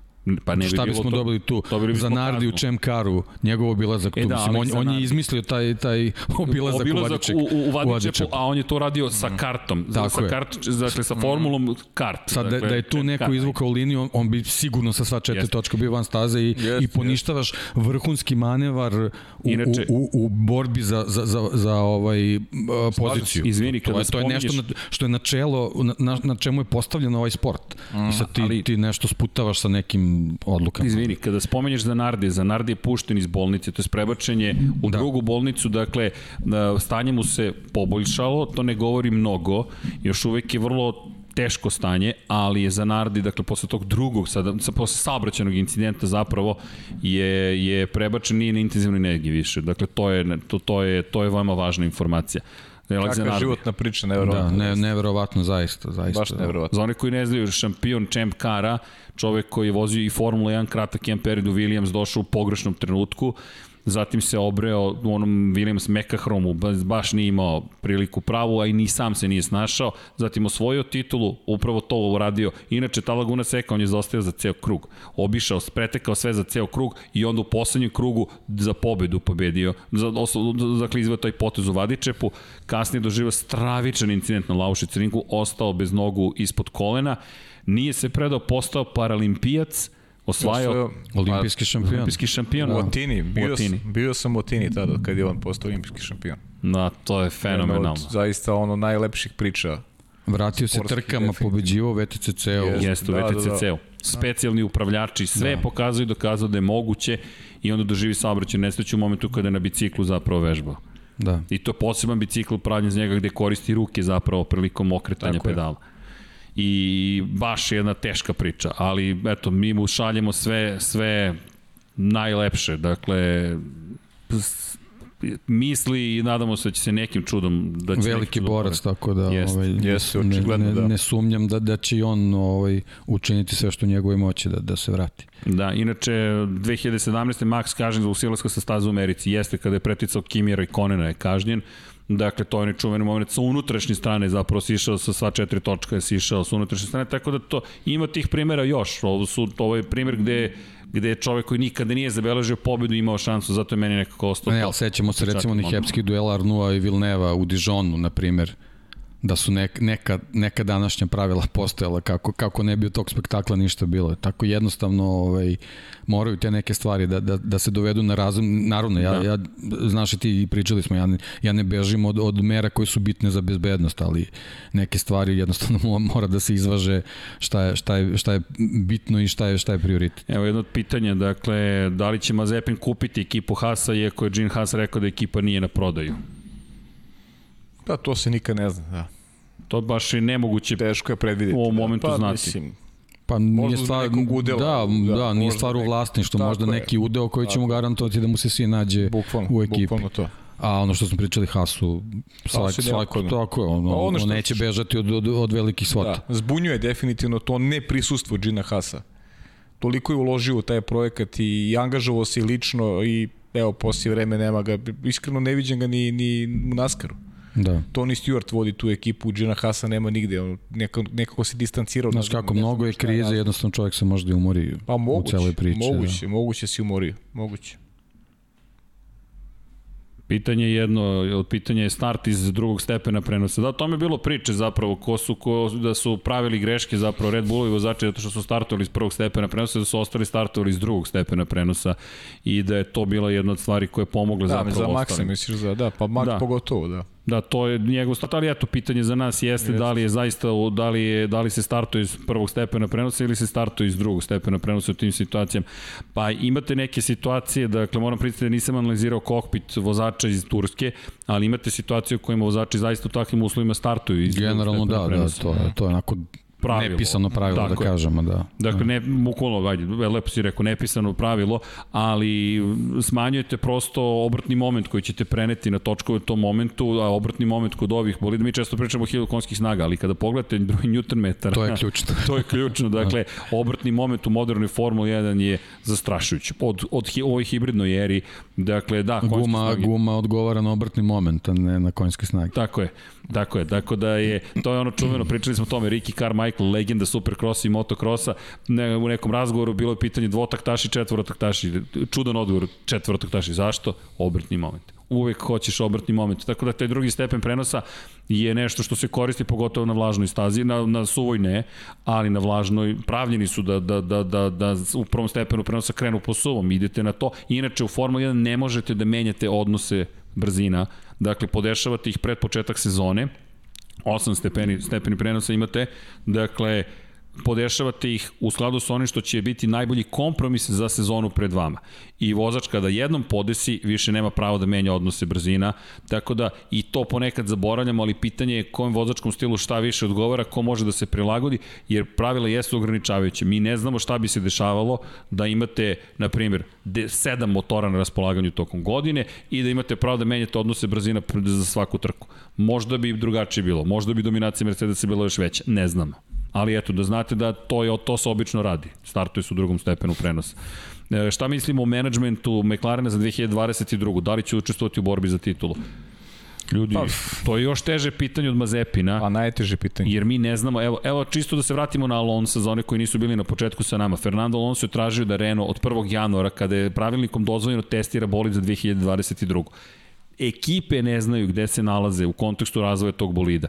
Dakle, imate gotovo nemoguću misiju. Inače je zahtevno za Formula 1. Naredne godine, 2021. trebalo da dođe period kada imamo nove bolide. I to drastično promenjene bolide. I to, to će biti tek specijal tehnološki kada se to desi toliko su drugačiji da zapravo niko ne zna šta da očekuje. E sada, dolazi COVID-19, menja ovu godinu, menja narednu godinu, menja se ceo pravilnik i vi imate paralelno takmičenje za titulu i za unapređenje u 2020. da se bavite 2021. a onda da krenete da razvijate bolid za 2022. pri čemu ste dobili ograničenje budžeta za narednu sezonu. Ko će I tu da se snaći? imate milion trka sledeće sezone. I imate milion, bukvalno 23 trke naredne godine. I, i inače... Što praktično znači da, da možda i duži period moraš da imaš odvojeni tim koji će da razvije novi bolid.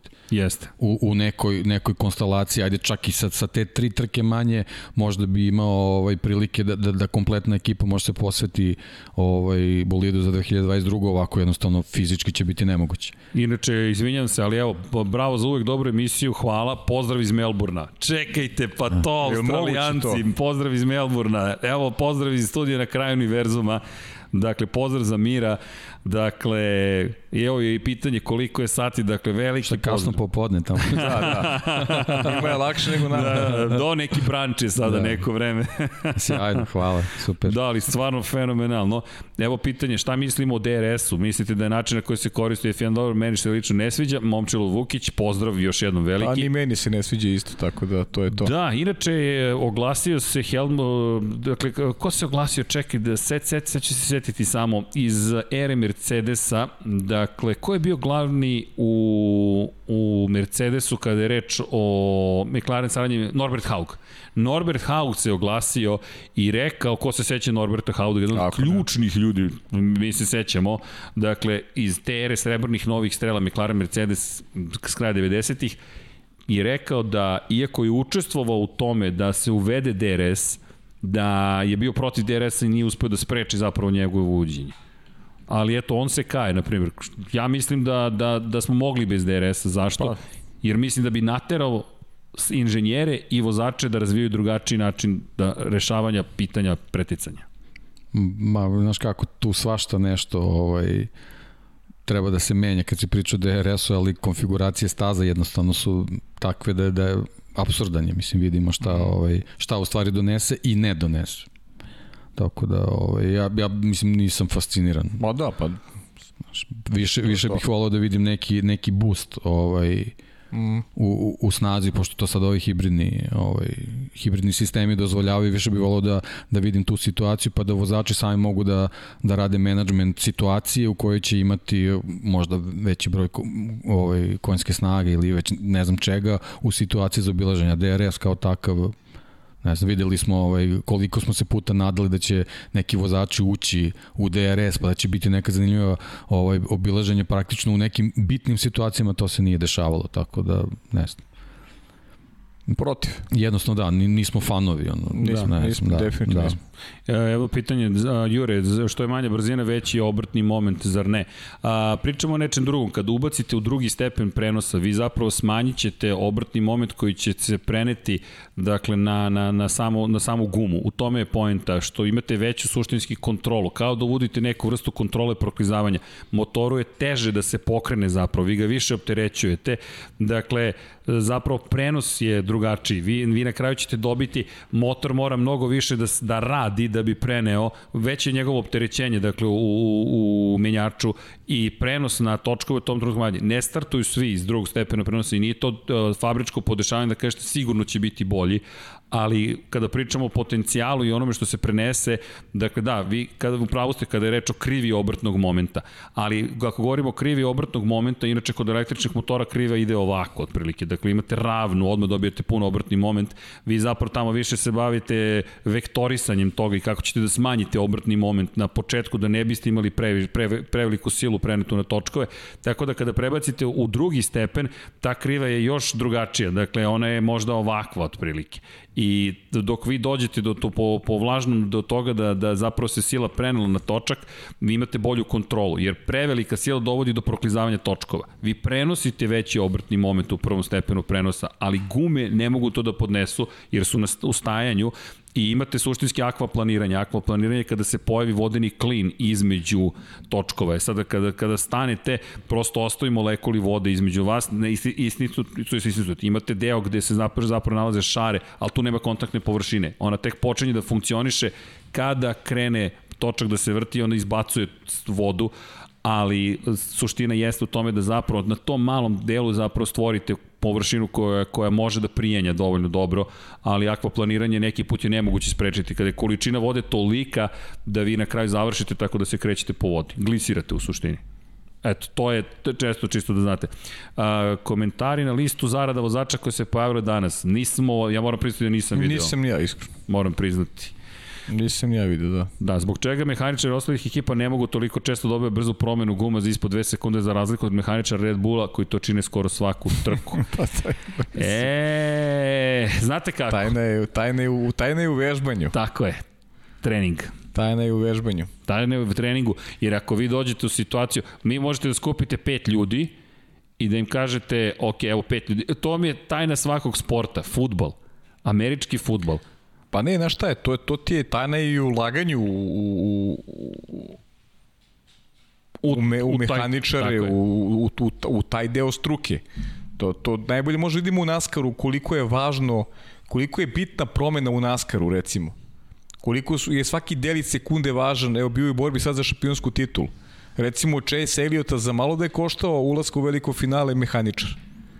I mnogo i najlepša slika je bila kada Alan Gustav, Gustafsson silazi sa svoje stolice u Martinsville trka i daje podršku mehaničaru koji je napravio veliku grešku.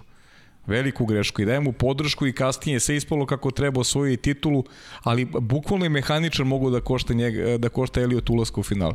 Da, ali to je, to je ono... Ode cela sezona. Da, to I je... I tu shvatiš koliko su bitni ti momci, koliko je Jest. to u stvari timski sport. Nije to sad vozač sedni i vozi. Pri tom koliko je tu važno, tu, tu je mnogo manje mehaničara nego, nego u Formuli 1. I sad, manje, tako, tako je. je. A opet s druge strane u Formuli 1 baš problem da tebi je potrebno da mnogo ljudi uvežbaš da to uradi brzo i to stvarno, I to stvarno nije lako.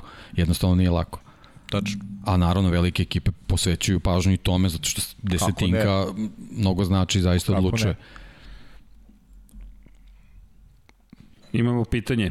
Dakle, imamo pitanje za tebe. Deki, šta, kada uvode hibridne motore u IndyCar? Da li si... Ne znam, nisam, nisam to ispratio, ali... okolnosti da, da, sam da. ispratio 2023.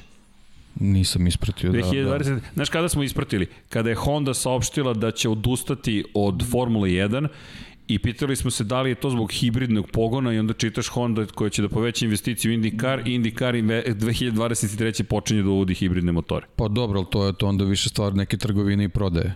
To znamo kako IndyCar tako funkcioniše, je. tako da to ne, ne vidim kao sad neki, neki iskorak napred. Mislim, ovaj, tako da ako je to, ako je to ovaj sistem iz Formule 1, ne znam, mislim, plašim se da, da, mislim, mnogo su manje ekipe tamo, mnogo su manji budžeti u tim američkim šampionatima, ne znam kako će oni to moći da isprate, to je Inače, evo pitanje... Ako je stvar ekologije, oni već, već velike stvari rade tu i Da. ne, ne vidim zašto bi se to menjalo. Znaš na što mene navodi? IndyCar da... O, Vanja je bio vredan. Hvala, Vanja. Dakle, Pa Luis dobro, da, ovo je otprilike ono što, što je već već poznato, da. imate li neki komentar na ovo? Samo da vidim taj raspored, pa dobro, to je to je, to je u, u ovoj trenutnoj konstelaciji očekivano, ovaj, naravno, verovatno će možda u nekoj sezoni Ne za da neke momke ne da se, da se promeni, ali Evo, da za one koji su i slušalci, taman, pa ti si sad slušalac. Ja sam slušao. 47 miliona evra Lewis Hamilton.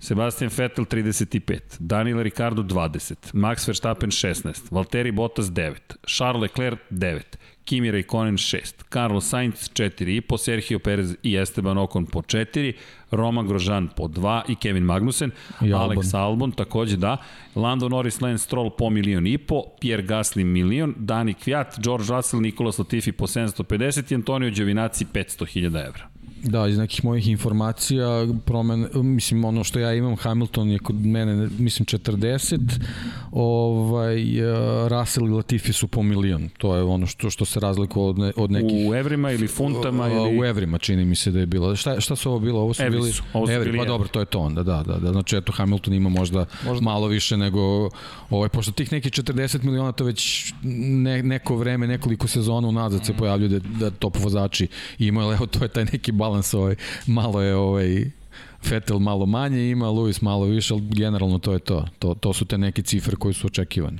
Evo, pitanje koji bi bio od trenutnih vozača najbolja zamena za Hamiltona u Mercedesu? Pozdrav iz Makedonije. Pozdrav za Makedoniju, Rockhouse. Pozdrav. Veliki pozdrav. Pa zavisi šta tražim Mercedes. Ajmo da kažemo titule. Samo nastavak ovoga što je trenutna Pa dominacija. Max, Max, iz moje Da. Za tebe? Max. Pa da, Max, ono, i, i marketinški i, i, i ovaj, po nekim sposobnostima, mogućnostima u ovom trenutku. Znači, tipa Da. sutra kad bi moralo se desi, Max je sad za, za, za neki ovaj, nešto što je vezano za sledeći, sledeću sezonu, za neki možda predstojeći šampionati, to je opet stvar nekog programa sad.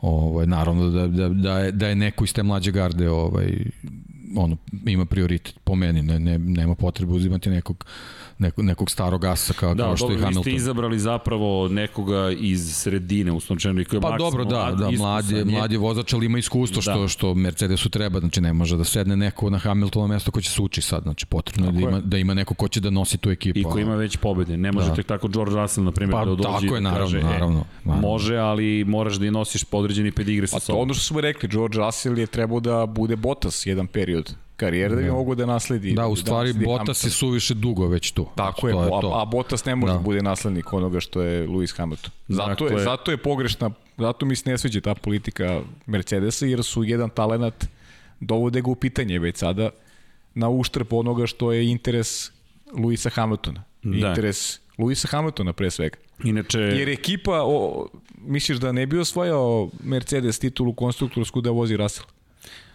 Osvajao bi.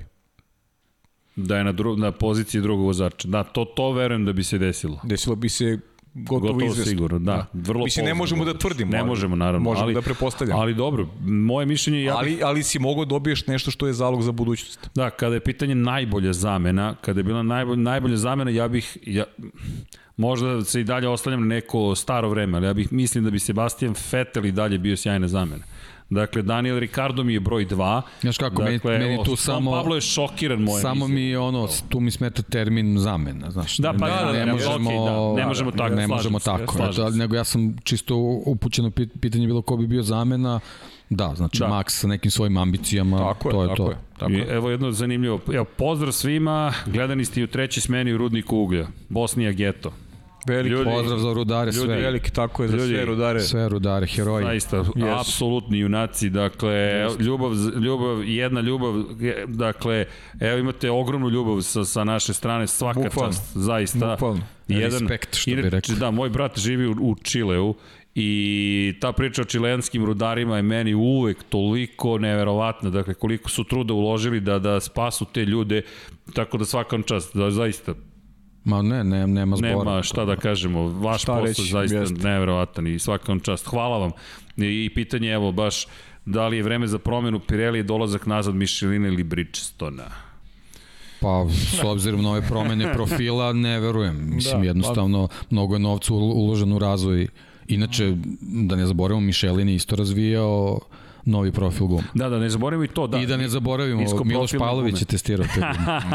da. Testirani su na bolidu svetske serije Renault koji on vozio. Obrni, okreni Miloš mora Tako je, onda, onda su tražili, pa, pazi, razvoj Hurakana GT3 On je bio jedan od razvojnih vozača, tako da... Dakle, čovjek koji razvija da. taj takav automobil. Da, automobil koji učestvuje na, na, na endurance šampionatima, da, i ovaj, između ostalog je bio ovaj, bio je u Bolhidu koji ima novi profil guma, ali Michelin, znači ne, ne Pirelli. Dobro, čekamo, čekamo ga da bude u broju 76 Miloš Pavlović. Pa, to kad bi se potrefilo, bilo bi fenomen. Koliko mi... A može mi, i ranije. Pa. A čekaj, što mi volimo da slavimo, može, te prvi rođendan, te može 50 može te 75 i 76, može, može. bude u dva, nema veze.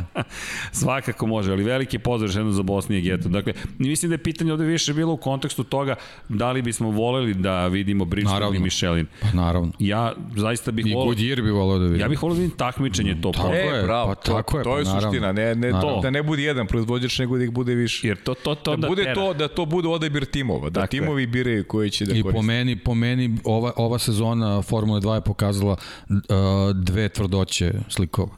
Jeste, da, da. Gde, gde imamo jedan koji se troši, kao što smo imali u Čem Karu mm. pre, pre nekog vremena gde, gde su meke gume drastično, kraći vek imali drastično, uh, pad performansi je bio drastičan. Mm. E, to je ono što treba u Formuli 1, znači to, to ne ugrožava vrhunske performanse pošto smo videli Formula 1 u nekim situacijama zaista su endurance trke, što, što nama ne treba. Endurance trke postoje.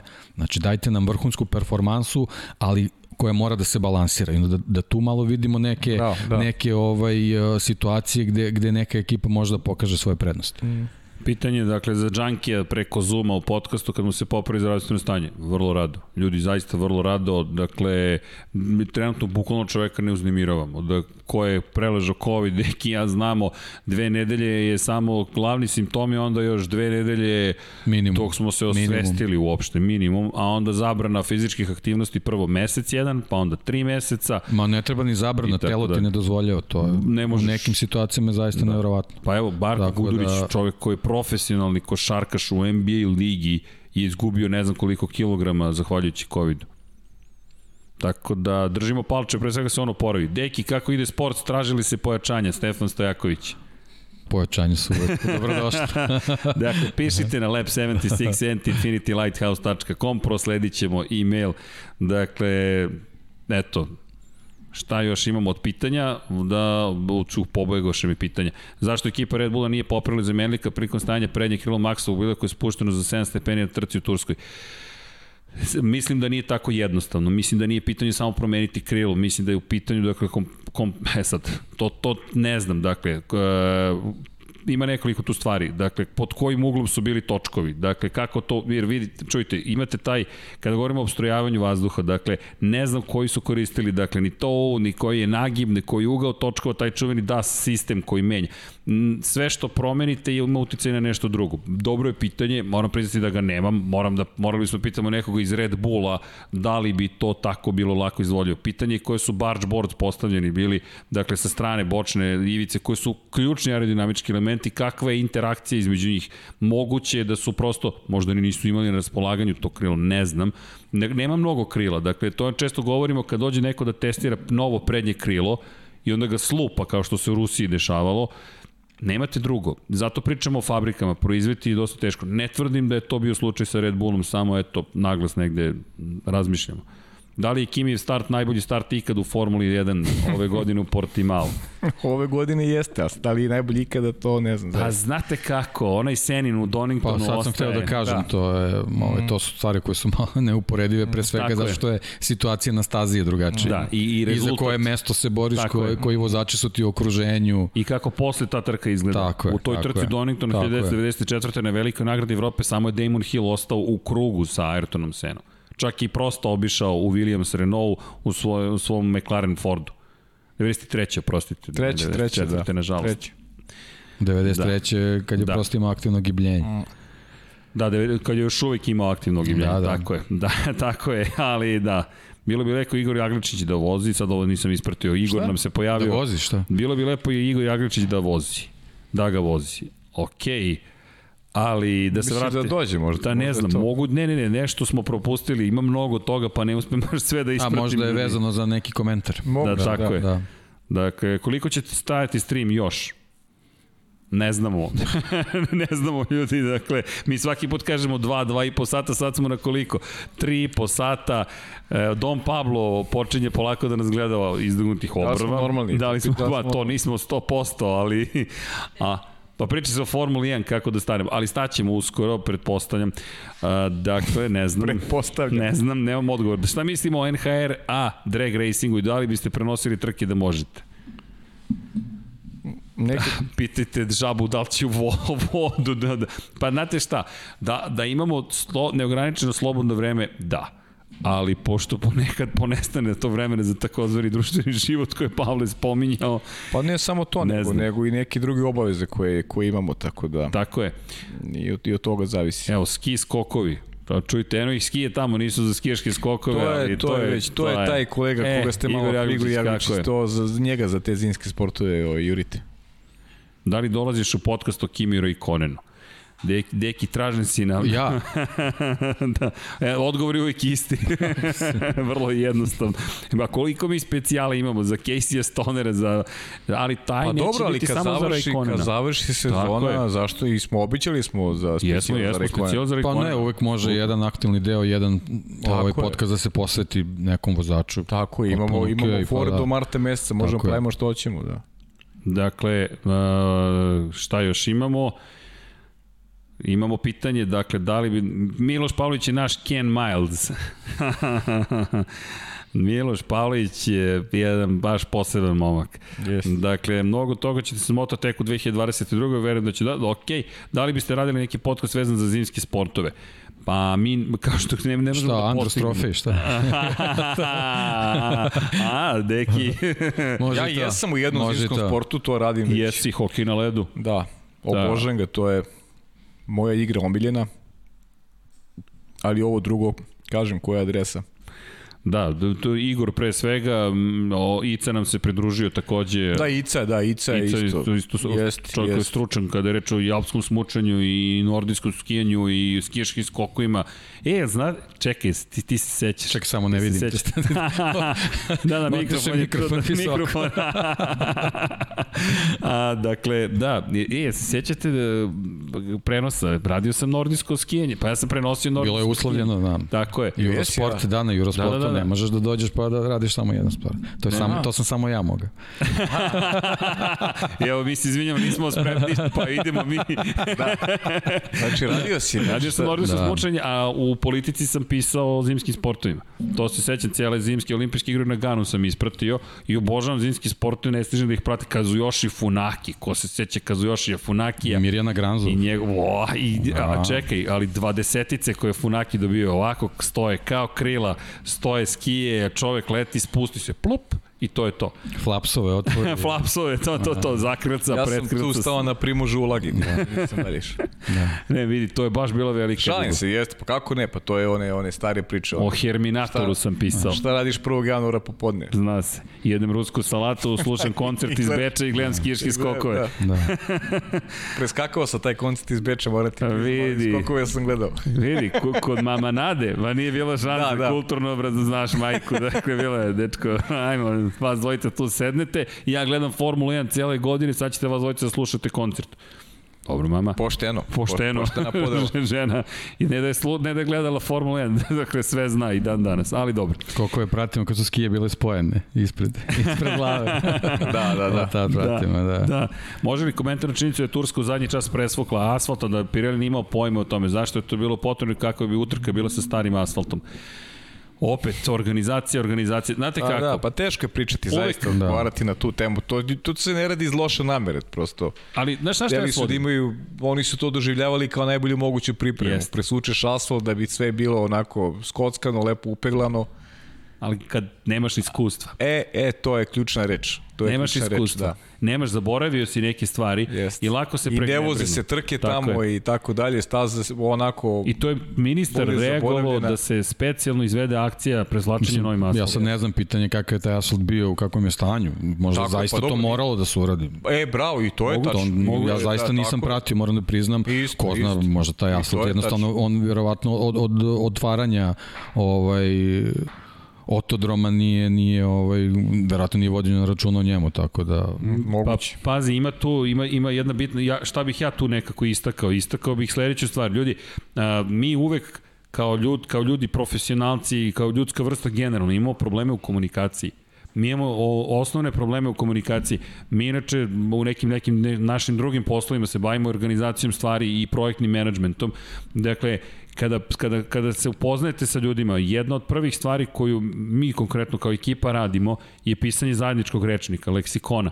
Dakle, to sam pričao, mislim, u jednom podcastu. Imali smo situaciju, radili smo sa kolegama iz Francuske nešto u nekom procesu automatizacije i čovek je koristio isti termin za nešto potpuno suprotno onome što mi radimo i nismo obavili te korake jer smo uleteli u projekat i onda smo u jednom momentu rekli stani, ajmo da napravimo sastanak koji će biti samo bukvalno sastanak zvani dictionary.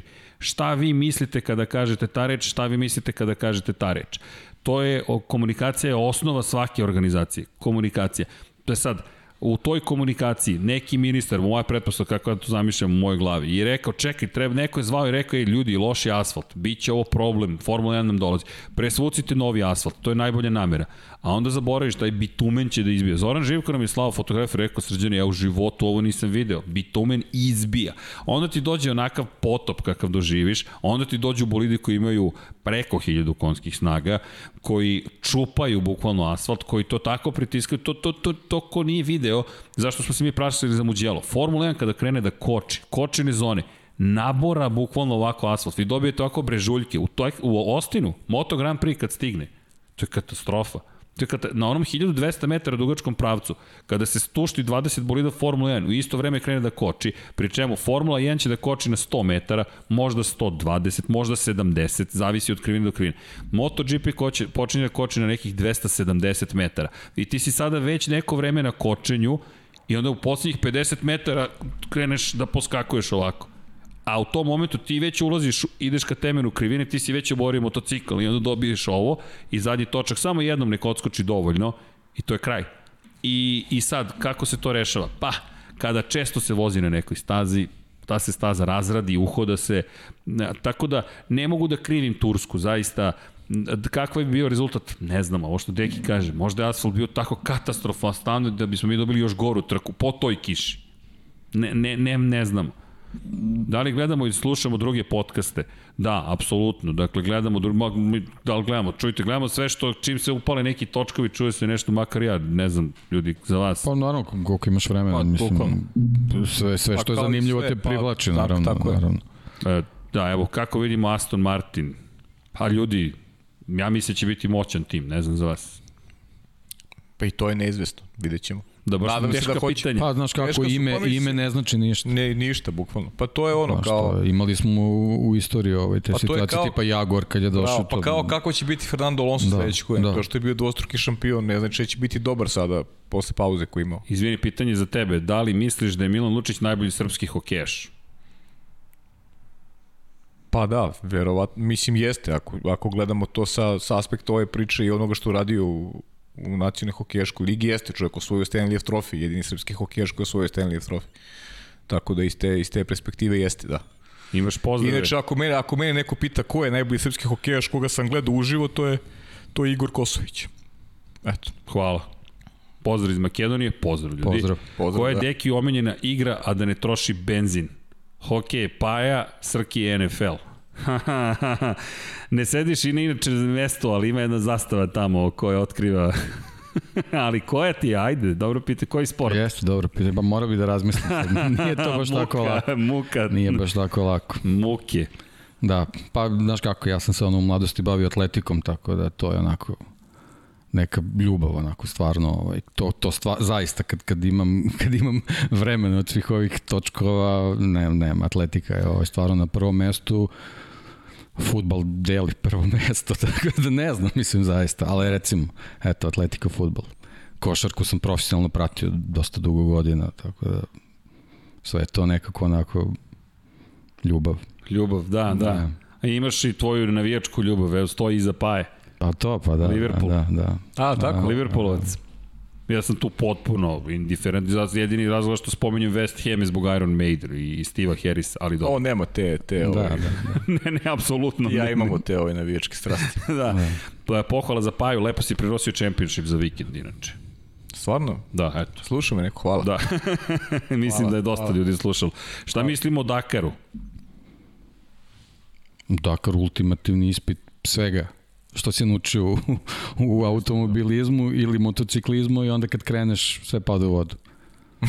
to je, ne ne, Dakar je zaista, ovaj, posebno u nekim onim ranijim godinama, to je, ma i sad je, mislim, jednostavno, nažalost, u, u nekim ovaj, prethodnim sezonama vidimo koliko je opasno i dalje. To je jednostavno prepušten si automobilu i dinama i ne, ne, Dakar je stvarno ovaj, evo sad imamo i električne ovaj, ovaj, Trolebus. da, da, da, da. Polako, kad da. budete... Ali pazi, tu ćemo imati duel Rosberg Hamilton. Rosberg Hamilton, tako je, tako to, je, tako je. to tako. ćemo morati ovaj, da, da, da vodimo računa i o tome. To možda bude baš zanimljivo, ali viš kako, kako razmišljaju da ih, mm. da ih uključe ponovo u priču, da i Paj bude zanimljiv. Da, da, da. O, ovo je dobro pitanje. Nino Atanasković, pozdrav svima. Šta mislite o tome kada bi Rimac osnovao Formula E tim sa Rosbergom kao ambasadorom savjetnikom u kojem bi se davala prilika vozačima s područja Exio? Evo, ja mislim da imate tri potpisa odmah, Odmah, za, da. za tako nešto, ali I, la, instant. I laktom i... Da, I da, kako god hoćete, da, apsolutno. Da. da li postoji mogućnost snimanja nekog karting šampionata pod nazivom Lab 76? U, čekajte da majte završim prvo, stanite ljudi, molim vas. Dakle, da li ima šanse? Apsolutno. Dakle, u svu ovu energiju i organizaciju ljude, apsolutno. E, dakle, ne, ne obećavam, čekajte, da znate, ali idemo korak po korak. Ajmo jedno po jedno. Karting, sećaš se da smo malo prenosili i Jesmo, ti karting, jesmo, jesmo. Pa jesmo i ti i ja i onda sam ja ono sa Igorom Gašparevićem Jesi, je jesi. bilo i tako da je, da je malo i uputio ovaj u neke u neke momke koji su talentovani i sad sam zaboravio, nešto sam sebi zapisio, imam, ima tu par momaka koji se ističu onako da su baš talentovani, pogotovo iz jednog dečka mi je pričao da da su onako u njega dosta i ulaže i tako dalje, pa ali ajde o tom potom, pa doću da pronađe malo pa da aktiviramo, da vidimo dokle, dokle, dokle je stigao. Da, inače, da li će biti analiza zimskih testova ako ih bude? Da. Dakle, sve Da, što se bude sve. dešavalo... Ljudi. čekamo da budu zimski testovi, od Tako kad je. ih nismo imali. Tako je. Tako, mada da, Da. u Barceloni je bio za pravi Pa zimski da, test. da, da, da, po da. snegu voženo. Da. Boško, dakle, hoće li biti, to smo odgovorili. Dakle, nažalost, izgubili večeras. Ne znam ko, pretpostavljam da je Liverpool. A, Liverpool jeste izgubio od Atalante kod kuće sa 2-0. Da, nije strašno. Nije strašno, da. MotoGP tim. Čim nisam gledao, eto, šta se desi, ne, ne vredi. A to ne može, you'll never walk alone. Da. To. Ali dobro, Ja ću da privatizujem, ali ja ću iskoristim priliku da, da čestitam mom prijatelju Marku Nikoliću na sjajnom rezultatu večeras 0-0 sa Atletikom iz Madrida, Lokomotiva igrala u Ligi šampiona, tako da zaista sjajan rezultat. evo čestitke i s naše strane. Da, baš, baš super rezultat. Da li Svaka će čast. Deki biti u podcastu i sledeće nedelje? De, de, de, nadam se da ćemo postići sve. De, de, de, Deki se preselio u studio na kraju univerzuma. Dakle, šta još imamo? Da li postoji neki prenos kartinga u Srbiji kad smo već kod toga? Ne znamo, čekajte, stanite, počinjemo već da ucenjujemo ljude za stolom, kako ko dođe, tu smo Marka 20 minuta duže zadržali. E, dakle, bilo je dogovor 2 sata u 2.26 Marko koji sedi i ništa ne prigovara. I ja shvatim, čekajte, zlopotrebili smo moment, d- prošlo 24, ne znam kad je pa je prošlo vreme. Izvinjavao sam se čoveku danas, nadam se da mu nismo pohvarili dan, ali zaista predivan čovjek, ništa nije rekao. Ništa nije rekao, ništa sedi i kao, ok, čeka, i ja kažem, samo još jedno pitanje, samo još jedno pitanje, znaš ono kada, kada se zaletiš, Pa dobro, da, da. ponese razumem te, mislim, razumem sve. Deki, Pogotovo kad ti dođe neko koji je interesantan gost. jeste. Deki odgovor uh, standardni. Ma standardno da, sve, ne, ne da me pitaš. ok. Dakle, pitanje za Pavi predviđenje rezultata Gent Zvezda. O, ovde smo otišli. ne znam, stvarno. ne, to da. da, da, ne, ne bi da se bavim. Mislim, ne znam, ne, ne znam. Studio i motel na kraju univerzuma.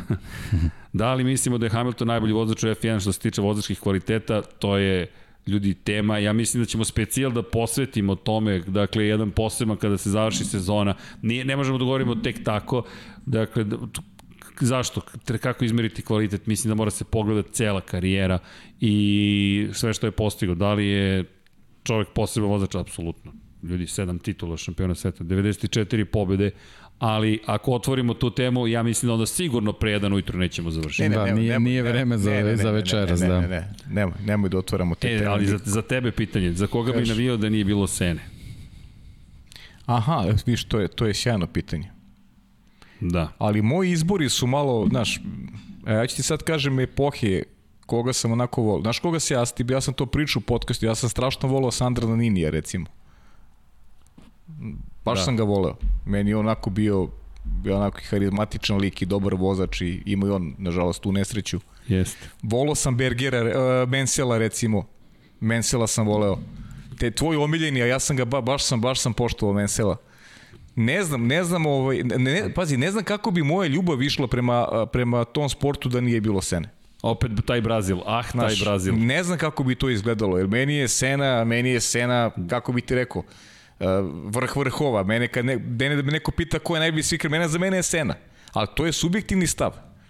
Daleko je od onog što je što je objektivno i, i smatram da svaka epoha ima nekog svog junaka i potpuno podržavam te klince koji danas vole Maxa Verstappena jer to je to je njihovo vreme. Pa naravno, ni ne znaju, žive, ni ne znaju, to vreme. Žive to vreme, da. ne znaju ko je bio To je Sen. kao, kao kad smo spominjali Maradona, kažem ti, ja kad sam bio klinac, on se pojavio tako i svi su gledali u njega i ti što kažeš, Pele, Pele ja ne, je bio neka zvezda prošlog vremena ja, i čito si šta je sve uradio, a Maradonu si gledao. Maradonu si gledao, da, da Maradonu si tako gledao. Tako je to i onda naravno da, da ti ne, emotivno nekako yes. ostane vez. Meni opet, ja, ja sam, da. meni je Maradona i meni je neko, neko moje, ja volim Zinedina Zidana recimo, meni on neki pojem isto nekog ozbiljnog futbolera, nešto kako ja doživljavam futbol. Znaš, to je, to, ali to su sve neki subjektivni stavovi, neki, neki subjektivni, ono, subjektivno gledanje na, na, na sport koji, koji pratiš, koji voliš. Meni je sena, ali sad, da li bi mi neko drugi tako vezao za Formulu 1, to je veliko pitanje, ne verujem. Ali eto, imao sam recimo na, na Ninija sam baš nešto mi, na Nini mi nešto legao bio to vreme, Baš sam ga negde voleo, ispratim senu, navijam i gledam šta radi na Nini, koliko može on da uradi u trci. Recimo, to mi je bio taj neki taj neki moj. I to sam pričao nekom onom podcastu, sećaš se nekom, nekom najavu sezone što smo radili još tamo u, u studiju na sport klubu. Da, mi smo pre godinu, mada ja ne znam, to je bilo ove godine kad smo imali uvod u sezonu. Moguće da je Jeste, čak bilo i ove, ove godine. godine smo mi imali. Možda je Jelena, čak i ove. ja, tako A možda sam čak i pričao tada o tome. Da. Pazi, to mi djeluje kao neka druga godina. Moguće. Kao da uopšte nije ovaj period. Ne, a Deki, ko je tvoj bio taj stari šampion? Ili da li si ga imao tako izdržanog, da kažeš Sena, Nelson, prosto? Nelson Piquet. O, još, al Brazil, nema, bez Brazila da, da, nema Brazila ničega. Ne, znaš kako sve je krenulo ovaj, uh, sa Laudom, onom njegovom nesrećom. Ja sam tu, tu neke svoje prve informacije ovaj, dobio od, od, od ljudi koji sam mogu da dobiti. Mislim, nismo tad imali pokrivenost da. bilo kakvu. Onda se pojavio ovaj, jedan film, sećam se u bioskopu Jugoslavije bio, Fibre de la Velocita se zvao. Uh mhm. -huh. Trkačka groznica koja je onako dokumentarni film u stvari u Formuli 1. Ovo, ja sam tu bio potpuno zapanjen celom tom situacijom. Ovaj, I onda je Lauda ovaj, počeo da vozi Brebem ovaj, Brebem Alfa Romeo sa V12 motorom, onako crveni bolid, sećam se broj 5 i pojavio se kao ovaj, njegov timski kolega Nelson Piquet. I onda kad je Lauda, bila je tu neka svađa, on, on je želeo da, da zadrže valjda Alfa Romeo motor, sad sve ne znam tačno, ovi su hteli da pređu Ford, tu je bilo, bilo, bilo ovaj, neka, neke, neke razmirice i Lauda je napustio ovaj, Brebem i Piquet je postao prvi vozač i onda sam ja nekako ovaj, nastavio njega da pratim, a pošto ono cela priča je Brazil i tako dalje, to je bilo to i te njegove boje, ono naš crveno-bela kaciga i tako dalje. Mm. Tako je, tako je to sve krenulo.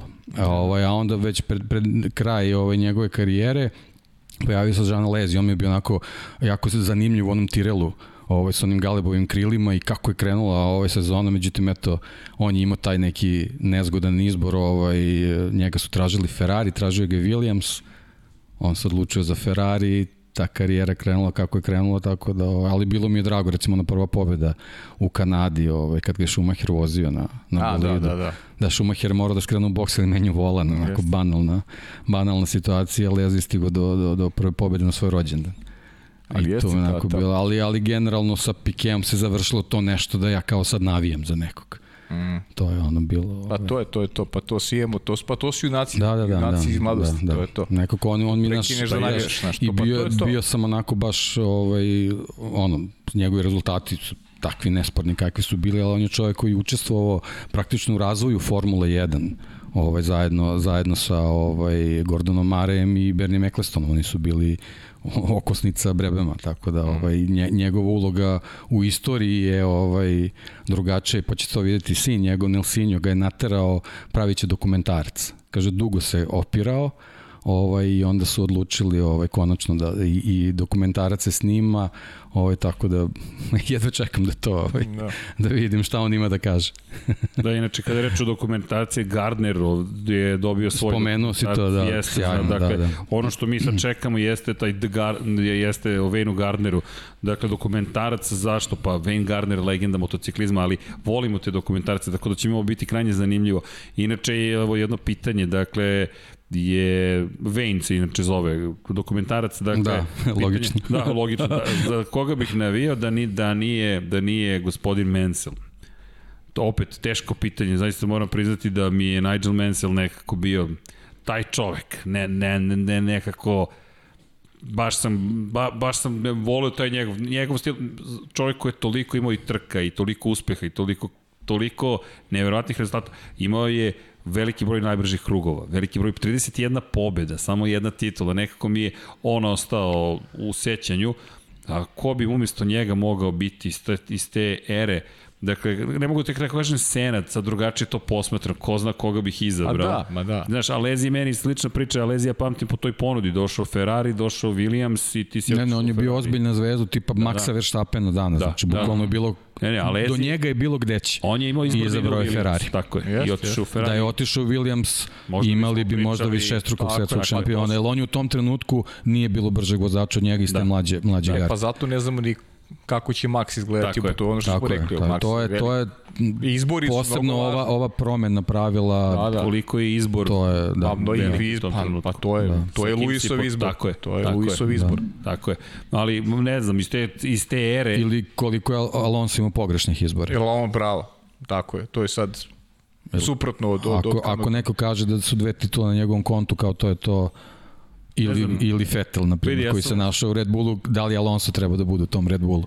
Da, da. Ja sam volio Ricarda Patreze od tih uslučeno manje poznatih. Da, da. Zaista mi Ricardo ja sam ja sam bio... ovaj prema Patrezu imao velike simpatije zbog cele one situacije u Monci 78. kad je Roni Peterson poginuo, ovaj on je uh -huh. bio na stubu srama, mislim čovek je mogao iz zatvora da u stvari i, i, i vođeni su postupci protiv njega zbog tadašnjih ovaj propisa u Italiji, to se vodilo kao ubistvo. Mm. Ali to je bilo onako stvarno, ovaj, ja sam zbog toga mi onako bio bio simpatičan, ali već kad sam spomenuo Ronija Petersona, ovaj ovaj postoji o njemu ovaj dokumentarni film ovaj porodica je snimila ovaj treba pogledati dokumentarac u kojem Niki Lauda kad neko kad ga neko pita ko je najbolji vozač svih vremena za njega je to Ronnie Peterson A, kaže, on je čovjek koji me naučio da vozim Formula 1. Tako da treba, treba pogledati dokumentarac o čoveku koji nikad nije bio svetski šampion, ali je jednostavno svi koji su tad bili u njegovom okruženju su tvrdili da je on zaista da. nešto posebno treba pogledati, eto, malo, malo, malo naučiti o nekim, nekim vozačima koji se ne spominju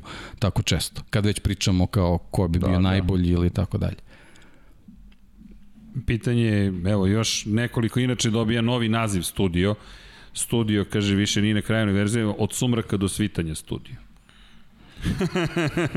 ok, evo uskoro da. završavamo. Dakle, ta mislim oko ponoć da je taman nekako lepo da zaokružimo Vidi, nema više nikog. Da, i ugasio ste televiziju. Sami smo, da. Čak ni Vanja više ne prati poruke. da se ugasio Sony. Vanja, Vanja za... ne, ne šalim se, stvarno nam se ugasio televizor. I svi pa su, da, pa svi su rekli, ok, to je to. Televizor je najbar da ugaš. Televizor je da ti nisi skapirao da je najbar da ugaš. ali dobro, da, ugasili su na monitor, dakle, na kojem pratimo, dakle, kada, šta se prikaže, ali nema veze. Ja mislim da je to Fire, da to je ka, kao, kao kafani, zna se red Fire, ljudi pa, gasi dobro. se, e, kad ugase reflektore. Ja pritisnem ovde nešto kad ugase reflektore. Tamo, pa ajmo, stvarno, završamo, šta? Da, ajde, imamo još, da, imamo, imamo još par, evo, još par stvari da završimo. Kako timovi stvaraju inženjere? Dakle, kako timovi stvaraju inženjere, stvaraju ih, kako, kao i vozače što stvaraju. Dakle, radi se od, od, od malih uslovno rečeno nogu.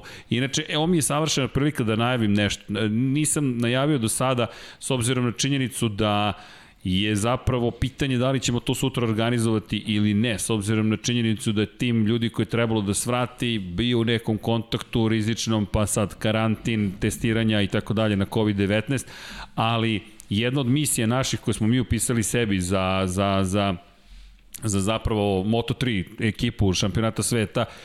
Vizija i misija nam je da, i to bukvalno piše, to podelit ću taj dokument, da stvorimo ne samo okruženje u kojem će da klinke ili klinci moći da napreduju kao vozači, već da, klinke i klinci, to je devojke i momci sa fakulteta sa ovih prostora, moći da dobiju okruženje trkačko na koje mogu da se unapređuju. Mašinac, elektrotehnički, e, tehnološki, organizacioni, koji god. I to nije šala, to zaista piše u dokumentu.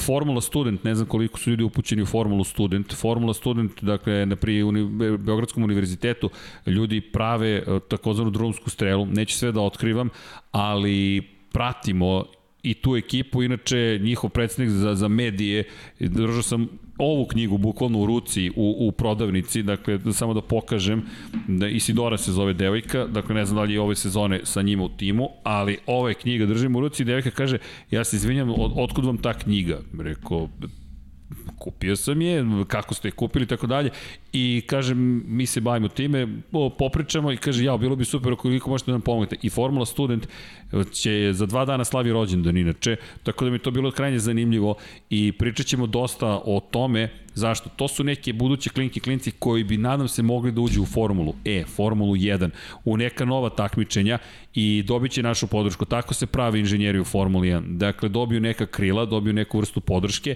i za njih stavljeno kompanije, stavljeno sponzori. Dakle, o čemu sve govorimo? O petrohemiji, o sada već i artificial intelligence, dakle govorimo i o, o, o, o mašinskom učenju, veštačkoj inteligenciji, nije to baš veštačka inteligencija, to i dalje nije inteligencija, ali je veliki računar u pitanju. Govorimo o mašincima, govorimo o elektrotehničarima i tako to nastaje. Zašto spomenjem formulu student, ko ne zna ispratite, ispratit ćemo sve univerzitete u regionu, konkretno najlakše, tu su nam komšije sa mašinca u Beogradu, dakle, njihov projekat postoji već 10 godina. 22 godine se već Formula Student organizuje. I to su trke, što izdržljivosti, 100 proračuna tačnog brzine. I to je inženjerski izazov. Oni ljudi koriste u svom, neću da otkrivam sve, ne znam šta sme da se zna, šta ne sme, ali između ostalog iz R6 Yamahe su uzeli C4 motor i stavili ga u cevasti ram i trkaju se. Dakle, to je, to je, to je fenomenalno. Nije pojenta samo u trkanju, već ti ljudi bukvalno u svojoj radionici na mašincu uzmu seku metal, obrađuju ga, pripremaju se I to je isto priča koju hoćemo da mi ispričamo, pa eto, ne znam da li će sutra toga biti ili ne, to je trebalo da bude iznenađenje, Lab 76, s obzirom na činjenicu da je, da je njima se bliže rođendan, pa smo rekli, ok, ajmo da iskoristimo taj trenutak da ispričamo tu priču i kako nastaju možda neke, eto, se, nadovezalo se pitanje, tako da, da držim palčeve da je sve ok, ukoliko se ispostavi da je epidemiološka situacija tako da to ne možemo da uradimo sutra, ne brinite, dovešćemo ih u studiju, dakle i šefa ekipe i tehničkog direktora ekipe, uslovno rečeno, oni su zaista tako strukturirani kao tim Formula 1 i pričat ćemo o tome šta su njihove obaveze, kako to funkcioniš. Imamo 3D renderinge najnovije formule koju ne znam ni da li smemo da prikažemo, s obzirom da je za sledeću godinu, ali ukoliko nam daju dozvolu, dakle to ćemo vam sve lepo predstaviti. Ja mada mislim da je izašlo na YouTube kanalu, tako da eto, to mogu da kažem. Ne samo formula sa motorom sa unutrašnjim sagarim, nego i formula E dakle električni motori. I to je nama fenomenalno i zanimljivo ono što je takođe odgovor na pitanje kada će podcast posvećen bukvalno tehnički. E pa imaćete mogućnost da slušate, nadam se, buduće mašinske inženjere, pa ćemo da sednemo da pričamo o tome. Pričao sam o rečniku malo pre, ovo, ovo, ovo vam garantujem, dakle sad ko je vremenski razmak, kada će to desiti, ne znam, ali imaćete i online rečnih pojmova. Šta je uzgon? Vidio sam sad su me naučili da nema više negativnog uzgona, nizgon je novi naziv koji su usvojili, ok, čudno mi zvuči, ali ok, nizgon, kako god.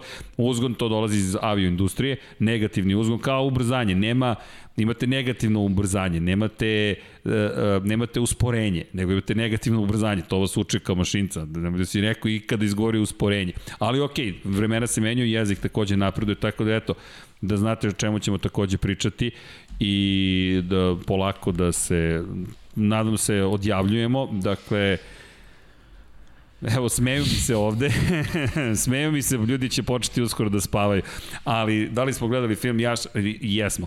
Inače, sad mogu da vam otkrim šta sam zapravo hteo da uradim. 11 minuta je do 26. novembra, malo pre mi je palo na pamet kada smo bili na 18 minuta od 26. novembra. Moj mami je rođendan za, 12, za 11 minuta.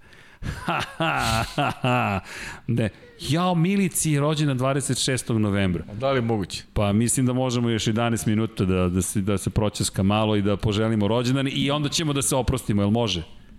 Don Pablo je rekao važi. Nije rekao važi, nego ma važi. Da, delo mi ti ne veruje. Samo da ne bude kao sa ma... Opa, prozivka. Samo da ne bude kao sa majicama. Jao, te majice će mi doći i glave. Hoće da. sigurno. Evo, završavamo. Dakle, nemojte da brinite za 10 minuta, to je to. A zašto sam najavio ekipu sa mašinca kao da je Mercedes? Zato, ljudi, zato što neko od njih sutra može da radi za Mercedes, ali zaista to kreće od tih snova, da odete na neki fakultet, da se školujete i onda da počnete, pogotovo sada, kakav online profil vi možete sebi da izgradite, LinkedIn ili neko drugi sistem, dakle, ili neka društvena mreža, možete zaista da doćete do toga da, da, da se prijavite, da neko pita koji su ne, radovi. Ne, da ekipe Formula 1 znaju za taj program. Tako je. E, ko je inače jedan od patricija u tom programu Ross Brown. Da, I inače ne znam, ovaj, ne smem sad da, da tvrdim, nisam siguran, znam da je jedne godine u Silverstonu je bilo takmičenje Formula. Znači, To je, uh -huh. to je ozbiljan nivo i ozbiljan centar za pažnju u Silverstonu. Silverstonu je sve vezano za Formulu 1, tako da nije to uopšte naivna priča i pre svega vezano za njihov trud, to, to treba poštovati. Znači, Naravno. Ne, tak, takve stvari zaslužuju da, da, da se predstave. Da, i to je predstavljanje, kao što smo rekli, bukvalno inženjerskih njihovih sposobnosti. Neko predstavlja i, neću reći trkačke sposobnosti. Organizacijalne inženjerske na različitim nivoima je to. Jeste, i to je baš ozbiljna stvar. Dakle, i kada govorimo o tome, zašto sam spomenuo druge fakultete, zato što nije samo pitanje mašinstva, dakle, tehnologi, tehnološki je veoma važan. Petrohemija, ljudi, je, ovo je petrohemija. Dakle, ne unutra, naravno, unutra je kafa, ali ova plastika se pravi od nafte. Dakle, o tome isto treba razmišljati. Maziva, ulja, kako se uči. Trkanje tome i služi da nas digne na takav nivo, da, bukvalno na takav nivo, da izvučemo maksimum iz toga čime se mi bavimo. To je suština trkanja. Bukvalno to je suština trkanja. A suština ovoga podcasta je da, eto, proslavimo, da obeležimo rođendan mami i Milicu, da pozdravimo i da... Pa i Milici rođendan, šta? I ne, Milici... ne da je pozdravimo, ne bude. A da, da, donele je tortu, ne znam da li znaš. Stvarno? Pa evo, ja, ja sam siguran da Mislim jeste. Mislim da si pokvario iznenađenje. Nešto pokazuje. Šta, 76 krugova? ne, ovako, ovako pokazuje. da, inače, da, i da, bila jedna od molbi, pošto Moto Grand Prix nekako podcast uvek traje duže. E da, Paju, da znaš, mi smo spremili Kaži. 36 sati plus 1 sat podcasta, da bismo, i to ćemo da prijemo Guinnessovi knjizi rekorda. Ček, ček, evo, ajde, naredne polako, godine. polako, ajde. 36 sati plus 1 sat treba znači, da traje podcast. Svetski rekord zvaničan je 36 da. sati. I mi smo hteli, dobili smo informaciju 34 i mi smo rekli, ok, ajde nek bude 36, zašto Joan Mir je broj 36, da Dobro. međutim čovjek koji nam je dao da informaciju izvini se i kaže ne, ja nisam dobro video 36, evo vam link okay. da vidite kako znači, to funkcioniše. To, to je znači kao, kao ova... Treba spremimo trpezu, znači ovde i, i da se opustimo i budemo... Pa je krenuo od ozbiljnih stvari. Prvo hrana. pa ne, mora, mislim, mora da prati to sve, znaš, da, da budeš 36 sati budan, Moraš to je da svojevrsni Trumanov prateće... show u našem slučaju. Tako je, mora da imaš to će da bude ovaj ozbiljna, ovaj, ozbiljna ovaj, priča. E, ali čekaj, jel organizujemo da smo znači, budi? svi ovi reality do sad, to jednostavno odlazi u istoriju. Odlazi u istoriju. Mi, mi ajde, ovaj, može, neki, ajde, neki novi segment prihvatam izazov. Prihvatam znači, ako, ako Formula 1 kreće novi teh, novu tehnološku eru, mi to jednostavno moramo da pratimo. Imali smo, šta smo rekli nešto novo, do, do, ajde, ajde. Ajde, ajde, nemoj, nemoj, nemoj, nemoj, čekaj, čekaj, prvo majice da napravimo. Kako će sad da bude krivo onima koji su izašli iz podcasta kao ne slušaju ga više, sad kad budu saznali šta smo sve najavili. Ja. Slušaj, momčila. Počevši od majice. Dobro da je Paja sedeo kad ste mu ovo saopštili. da, već se sad zabavlju. Dom Pablo i Milica. Ne, nema brineš, momčilo, Paja možda sedi, ali, ali ovaj, Ali mora da bude tu malo struktura, struktura stola, stola, Stola mora, da bude drugačije.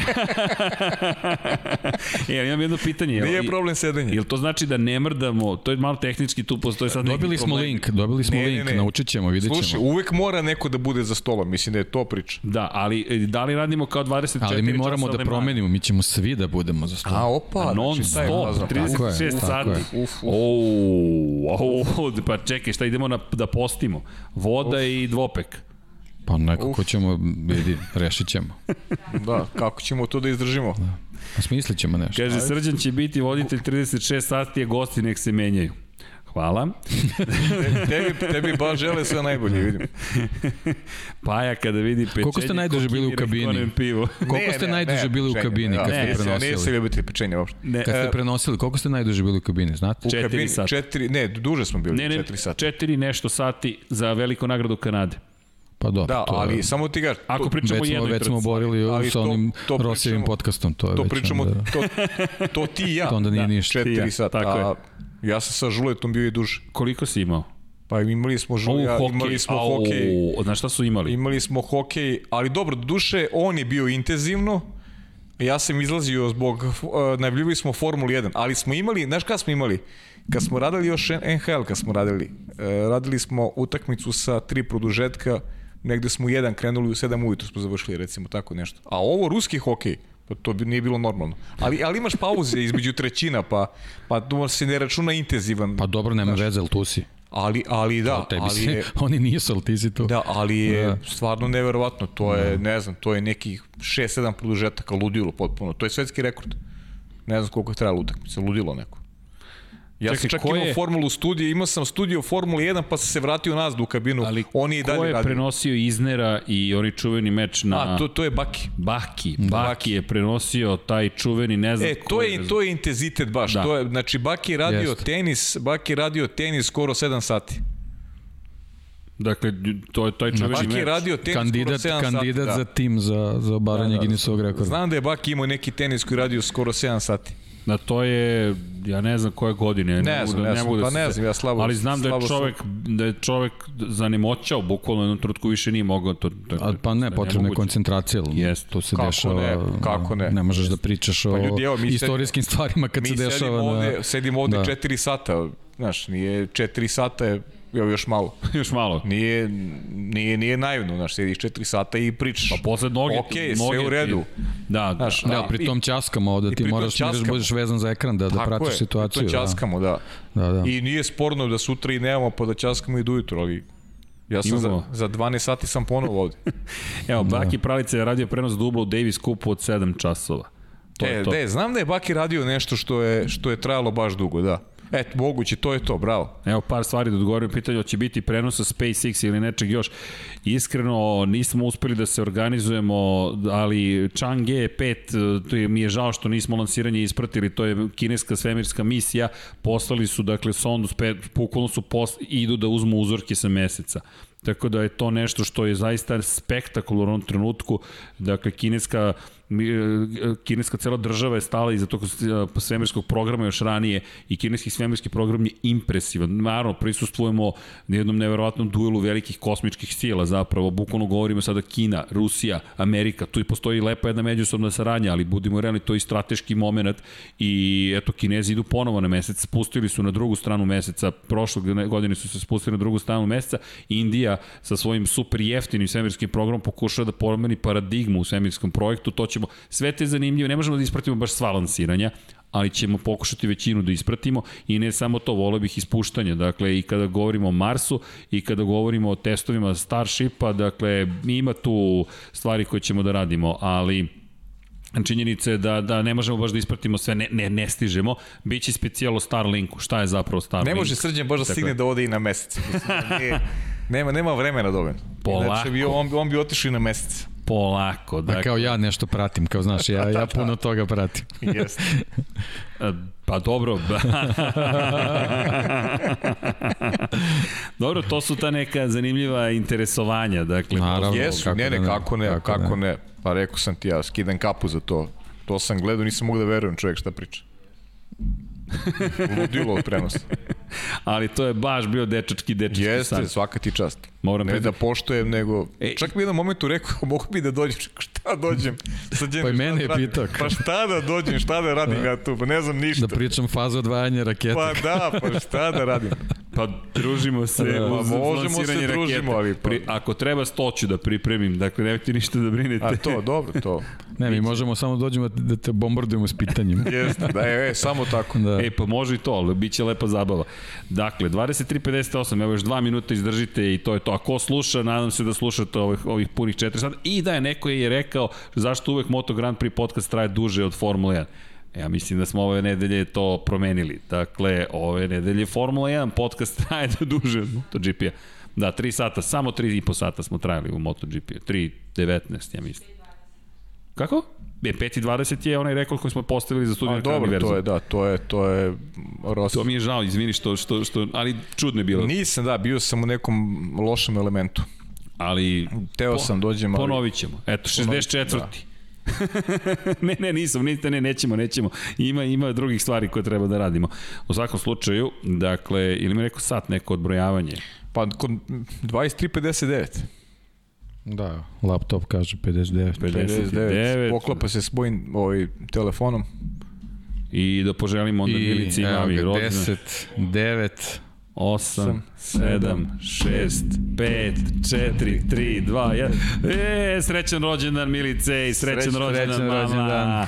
I ja Srećan mislim, rođendan mami, mama Nadi, srećan rođendan, sve najbolje. žena ni ne zna da zapravo čestitamo rođendan, ali e, ovo će da bude test, samo da znaš.